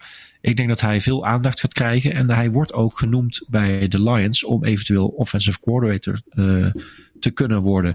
Intern heb je ook een paar namen. Eh, eh, eh, Randall, eh, Antoine Randall L. eh, de, de mentor van, eh van Amon-Ra St. Brown, de voormalige eh, eh, Steelers receiver. Ja. Heeft een belangrijke rol in de ontwikkeling van St. Brown. Die wordt wel genoemd. Deuce Staley, running back van de Eagles, eh, wordt genoemd. Maar goed, de Lions weer een eh, close loss. eh, met eh, met eh, genoeg upsides om uit mee te nemen. Alleen Ja. die full start penalties, mijn hemel, Ja. eh, die, die, zijn, eh, Zonde, die zijn dodelijk. Ja, dan wil je, Ja, televisie, dan wil je televisie wel van het balkon gooien op zo'n moment, hè? Bij de zesde keer. Ja. Hadden jullie... Ja. zijn 1 en 8 in one-score games. Dit seizoen, de Ja. Lions. Dus dat, zegt dat zegt alles over... Dat ze voor, een, Nou. voor, een, voor dat, dat hun record... Dat is interessant dat je dat zegt, de- want eh, bijvoorbeeld de Falcons hadden dat vorig jaar. En die weten nu een aantal keren weten die dat om te turnen. En opeens sta je op een punt 500 seizoen. Ja, nee, daarom. Die, dat is de leap die de Lions komend jaar eh, Juist. Moeten gaan maken. Ja, nog- en ik, ik denk ook, nog- dit, dit seizoen is nog niet voorbij. Hè. De Seahawks eh, komen nog en de Packers. Ik denk dat de Seahawks zijn te pakken in de huidige staat. En de Packers in de laatste week, die geloven het wel. Want die hebben het eh, dan allemaal al binnen. Eh, dus ik, ik zou me niet verbazen als de Lions dadelijk het jaar uitgaan met nog twee wins. En dan kom je op 4, 12 en 1. Kun je ze niet beter allebei verliezen? Ja, want je wil heel graag die elite pass rushers die, eh, eh, die eh, hoog op het draftboard Juist. komen. eh, Thibodeau, Hutchinson, al dat soort mannen, die wil je hebben. Dus dus je, je schiet je een beetje in de voet. Aan de andere kant, ja, je, je gaat geen wedstrijden verliezen. Dit, dat, dit team is te competitief om, om nu eh, te zeggen, we, willen- we, we Ja. willen die, die tweede draftpick eh veilig stellen achter de Jaguars. Cam- Campbell is gewoon ergens mee bezig. En die zal absoluut dat proces niet verstoren voor een draftpickje hoger of lager. Daar ben ik van overtuigd. Ik wil nog één Ja. opmerking over St. Brown maken. Die negen catches had voor 91 yards. Want hij voegde zich bij jouw held Kelvin Johnson als de enige Lions-speler met vier op één volgende wedstrijden met acht catches of meer. Dat geeft wel even aan, eh, denk ik, eh, welk niveau hij op dit Ja. moment aan het benaderen is. Een genot om naar te kijken ook. En eh, ik, ik, over de Falcons nog even, want ik, nou, ik, heb, ik zit hier echt mee. Sterker nog, ik heb hiervan wakker gelegen. Want Atlanta's do it all, do it all running back Cordero Patterson heeft de Pro Bowl niet gehaald. Ondanks dat hij dit jaar excelleerde als runner, receiver en return specialist. Met zijn 1421 gecombineerde yards staat hij vijfde in de NFL. En hij is dus niet geselecteerd voor de Pro Bowl. Dat vind ik een schande. Ja, dat denk ik dat we dat allemaal vinden. Alleen we weten hoe dat komt. Hij zit niet bij de top 3, 4 op al die drie posities. Eh, en daarom wordt hij niet als running back gekozen, niet als special teams player gekozen en niet als wide receiver gekozen. En daar is de, de- Cordero Patterson is gewoon, de, is gewoon eh, eh, ehm, het slachtoffer van de manier waarop de Pro Bowl op dit moment is opgezet. Hij zou eigenlijk de joker moeten zijn.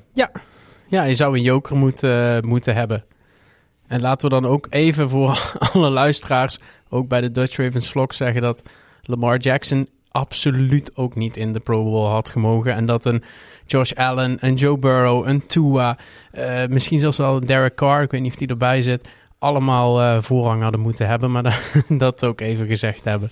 Hey, ik zie cadeautje Jeroen in het script staan. Nou, dan, eh, dan zie ik hier iets voor mij liggen. En dat hadden jullie niet, niet hoeven doen. Ik vind Nee. het hartstikke leuk om eh, lekker met Misschien jullie over de even, even wat toelichting geven. Jeroen heeft nu, eh, wij hebben straks eh, Jeroen natuurlijk wel even gezien op, op afstand om de biertje af te geven. Maar we zijn natuurlijk bij zijn geliefde Detroit Lions geweest. En twee jaar geleden heeft hij een kleine souvenir van ons gekregen. En dit jaar eh, hebben we weer eh, aan Jeroen gedacht eh, met, met ons achten. Toen we, bij het, toen bij het stadion waren. En dat cadeautje gaat hij nu, nu uitpakken. Ja, echt super. Dat hadden jullie uiteraard niet hoeven doen. Ik waardeer dat enorm. Ik vind de uitnodiging al leuk. Maar dat jullie uit Amerika iets meeslepen in je koffer. En dat dan hier dan in Eindhoven komen brengen ook nog. eh dankjewel. Ja. Dat vind ik super. Ja, voor mij is het dan niet het zo nu- ver, hè? Ik maak het eh, as we speak eh, open. Dat horen de luisteraars heel goed. Ja, oh, heel cool. Het zijn niet één, maar het zijn twee cadeautjes. Ik ga proberen het zo goed mogelijk te omschrijven. Ik heb hier een, eh, eh, ik, ik denk een soort handdoekje. Een soort eh eh wedstrijdhanddoekje, een towel. eh, van de wedstrijd Chicago-Detroit. Datum 25 eh, eh, 11. Ja, top. Dat is de Thanksgiving-wedstrijd natuurlijk. dus waar dat wij is natuurlijk bij helemaal, waren. Ja. Helemaal top met het mooie logo van de leeuw. En nog een veel groter cadeau. Hou hem even voor de camera, dan zien wij hem ook. Ja, een, eh, een Thanksgiving eh, eh, t-shirt van de Lions. Thanksgiving football. Ja, Thanksgiving en de Lions, dat is, eh, dat is één. Hartstikke tof, mannen. Dankjewel. Nou, er staat eh, een enorme, een enorme kalkoen op, hè? Ja, een kalkoen die eh, scheel kijkt en een bal op zich af ziet komen. Een beetje, een beetje in paniek. Hey, hartstikke tof. Oh, de rug ook nog. Kijk eens. Ja, volgens mij. Ja, wederom de datum Fort Field, 25 november. Lions voetbal. Ja, hartstikke leuk. ja. Heel tof. Heel, heel, heel tof. Dankjewel. De, Dit, eh, Lions mogen het dan misschien eh, record-wise moeilijk hebben, maar eh, eh, Thanksgiving voetbal, dat mogen ze nooit afpakken hè, van Detroit. Nee, dat is bedacht door de Detroit Lions eh, in 1934. En dat eh, eh, toen niemand dat wilde, ook daarna niet, toen heeft, de, hebben de Lions gezegd dat dan doen wij dat nog steeds. En de NFL houdt zich eraan. Ondanks de groeiende weerstand elk jaar met Thanksgiving, dat mensen verplicht om één uur 's middags naar die matige Lions moeten kijken bij de kalkoen. Maar eh, Wij hebben ons daar weer ongelooflijk vermaakt. En ik, ik kan ieder, ik, ik, echt waar, ik raad iedereen aan, en dat is niet om te slijmen, om als je in Amerika bent een wedstrijd van de Lions mee te Ja. pakken als het kan. Ja, wij, wij zijn allebei, we hebben allebei een zwak voor de Detroit Lions. En ik denk eigenlijk, Ja, de hele, de hele Amerika-reis, alle acht jongens die mee zijn geweest, hebben allemaal een zwak voor de Detroit Lions. Omdat het gewoon een, een, geweldige franchise is. Zelfs Pieter, kan ik je ja, zelfs de Bears Ja. fans. Ja, nee, absoluut. Hey, jullie spelen in eh, Seattle volgende week. Eh, Ja. En dat zou zomaar zo'n win kunnen worden. In ieder geval competitieve wedstrijd. En de Falcons die spelen in Buffalo. Hey, we hebben nog twee wedstrijden over. Dat is de, de NFC East teams die eh, tegen elkaar speelden. Zoals dat hoort in deze tijd van het jaar. De Washington voetbalteam verloor bij Dallas met 1456. Dak Prescott en de Dallas Cowboys, ja, die hoefden zich natuurlijk vooraf al geen zorgen meer te maken over de NFC East-titel. Enkel hoe ze die glans moesten geven. Nou, Prescott die gooide vier touchdown passes. De Marcus Lawrence returnde op onnavolgbare wijze Ja, een interceptie. Ja, dat is awesome. echt misschien wel eh, mijn highlight zelfs van afgelopen speelronde. Ja, dat was die kick return van de Rams. Die vond ik nog mooier. Maar deze komt ook wel in de buurt, Oh, hoor. Deze komt wel in de buurt inderdaad. eh, en eh, de Cowboys wonnen met 56-14 van Washington op nationale televisie. Ja, de Cowboys die evenaarden daarnaast het franchise record voor punten in de eerste helft met 42-7 voorsprong bij rust. Dat, result, eh, dat frustreerde de voetbalteam dusdanig. En Jeroen noemde het al, dat defensive tackles Jonathan Allen en Darren Payne het met elkaar aan de stok kregen langs de zijlijn. Ja, eh, eh, even leek het erop natuurlijk mid-season dat Washington op zou bloeien. Maar het is helemaal weg hè, in Washington. Nou ja, de, de banken zijn ook weg in Washington, want die zijn ook in Dallas. eh, deze. Nou, dit is echt... Weet je, Oh. deze, deze wedstrijd spreekt voor zich. Hè? Maar Ja. wat, wat we gaan zo over die wedstrijd hebben, maar dit moeten we even, hier moeten we het wel even over Hier hebben. moeten we het want over dit- hebben. Oh man. Want ik zat naar die, naar die scuffle te kijken hè, tussen Allen en Payne. Ooit teamgenoten trouwens bij Alabama. En dat gebeurde op banken die Washington zelf had meegenomen. En toen dacht ik, hé, hey, waar kennen we dat verhaal ook alweer van? Van teams die banken meenemen. Nou, de Cowboys deden hetzelfde twee weken geleden. Toen zij in, In Washington, speelden. Het verschil was wel dat deze wedstrijd in een climate-controlled AT&T Stadium natuurlijk plaatsvond. Waar het beweegbare dak dicht was. En niet iedere wedstrijd de rioolbuizen het begeven. De Cowboys namen namelijk hun eigen banken mee omdat het vroor in Washington. En zij hadden informatie gekregen Van dat- Seattle. van Seattle dat die zogenaamde verwarmde banken op FedEx, eh, FedEx Field het vaker wel dan niet doen. En nou wouden dus de Washington voetbalteam wouden hetzelfde terug doen. Alleen die Ja, het vergeet... is zo kinderachtig. Het is niet alleen kinderachtig, maar dan snap je ook niet waar dit over gaat. Nee. Dat de Cowboys er dus alles aan willen doen om hun seizoen tot een succes te maken. Ook in dat, in dat totaal aftansen, eh, verroeste, bijna in elkaar stortende FedEx Field. En dan denkt Washington dat ze een speldenprikje kunnen uitdelen door Nee, je, hetzelfde je, hebt te die doen in wedstrijd al, je hebt die wedstrijd al verloren voordat die begonnen is. En ik snap ook niet dat iemand als Ron Rivera... Dat, dat, past totaal niet bij de manier waarop Nee. hij eh, zijn team leidt. Dus ik, ik snapte er ook helemaal niks van dat ze dat deden. Want daarmee gaven ze eigenlijk goedkeuring voor het gedrag van de, van de Cowboys twee weken geleden. Wat ze zelf zo veroordeeld hadden en waar iedereen zo over bezig Ja, was. Dus alleen de ik, eh, Cowboys hadden wel gelijk en Washington voetbalteam niet. Nee, en daarom was die wedstrijd ook gewoon verloren voordat die begonnen was.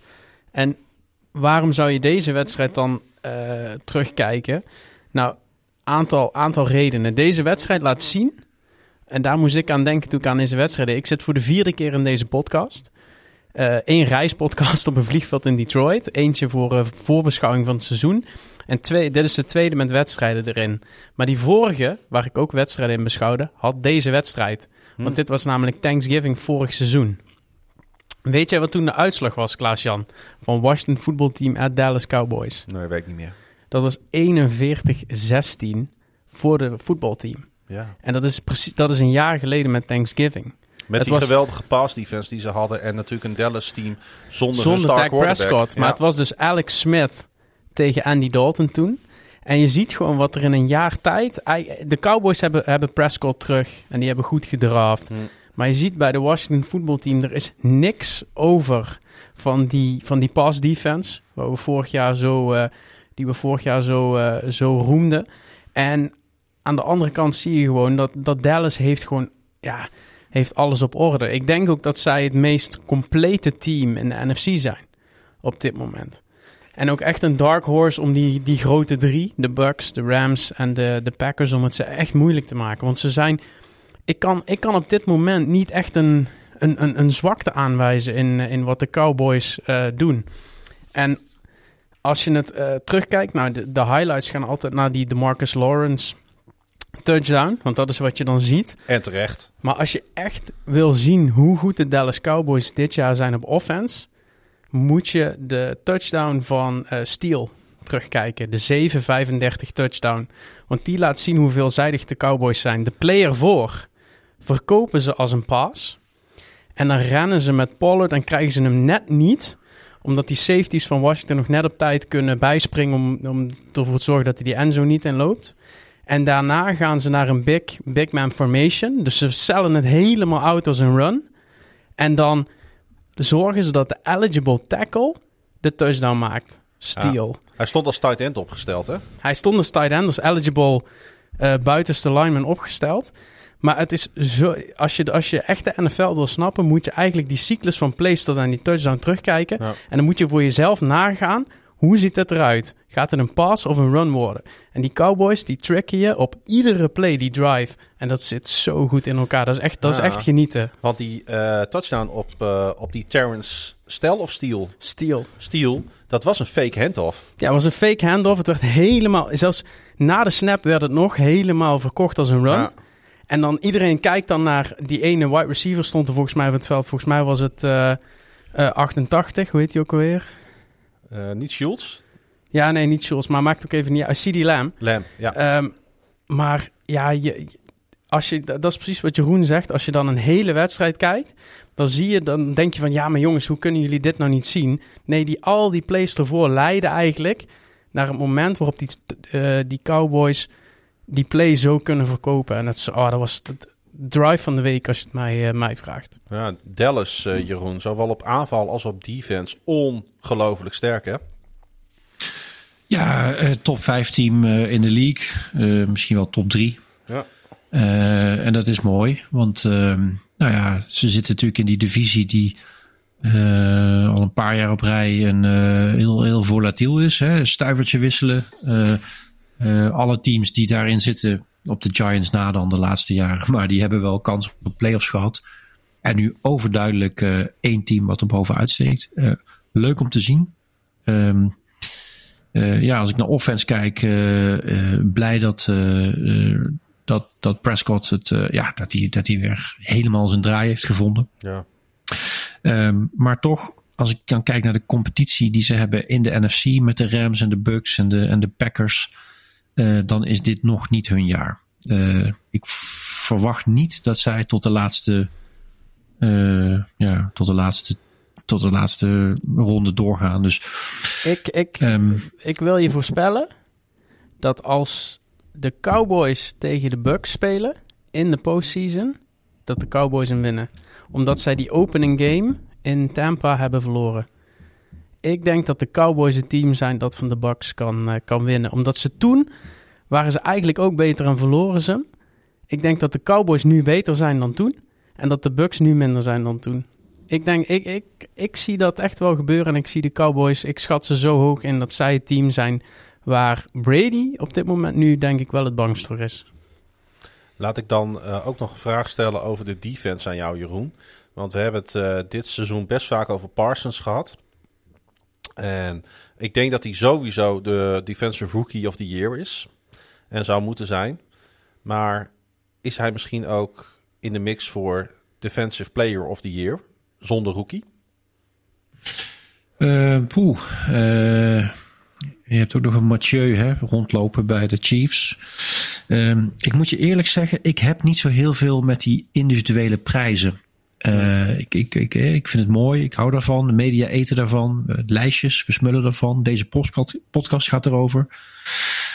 Maar ja, een Dix in, in zijn team is ook een, heeft ook een ijzersterk seizoen. Een veelvraat.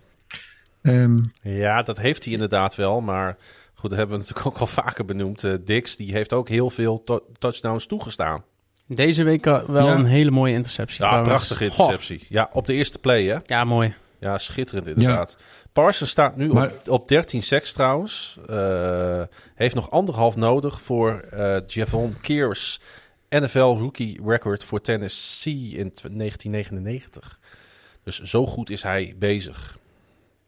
Ja, nee, eh, prima. En, en mooi dat hij, eh, eh, dat hij, eh, dat hij meedoet om zo'n eh, hoge individuele prijs. Maar eh, ja, goed, aan het eind van de, eh, van de rit, eh, het is een teamsport. En dat soort prijzen, zelfs Pro Bowl selecties, ik, nou, ik heb daar iets minder feeling mee, ben ik bang. eh, ja, nou ja, snap ik ook wel weer.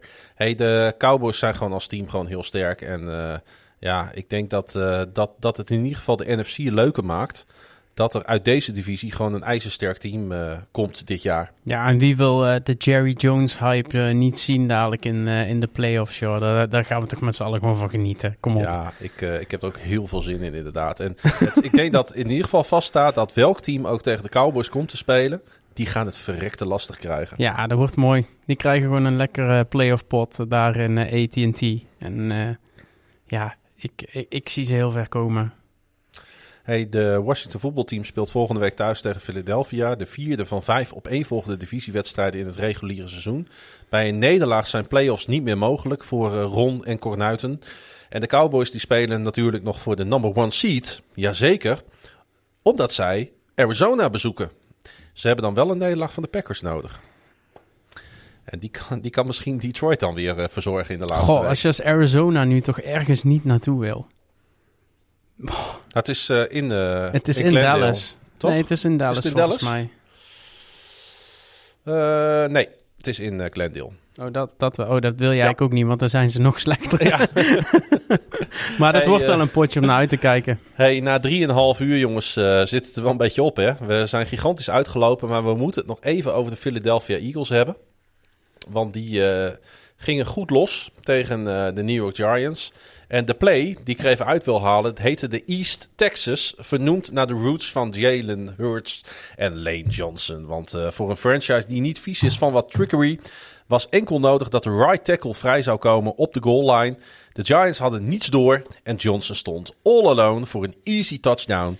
En door de 10-34 zegen eh, zou dat zo maar eens de opmaat kunnen betekenen naar playoffs voor de Eagles. En dat eh, hadden we al een beetje benoemd, hè? Dat zij wel eens de dark horse zouden kunnen zijn, Jeroen. Nou ja, ik, ik vind hun een top 5 team in de NFC. Eh, de grote drie, Packers, Bucks, Rams, eh, steken er bovenuit. Cowboys hebben het over gehad. Ik denk dat zij zich daarbij eh, kunnen voegen. Eh, ja, en zijn de Giants de maatstaf om... eh, om Boven de team- Cardinals. Jazeker, Oké. zeker. Eh, maar daarom is het ook een beetje een bold eh, statement. Hè? Ja, je, zocht, ja. je, zocht naar, je zocht naar een outsider, naar een dark horse. Ja. Eh, ik, ik vond het indrukwekkend. En ehm, ik denk dat zij op het juiste moment eh, eh, kunnen gaan pieken. Ja, ze en dat is alleen maar leuk. Ze stonden gewoon voor het eerst sinds de seizoensopener eindelijk weer eens eh, boven punt 500. Want dat was het hele seizoen eigenlijk nog niet gelukt. Nee, maar Dus, daar, hebben ze, daar hebben ze wel verdiend. Ja, En het is misschien, ja, de Cowboys zijn ook leuk, maar het is wel een van de leukste offenses om naar te kijken. Eh, eerste helft laat ook zien dat die ondergrens is nog heel laag. Ze komen niet verder dan 3-3 voor rust tegen echt een heel matig Giants team. Na rust gaat het, gaat het eh, vizier wel de goede richting op. En ja, slopen ze de Giants eh, eigenlijk compleet. Eh, zonder Sanders, die was geblesseerd. Maar dan zie je dat ze met Scott en Howard gewoon echt een mooi backfield hebben. hij viel geblesseerd uit, hè? Ja, hij viel eh, geblesseerd ja. uit. En eh Smith was natuurlijk ook weer van waarde als wide receiver met een, met een fantastische touchdown. En Hurts, ja, gewoon weer 199 yards. Maar de Eagles scoren wel weer 34 punten. En de upside van die offense is heel hoog. De ondergrens is ook heel laag. En dat is een beetje wat de Eagles nu zijn. Op een goede dag. Zeker als zij bijvoorbeeld naar, naar, naar een Cowboys moeten. Een rematch Mhm. van een divisiegame in de playoffs. Precies wat ze een paar jaar geleden ook deden in, in, in Chicago bij de Bears. Op een goede dag kunnen ze van iedereen winnen. Maar zij kunnen ook gewoon zomaar gewoon als een nachtkaars uitgaan en, eh, en niks, eh, niks voor elkaar krijgen. Dat is een beetje wat de Eagles op dit moment eh, zijn. Ja, ik denk dat ze in ieder geval in Philadelphia heel blij zijn dat ze met hun gelegenheids eh, eerste quarterback, want dat is hij eerlijk gezegd toch, hij is een beetje bij toeval ontstaan en ze, ze hebben het er maar gewoon mee gedaan. Dat ze dus eh, eventueel een play-off waardig team zijn. Ja, het enige wat ze wel echt, echt moeten veranderen. Eén, fir- in, in het eerste kwart gooit Hurts bijna twee intercepties en wordt een fumble van hem recovered. En de penalties. Want ze hebben echt nog, nog heel veel penalties. stuk of elf in deze wedstrijd ook weer op offense. Hm. Nou, dat is wel iets waar ze echt eh, in de playoffs niet meer mee, eh, mee wegkomen. Nee, en de Giants, jongens, die weten ondertussen niet meer zo goed wat ze moeten doen. Mike Glennon loste Jake Fromm af. Die werd gebenched in zijn eerste NFL-start. Maar ehm, ja, eh, vervolgens werd Glennon weer onderschept door Singleton. Eh Fromm's eerste paas in de tweede helft werd gevangen door safety Rodney McLeod. En eh, ja, Daniel Jones komt dit jaar niet meer in actie. Het is nee, echt... de eh, Giants is echt verschrikkelijk. ja. Ja, het, het- het- zijn zij een beetje samen met de Jacksonville Jaguars de absolute teleurstelling van dit jaar? ja voor mij... eh, ik, ik had niet hele hoge verwachtingen. Maar het probleem is, en daar hebben we het in deze podcast een aantal keer over gehad... Teams als de Texans, teams als de Lions, een enorm geblesseerd Ravens team, de Jets, die gaan ervoor. Die geven alles wat ze hebben en die verliezen soms, die winnen soms. Maar teams als de Washington Football Team, de Jaguars en nu ook de Giants, ja, die, maken gewoon, die, die geven jou gewoon de indruk dat, er niks, dat ze niks voor elkaar gaan krijgen en dat ze ook niet hun best gaan doen om het wel eh, voor elkaar te krijgen. Ja. En daar word je als fan echt eh, ja, niet, niet, eh, niet goed van. Ze hebben nu het vijfde jaar op rij met tenminste 10 losses. Nou, dat, da- daar word je niet vrolijk van. Ehm, en ze zijn dus het eerste team eh, sinds 19, de 1974 Packers. En dit zegt heel veel over de Giants. Die hun top twee receivers, dus Golladay en Tony, eh, hebben zonder touchdown dit jaar. Dus hun beste twee receivers hebben nog steeds geen touchdown gemaakt eh, dit, dit jaar. Ja, en ze hebben dus ook geen enkele wedstrijd dit seizoen meer dan 10 punten voor rust gescoord. Ja, en dat, die drie feiten die sommen Mm. eigenlijk wel op hoe slecht de Giants dit jaar zijn en hoe weinig progressie er in dat, eh, dat team zit. Hoe verdrietig word jij van de Giants, eh, Jeroen? Ehm poeh, Als ja, kijker? verdrietig. Eh, eh, ja, het is niet best. Eh, ook weer Saquon Barkley die na een zware blessure eh, terugkeert. Eh, Half-half. Eh, ja, quarterback situatie eh, eh, was al in de nadagen van Eli Manning niet al te best. Maar het is er daarna niet beter op geworden. Ja, jammer. Groot, groot team, grote markt, Ja. veel aandacht, veel media-aandacht in een interessante divisie. Ehm, maar ja, goed, niet alle 32 teams kunnen elk jaar play-offs halen. Dit is nou eenmaal ja, een team dat vaak onder druk staat in die grote mediamarkt. Eh, ik denk, eh, ja goed, eh, ook daar, net als bij de Panthers en net als bij, ehm, ja, noem eens een team, bij de Jets, bij Washington. ehm, veel werk aan de winkel. Ja. Ja. Ehm, ja, goed. Maar ja, een hele conservatieve franchise natuurlijk. Ja. Eh, kan maar zo zijn dat ze niet doorschakelen met Daniel Jones. Dat ze hem gewoon nog een jaar laten staan. Ja, dan krijgen we weer een, eh, een four-win season, hè? Ja, met ja, ja, Daniel Jones is de beste quarterback die ze nu hebben. Maar zeker geen quarterback die, eh, die de Giants ook maar enigszins in de buurt van playoffs gaat krijgen. En ja, ik, ja ik, ik, word- ik, ik- voor mij, bij mij zijn de Giants mijn favoriete team in de NFC. Eh, maar ik word wel heel moedeloos van, eh, van het vooruitzicht eh, van de komende jaren in, in Big Blue. Hey, het zit erop, jongens. We hebben 32 teams nabeschouwd. In, in heel wat uurtjes. Nog één ding zeggen. De jersey matchups deze week waren echt geweldig. Er was maar één slechte jersey matchup en dat was de Bears tegen de Seahawks. En normaal heb ik het daar met Pieter over, maar ja, die zit aan de andere kant van de wereld. Dus ik heb het er even met, met jullie over. Maar uitstekende jersey matchup week in de NFL. Nou ja, als we dan toch eh, met eh, wat verder ten tafel komt eh, bezig zijn, wil jij nog iets toevoegen aan deze nu al legendarische uitzending van deze nu al legendarische podcast, Jeroen? Nou, eh, dan kom maar even billen bloot. Eh, je Super Bowl, eh, twee, twee teams, wie spelen hem? Ja, ik heb voor het seizoen eh, Chiefs eh, Packers gezegd. Daar, eh, daar blijf ik bij. Ik ga switchen. Je zat op? Ik zat op Bills Packers. Eh, en ik ga naar Bills Cowboys. Dat vind ik heel leuk. Eh, nou ja, mijn eh, halve finales zijn Packers Rams en Chiefs Bills. En dat leidt tot een Super Bowl Packers Bills. Klaas-Jan. Kijk, dan zullen we het zien hè. Die, cow- die Cowboys en die Packers, dat zou nog wel eens een interessante strijd kunnen worden. Zo. We gaan, daar, eh, we gaan daarop terugkomen. hey, ehm, het zit erop. Eh, hartstikke bedankt. Aan, eh, Graag gedaan. aan jou, aan Frank natuurlijk, aan eh, de locatie waar wij zitten. Ze wouden niet genoemd worden. Nee, nee, nee. Het is een, een bevriende een vriend die heeft een, locatie beschikbaar gesteld. En eh daar konden we even zitten. Het alarm gaat er dadelijk weer op. En eh, dan keren wij eh, langzaam huiswaarts. Hey, als eh, mensen jou willen volgen op de social media, eh, waar kunnen ze dan terecht, eh, Jeroen? Op Twitter en op Instagram eh, J van den Berg of J punt van den Berg. Respectievelijk Twitter en Instagram.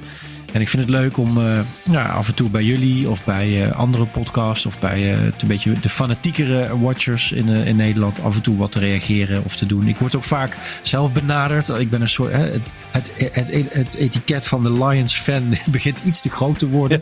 Maar, maar, maar nee, ik, ik vind het alleen maar leuk, joh. En god, ik kom uit een tijd dat je moeite moest doen om het te kunnen kijken. Ja. Eh, dat je blij was met een satellietverbindingje bij iemand thuis of bij een of andere schimmige eh, NASN-zender of in een Ierse pub gewoon in de stad dat je wel moest.